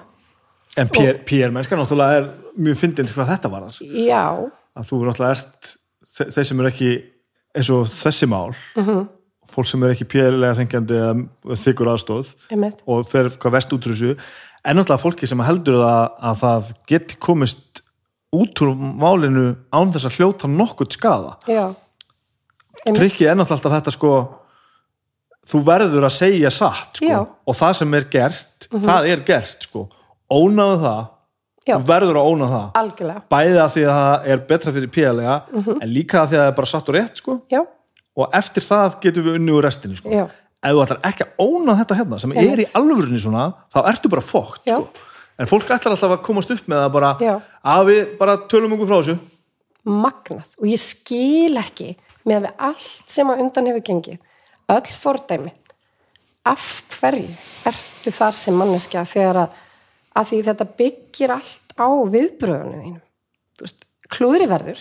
Klúðrið er orðið. Hvernig ætlar þú að bara einmitt eins og þú segir ónýta sína að þú sért bara manneskja sem ætlar síðan bara byggja upp traust? En hvað þá með þú veist drullu skaufana sem voru á klusturbarnum og, og eru bara ennþá á þingi skilju það var ekkert PR neitt þar. Þeir séu bara fokki ykkur öll. Ég ætla Já. bara að halda áfram að gera sem ég er að gera. Það, það er bara, veist, þetta er einhvern veginn og við einhvern veginn í líðræði samfélagin okkar bara þurfum einhvern veginn að taka en ég menna flokkurinn fekk ekki kostningu þeim var náttúrulega vondir einhver, eitthvað, eitthvað réttlætt í þessu einhverstað Mm, sko. þetta, er, þetta er mjög áhugavert Já. en ég held að það sé mjög oft þetta bara. Að, að þú ætla bara að reyna já, komast bara alveg já, áfallalaustur á þessu bara. Nei, Já, skíturinn er komin í, í þú eiginlega svona í, í 100% afneitun. Já, þetta gengur ekki sko. já, ég held að bara komi fólki í koll alveg rosalega oft. Hvað hérna ætlar að vera áfram í sjónvarpi? Ætlar að gera meira að þessu? Já, mér langar að gera meira af þessu. Mér finnst þetta svo skemmtilegt og, og hérna bara, en ég mun náttúrulega gera, og ég veit bara, ég mun gera bara það sem að mér finnst áhugavert að, að fjallum og ég, ég sé fyrir mér bara, þú veist, það er í litlu bókinni, fullt af hugmyndum. Ég menn, þetta er ekki allt einhverjar þáttaserjur. nei, Þetta er, þetta eru sumt bara málefni ber kannski eitt þátt, langan þátt eða, og það margt náttúrulega í þessum þætti núna sem að því ég vann fullt af statistík fyrir þetta, mér finnst það mjög mikilvægt að pæla í hvernig við erum út frá bara tölfræðinni. Það er rosa margt annað sem að er í rauninni hægt að taka út og skoða betur. Já, fara með það- lengra. til dæmis það að okkar þjóð í meiri hluta erum við vel yfir kjörþyngd sko. meiri okkar, við erum, við erum um 60% yfir kjörþyngd, jafnvel offita, sko, offþyngd, offita og þá spyrir maður sig þannig að vera miða við þetta BMI og allt þetta, þú veist, er það bara orðið eitthvað skakt, þú veist, er það viðmið bara ekki lægi en við vorum náttúrulega ekki þarna, þetta er búið að gerast í aft og þétt í síðustu áratíu og ég horfði nú á rosa reyndar svona áhugavert efni sem var að vera að tala um þegar allt var fattfrí í Ameríku. Þá bara fitnaði ameríska þjóðin. Af því þá fór bara sigur í allt draslið og hérna og náttúrulega hann segir þarna uh, eitt læknir sem ég með viðtalið, hann segir náttúrulega þú veist, sigur er bara einfalt efnasamband en það er náttúrulega er samt einn helsti skadavaldurinn vegna þess að, að við kunnum ekki að fara með hann við notum hann of mikið. Mamma bara sagði allt saman rétt hún er svona, hún er svona meðarhófsmanniska Mhm. og hún er bara nöytsterk og bara helbriðar en allt. Og það er ekkert að því að maturinn er ekkert meira svona heldur en hins þetta er bara mannamatur og þú getur bara ekki of mikið af þessu. Akkurat og svo getur bara meira af þessu Já. að því þú veist alveg hvað, hvernig þetta er sko. Pilsur er ekkert hollar. Nei, en þú mátt alveg borða þína pilsu já mér finnst geggjað að fá öðru hvoru. ég bara verð til stundum bara sjúki að fá mér en pulsu ekki geta þrjár pilsur á dag. Nei, það gengur ekki.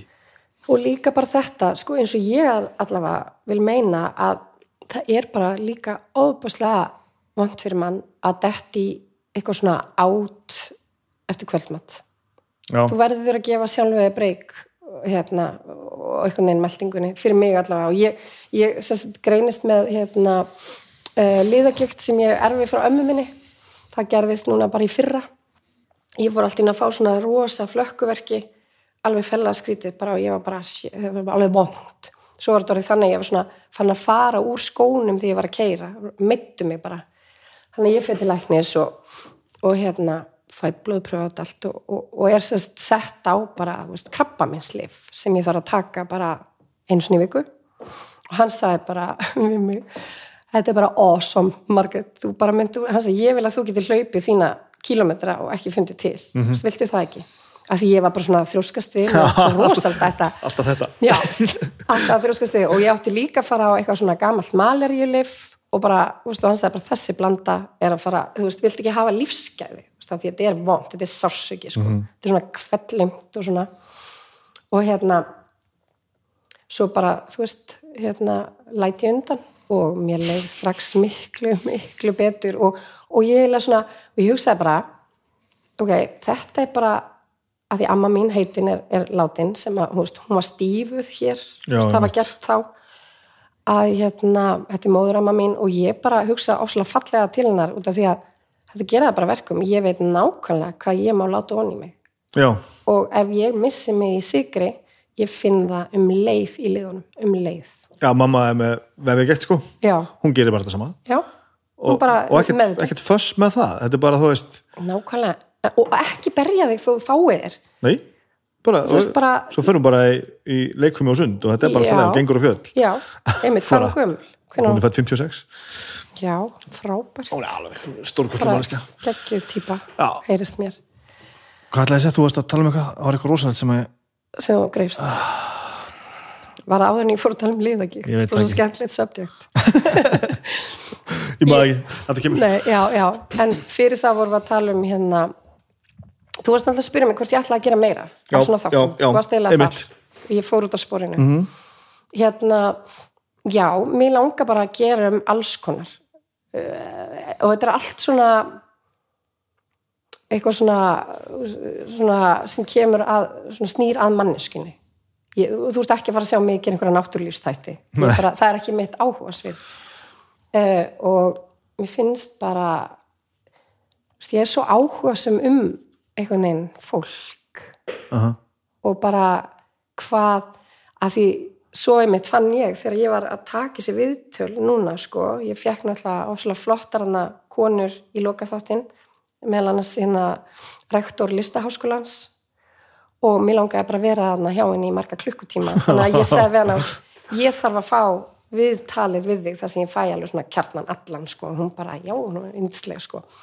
Og ég meina og síðan fólk fór svolítið að flug veist, inn í alls konar sem að ég vissi alveg ég væri ekki að fara að nota af því það passaði bara ekki inn í þennan þátt. Já, og sumt var meira að segja að aldrei svona tilfinningaþrungið og maður getur alveg farið í þá átt ef maður vill með eitthvað svona en það var bara ekki markmiðið mitt. Nei, ég skil ég þannig ég bara kliftið út en ég sagði við manneskina mér langar einhver tíman að taka þennan vingil, já, já, já, já. og ég held að þetta er svona snýst um svo mikið tröst af því að og ef að fólki leiði eitthvað illa með eða vildi sjá hvað það hefði þarna sagt mm. -hmm.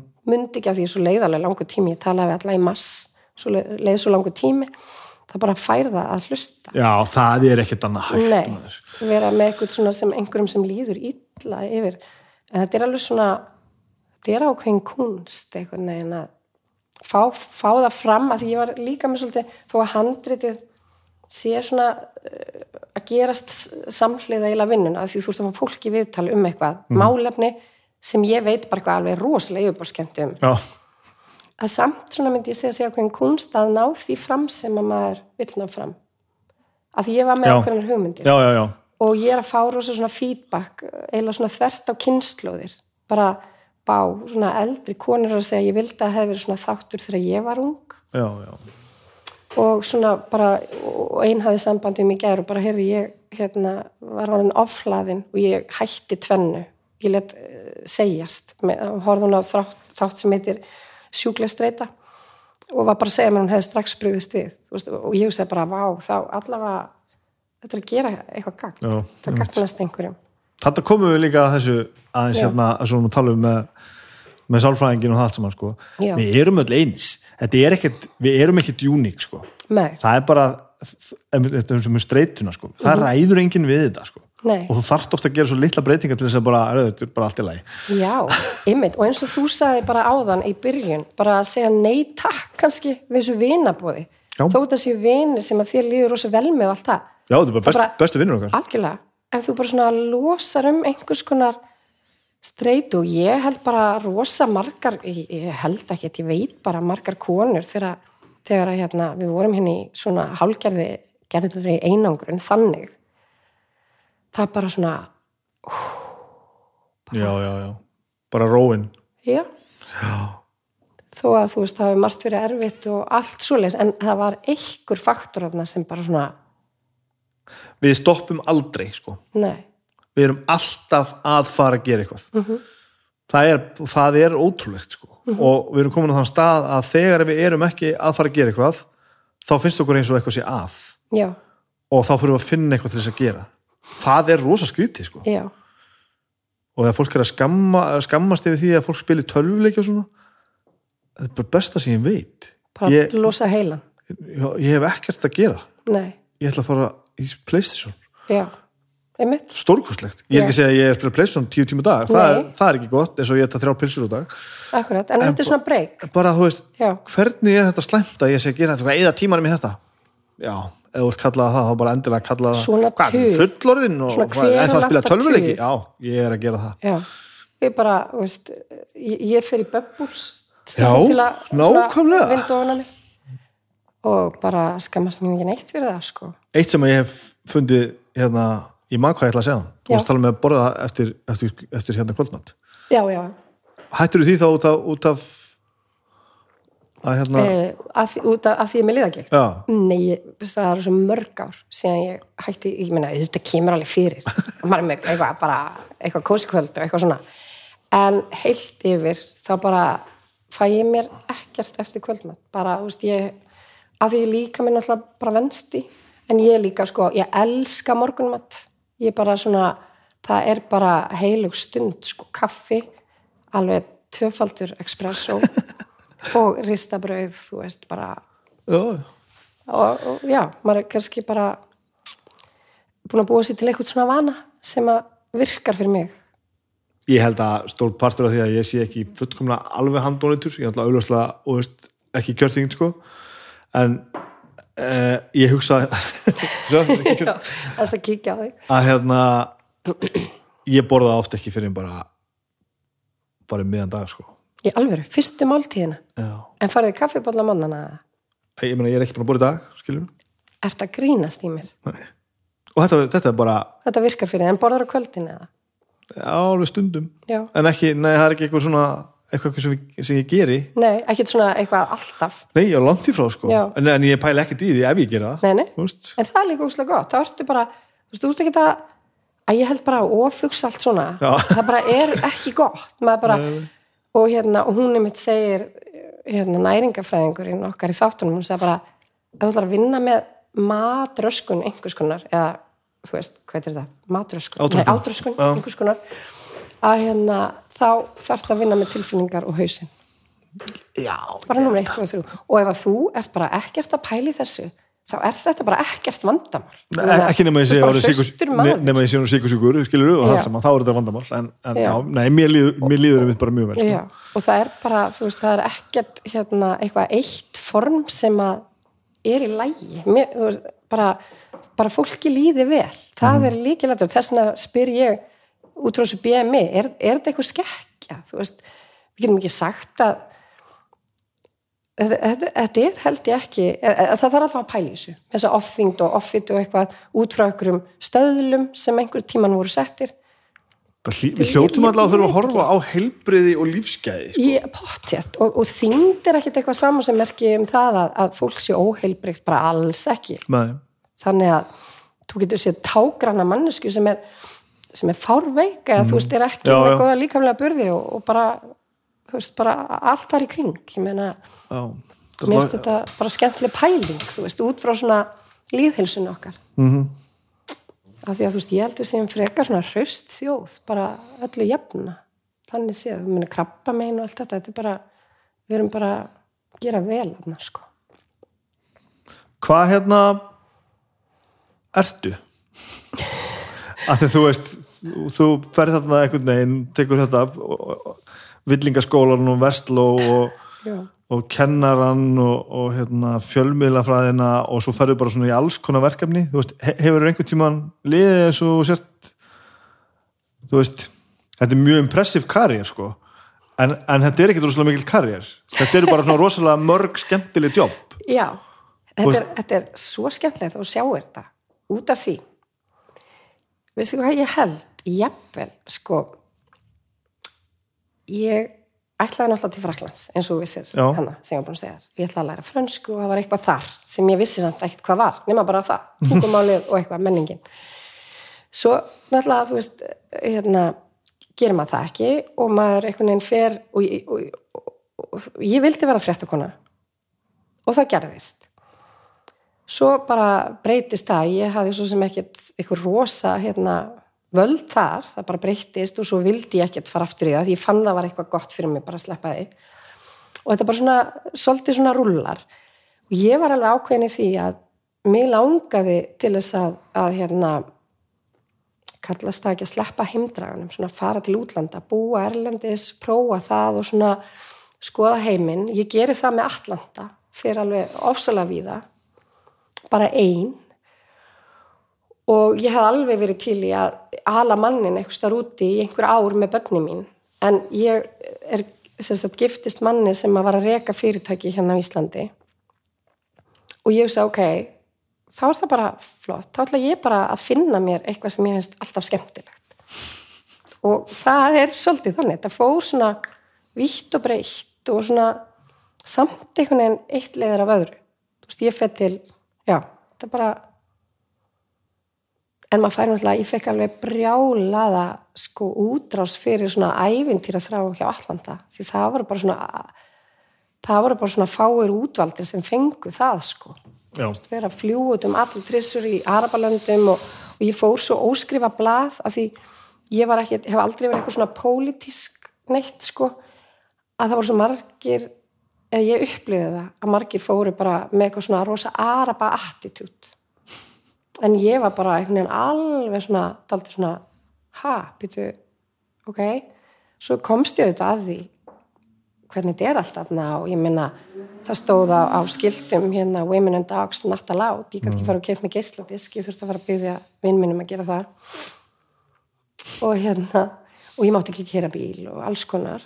En hérna og maður svona maður svona maður upplýsist svo mikið á svona ferðalagi að kynnast ólíkum menningarheimum og sjá hvernig konur eru trítar og, og hérna, þú veist, allt svona að því ég átti rosa, á rosa sterka mömmu, hún er svona bara fer þanga sem hún ætla sér og hérna til dæmis, hún var ekki í símaskráni þegar hún var, hún var með pappa og hún segi bara ég vil fá símanúmerið mitt hérna og Þórun Ingolstóttir nei, nei, þú þarf handhafi símans eiginmaðurinn þarf að þarf þá að gefa leifi fyrir þessu.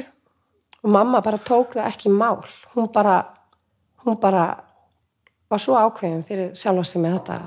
Hún fekk það sem hún vildi á þess að pappi þurfti að koma þar að. Og ef þessar konur hefði ekki gert þetta þá værum við ekki þessi við erum núna sko. það var Nei. enginn að gera þetta fyrir þær sko. engin, það er nefnilega málið þannig að maður er svo, og hún er náttúrulega hún er bara geggjón mamma. Því að sko, ég kem síðan heim úr útskriftaferði í Vestló, fórum til Mexiko og hérna þá segir hún bara, heyrðu, hér er umsóknablað uh, ég er búin að útvega þér meðmælanda þú ert að fara að sækja um hjá Atlanta.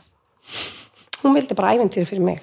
Og ég vissi ekki um þetta og fer og bara skilu sinn og þar var þetta náttúrulega bara við eldúsborði nánast hjá hérna Argrimi og Þóru og bara maður er náttúrulega vini fyrir lífstíð sko, maður býr með fólki og annarkvort bara elskar þann sem við býr með eða ekki, æskilur þú bara kynnist fólki svo vel. Og hún er mitt sagði við mig þegar ég var að fara út eina setningu sem að alveg svona satt hún sagði hérna, vertu ósérlífin og þetta er svo ótrúlega góð setning og ég- sagði mamma þig? Mamma sagði Já, þetta við mig. og það var alls konar leiðindi sem að maður lendi hérna og ég fór á reyndar var sett á alveg rosalega svona um, ó svona uh, heillandi svona compound, það gistu allir á svona sérstöku compoundi þarna. En við vorum nokkur sett í tvær íbúður á hinu sem var ógislegt, það var bara viðbjöður og ég var bara komin hana og ég var að skoða þetta og horfa á þetta og bara við þurfum að þrýfa hérna. Þá var sko, ég var í alvörun að skafa upp mís döðar upp úr svona eldúsinntingunni og á henni. Það okkur var ekki einu svona búið upp á þetta hrein. Þú veist þetta var, þetta var viðbjöður og ég og, og við vorum hann einhvern veginn fastar og okkur vantaði við þurftum alltaf að vera í abæjum til að geta farið og keift eitthvað. Við vorum ekki með abæjur og ég var bara svo ákveðin. Ég ringdi bara hann í eina sem var yfir og ég held hún að hún er líka algjörfrekja. Og hún alveg, ég sagði hérna sko þetta er bara hérna þetta er bara catch 22 hérna. Ég þarf abæju til að geta farið eitthvað. En ég þarf að fara að kaupa mér abæju og þá þarf ég að fara eitthvað. Hvernig ætlar þú að leysa þetta? Og hérna og hún segði bara náttúrulega náðu svo hún í þýsk hérna uppruna. Bara já margir mín ég finn eitthvað út í þessu. Svo náttúrulega bara kom hún og gaf okkur að bæjur þessum fjórum stelpum sem voru þarna svo voru fjóri strákar í annar íbúð. Og ég hugsaði þarna uh, að því þegar ég er að stíga upp í Sátíja vélina þá kemur til mín flugfræja svona alveg með hérna allt þakið, þú veist, með slæðun og allt. Og hún sér bara mig, ég var ljósar með sítt hár og, og hérna hún sér hvað ert að gera? Ég sagði ég er að fara að vinna í Sátíjarabju hún sagði það er ekki búið að loka vélinni. Þú hefur ennþá tíma til að snúa við. Pöldu því. Já, pældi í svo þarna var amma bara og ég sagði, shit maður, út í er að fara? En hún var auðvitað að vinna fyrir Sátíja sem er svona opusla stránt félag. Við vorum náttúrulega, jú, að vinna fyrir þá en á vegum Atlanta. Og hérna, og svo bara ekslast þetta svona, ég fer hérna með þessum stelpum og bý með þeim og, og ég hugsaði þarna, ok, ég ætla, og þetta, þetta er rosa gott að, að hérna, koma inn hjá börnunum sínum. Ég hugsaði, ég ætla að vera einn í viku. Gefa þessu séns Já, ég ætla að vera í viku og ég bara hugsaði það.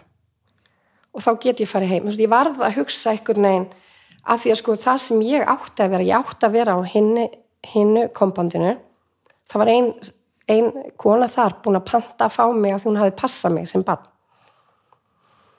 og síðan gerist það í rútinu að leina að það er búið að arrensera einhver svona vinkonudæmi og það er sagt við mig hérna, get, er, er þið ekki sama, þú fer bara og ert þarna með þessum og hún fer með og ég segi bara já, þú veist. Og svo bara eiginlega kastar hann liklunum í okkur og fer, því hann viss alveg hvað hann fengi andlitið, þú veist, þegar við sæjum þetta.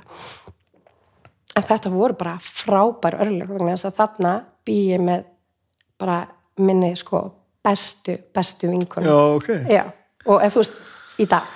Við erum bara búin að gera alls konar með börnin okkar og, og hérna hún býr í Danmörku og Boston til skiptis. Og við vorum bara einhvern veginn, við vorum bara fyttuðum svona. Og mér segja sko við, við vorum að hérna, að því við flugum svo mikið á mis, þannig að við vorum að skrifa hérna fyrriparta og setniparta og vorum að botna og alls konar. Og hafa bara gaman. Það var bara, það, þú veist, við bara erum svona típur báðar, við bara viljum hafa gleði í lífinu. Og það tókst. Og svo einu sinni kom ég heim úr flugi. Þá var hún farin í flug. Þá var hún búin að setja myndir af hérna af fyrstanum Sáti Arabíu inn í klósettið inn í sturtuna, búin að skrifa eitthvað hæmargreit, mm, kroppur, þú veist, alls konar sko það er ekki húsleit þarna. Ég segi það. En þú veist, þetta var alveg lærdómsríkt af því að þú veist, maður, svona, maður þurfti alveg að taka þetta með ósýr, ósýr hlýpnina Já, á, á, ég þurfti svo ofta að hugsa þetta.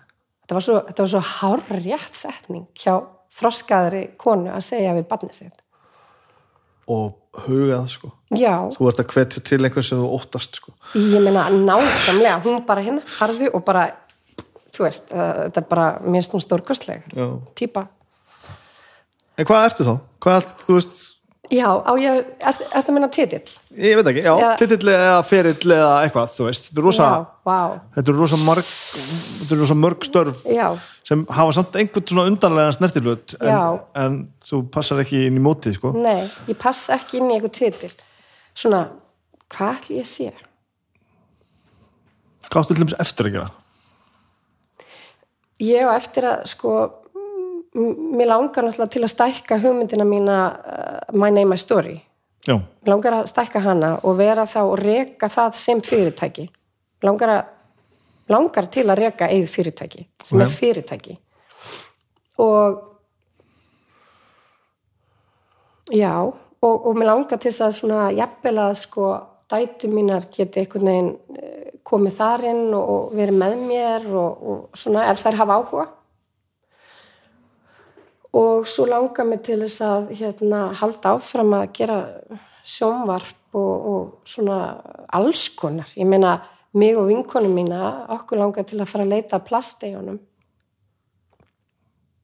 ha, Ég á vinkonu sem er svo mikil umhverfi sinni. Og hún er svona, veist, hún let mig hægt að taka póka því ég var bara tvítug, þú veist, ég er svona úslega pyrruð á sem allt rastlið mitt veginn. Og hérna, hún er mjög fyndin og skemmtileg típa og hún sérst, er búin að vera að skoða svo margt. Og það eru náttúrulega út í heimi eru svona klasar bara Já, já. af plasti sem eru bara eigjar og okkur langar að gera sjónvarsefni um þetta þar sem við förum og leitum. Er svolítið fixuð á sagt. sérðu fyrir að það er eftir að hafa líftíma? Já, veist, ég held að ef að það er eitthvað sem að maður svona eh, telur eitthvað vit í, það, fólk er alltaf að fara að vilja horfa á eitthvað og en svo finnst mér podcasti svo ótrúlega skemmtilegt og það er einmitt það sem við erum að pæli með að því að okkur langar að þú veist, gera ekki drusl og okkur langar að til dæmis að fá þig til okkar með Agnesi og þið kæmuð og við myndum bara, ok, hérna nú er staðan svona þú veist, við erum öll að reyna einhvern veginn að endurvinna og stundum nennið því ekki og stundum fyrir bara, þú veist, heil jógurtós eitthvað, það því hún nennir ekki hérna, veist, hvernig er ykkar líf með þetta, þú veist, hvernig er, er hérna snæbjörn að standa sig? Það er sjókslega skemmtilegt. Fá, fá hérna Bjarnar Ben og Þóru oh. og Fossetan og Elísu. Bara, og meira svona Elísa, ert þú til að koma og hérna draga kalliðin með? Skilur þú, veistu, og bara ég bara svona einhvern veginn, hvernig getum við, hvað getum við gert? Og hafa þetta svona jákvætt og fá fyrirtæki hérna til okkar og bara, veist að því að við, við erum svona svolítið good cop, bad cop, hún er algjör svona umhverju sinni. Og ég er svona er að reyna þetta einhvern veginn, reyna að vera með. Það, það er bara að byrja. Þetta Já. er bara það sem við erum að tala um á hann það er svo þú veist alltaf mæta vel sko. það er, það er, við erum öll með þessar hugmyndir sko. og það er að bara að gera þetta sko. við erum búin að fara að gera tilraun hana, við gerum smá æfingu í hana útvarpið sem er á hverfiskötu og- 101 eða þess það já, þeir eru búin að leiða okkur að þú veist, koma. Mhm. og Birna Ósk þar, hún var einmitt að vinna með mér upp á stöð 2, hún er hann að frangandastjóri þannig að við bara gerum þetta veist, og prófum. Og ég meina okkar verður kannski 20 mínútur eða eitthvað og það er enginn að nenn að tala um rusli í, í mikið lengri tíma en það. Er þetta verður auðvitað að vera eitthvað svona interessant og skemmtilegt. Og fólk sem svona er til í að vera svolítið berskjaldað með þetta. Því að ég er ekki heilug í þessu sko. Ég, ég, ég verður ekki, marg, ekki marga mannski sem hitti sem að eru fullkomin í þessu sko. Nei, og við vitum alltaf upp á okkur sökina. Já. Alltaf svona reyna okkur besta og svona, svona oh, svo bara, oh, og svo kannski veist, er abimjölkin veist, hún er ónýtt og bara nenni ég að fara skóla og veist, nei, ekki núna. Æskilur en svo skóla ég kannski alveg 80% já, ég þekki þetta er svona, maður er bara svona er svo gallaður eitthvað Hvað en, já, já. Nei, Ég, nei, ég ætla að segja en Lena er, er það líka þó Já, svona, það, við það, svoleiðis. það er það skemmtilega í þessu já, hvað gerir þú ert ekki að vinna? Hvað, þú veist, já hvað, utan ég, ég bara, ég er bara sko, alveg bara ég minnst, skíða íþróttin er bara svona, það er svona mitt nummer eitt að hreifa mig, bara Já. þe- þegar maður nær því, sem er náttúrulega ekkit svo oft, af því að, þú veist, Ísland er nú náttúrulega bláfjöllir og graskat aha, og það er bara opið endrum eins þannig að ég bara fer og skýða þegar það og ég vil fara til útlanda og skýða. Og ég er núna alltaf að fara til Ítalíu það er markmiðið 2022 ok. Síðan hérna syndi ég veist, í áltanleslaunni, ég fer í gimmiðar þegar ég, þú veist, þegar veðrið þannig, ég vil fer ég út ef að veður er þannig að mér líkar það. Og annarkvort lappa hleyp.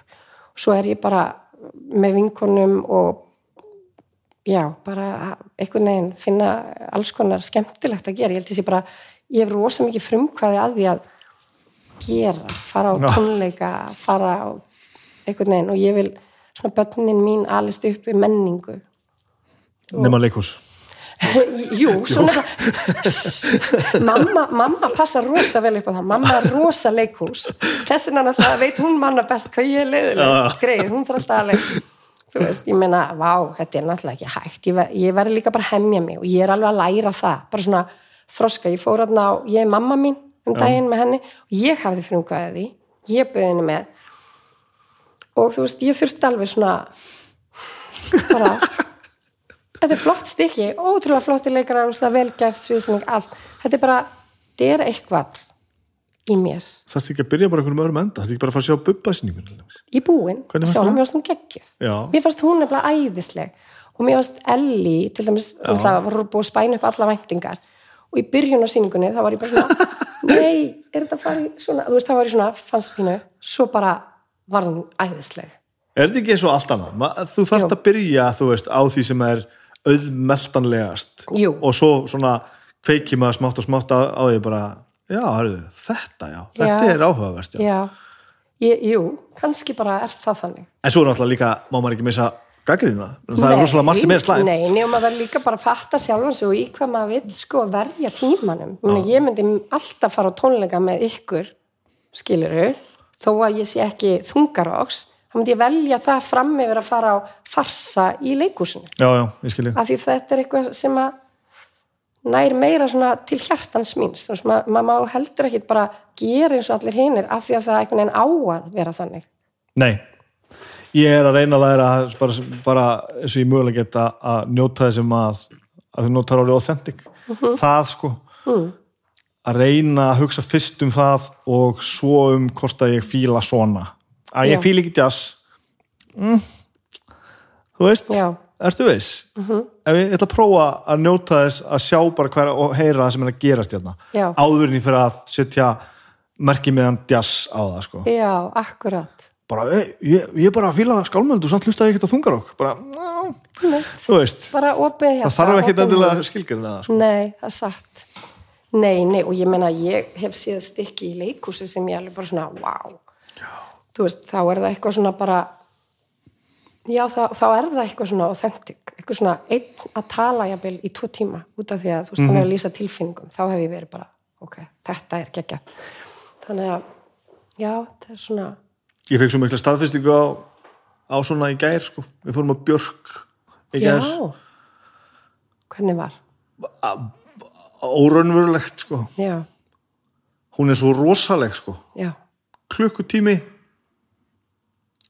víbra blásið þverflutur tíu kallar á symfóníun er blásið einhverja lúðra. Eitt gaur með tölvu. Harpa. Já, lög sem ég hef þekkti fæst sko, ég þekki ferilinn mjög gloppot sko, ég þekki mjög mikið framan á og minna aftan af. Uh, og þetta var ótrúlegt sko, hvar var þetta? Eldborg. Já, þetta var bara ótrúlegt. Og nákvæmlega út af þessu því hún er, hún er náttúrulega hundra árum setna búin að gera þetta allt og maður finnur samt bara já, kraftinn og ástriðuna og þetta, allt þetta svona ósvikna bara. Já, og maður satt bara svona upp á sviði og bara holy shit, hvað þetta er gott maður. Já, og ekki eitthvað svona bara, vá, þetta er rosa gott. Bara þetta er alveg svona bara, þetta löðruga mann bara, fá hvað hann er góð maður. En pældi því, þetta finnur örgulega fólk, hvort sem það er einhverjir aðdándur eða ekki. Heldur það ekki? Jó, sko, allavega máu minn sem er breyti Já. bara búið henni nokkra mánuði Já. hún var þetta ekkert spes Nei, ok. og hann þekkjar hann alveg sko Já. og hann er músikant sko Já. og þetta bara hitti hann ekki Nei. á hann ekki að kvarta, það er ekki træðilegt Nei, nei. þannig að þetta er ekki alveg svona slett og felt sko. Nei. auðvitað finnst manni eitthvað líka sko. Jú, jú. Og náttúrulega kannski, þú veist, eins og ég hef, hún hefur aldrei verið minn tepolli, Mhm. þú veist, ég, ég bara veit ekki hvað ég myndi, ég hef aldrei farið að sé hana Nei, og hérna, hlusta ekki á hana og þess vegna reyni ég svolítið að fara já, á djástónleikana já, af því ég hef aldrei hlustað á þetta sko. nei, svo kemur einhver og segir mér bara þetta er geðvikt sko. og svo fyrir maður upp, og sérstaklega þegar það gengur upp maður fyrir að tjekkar á því og bara já, ok, þetta Já. er rosalegt sko.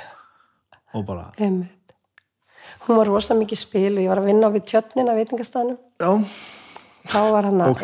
eitt, lag sem var alltaf að já, það er glinglóstafið Bella og Simamær ég bara gati þetta ekki, sko. Nei, það er náttúrulega eh, svolítið svona eh, öðru, öðruvísi björk, það er svolítið hún að gera, gera dægulögin hann með hann bara í den, þú veist, þetta var náttúrulega ég var bara frábær platta sko. 18 ára.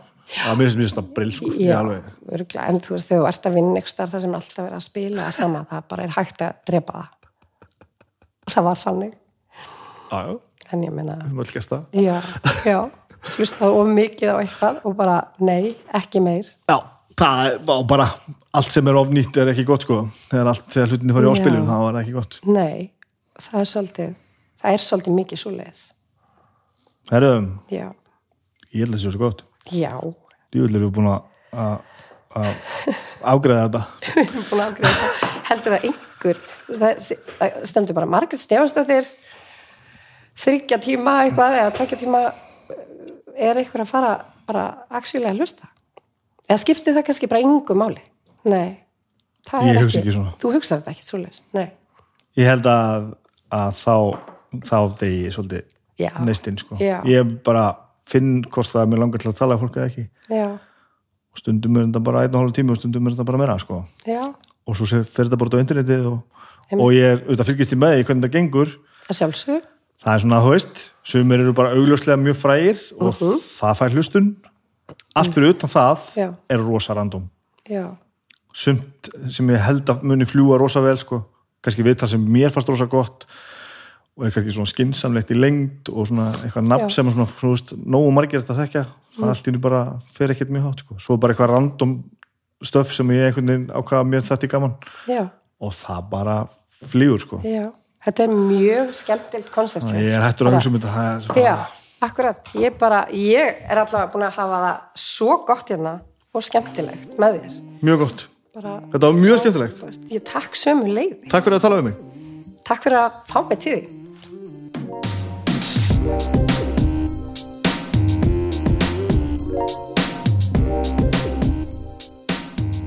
Þannig var þetta nú, þetta var bara svona, við tölum lengi og þáttum, við, við verðum að taka part 2, hún sagði mér hérna eðlög þegar hún var að fara niður stíðan að hún glemdi að segja mér frá þau nátti trommusett. Hún spilar á trommur og allt annað. Það er magnað að geta að tala saman í meðri þrjá klukkutíma og vera ekki búin að tala um að maður er í trommusett. Það er svo mörg viðtöl sem ég er búin að taka sem að þurfa, þurfa part 2. Skulum ekki hugsa um það núna. Þetta var ógeðslega skemmtilegt. Tekki á þættinu minnar á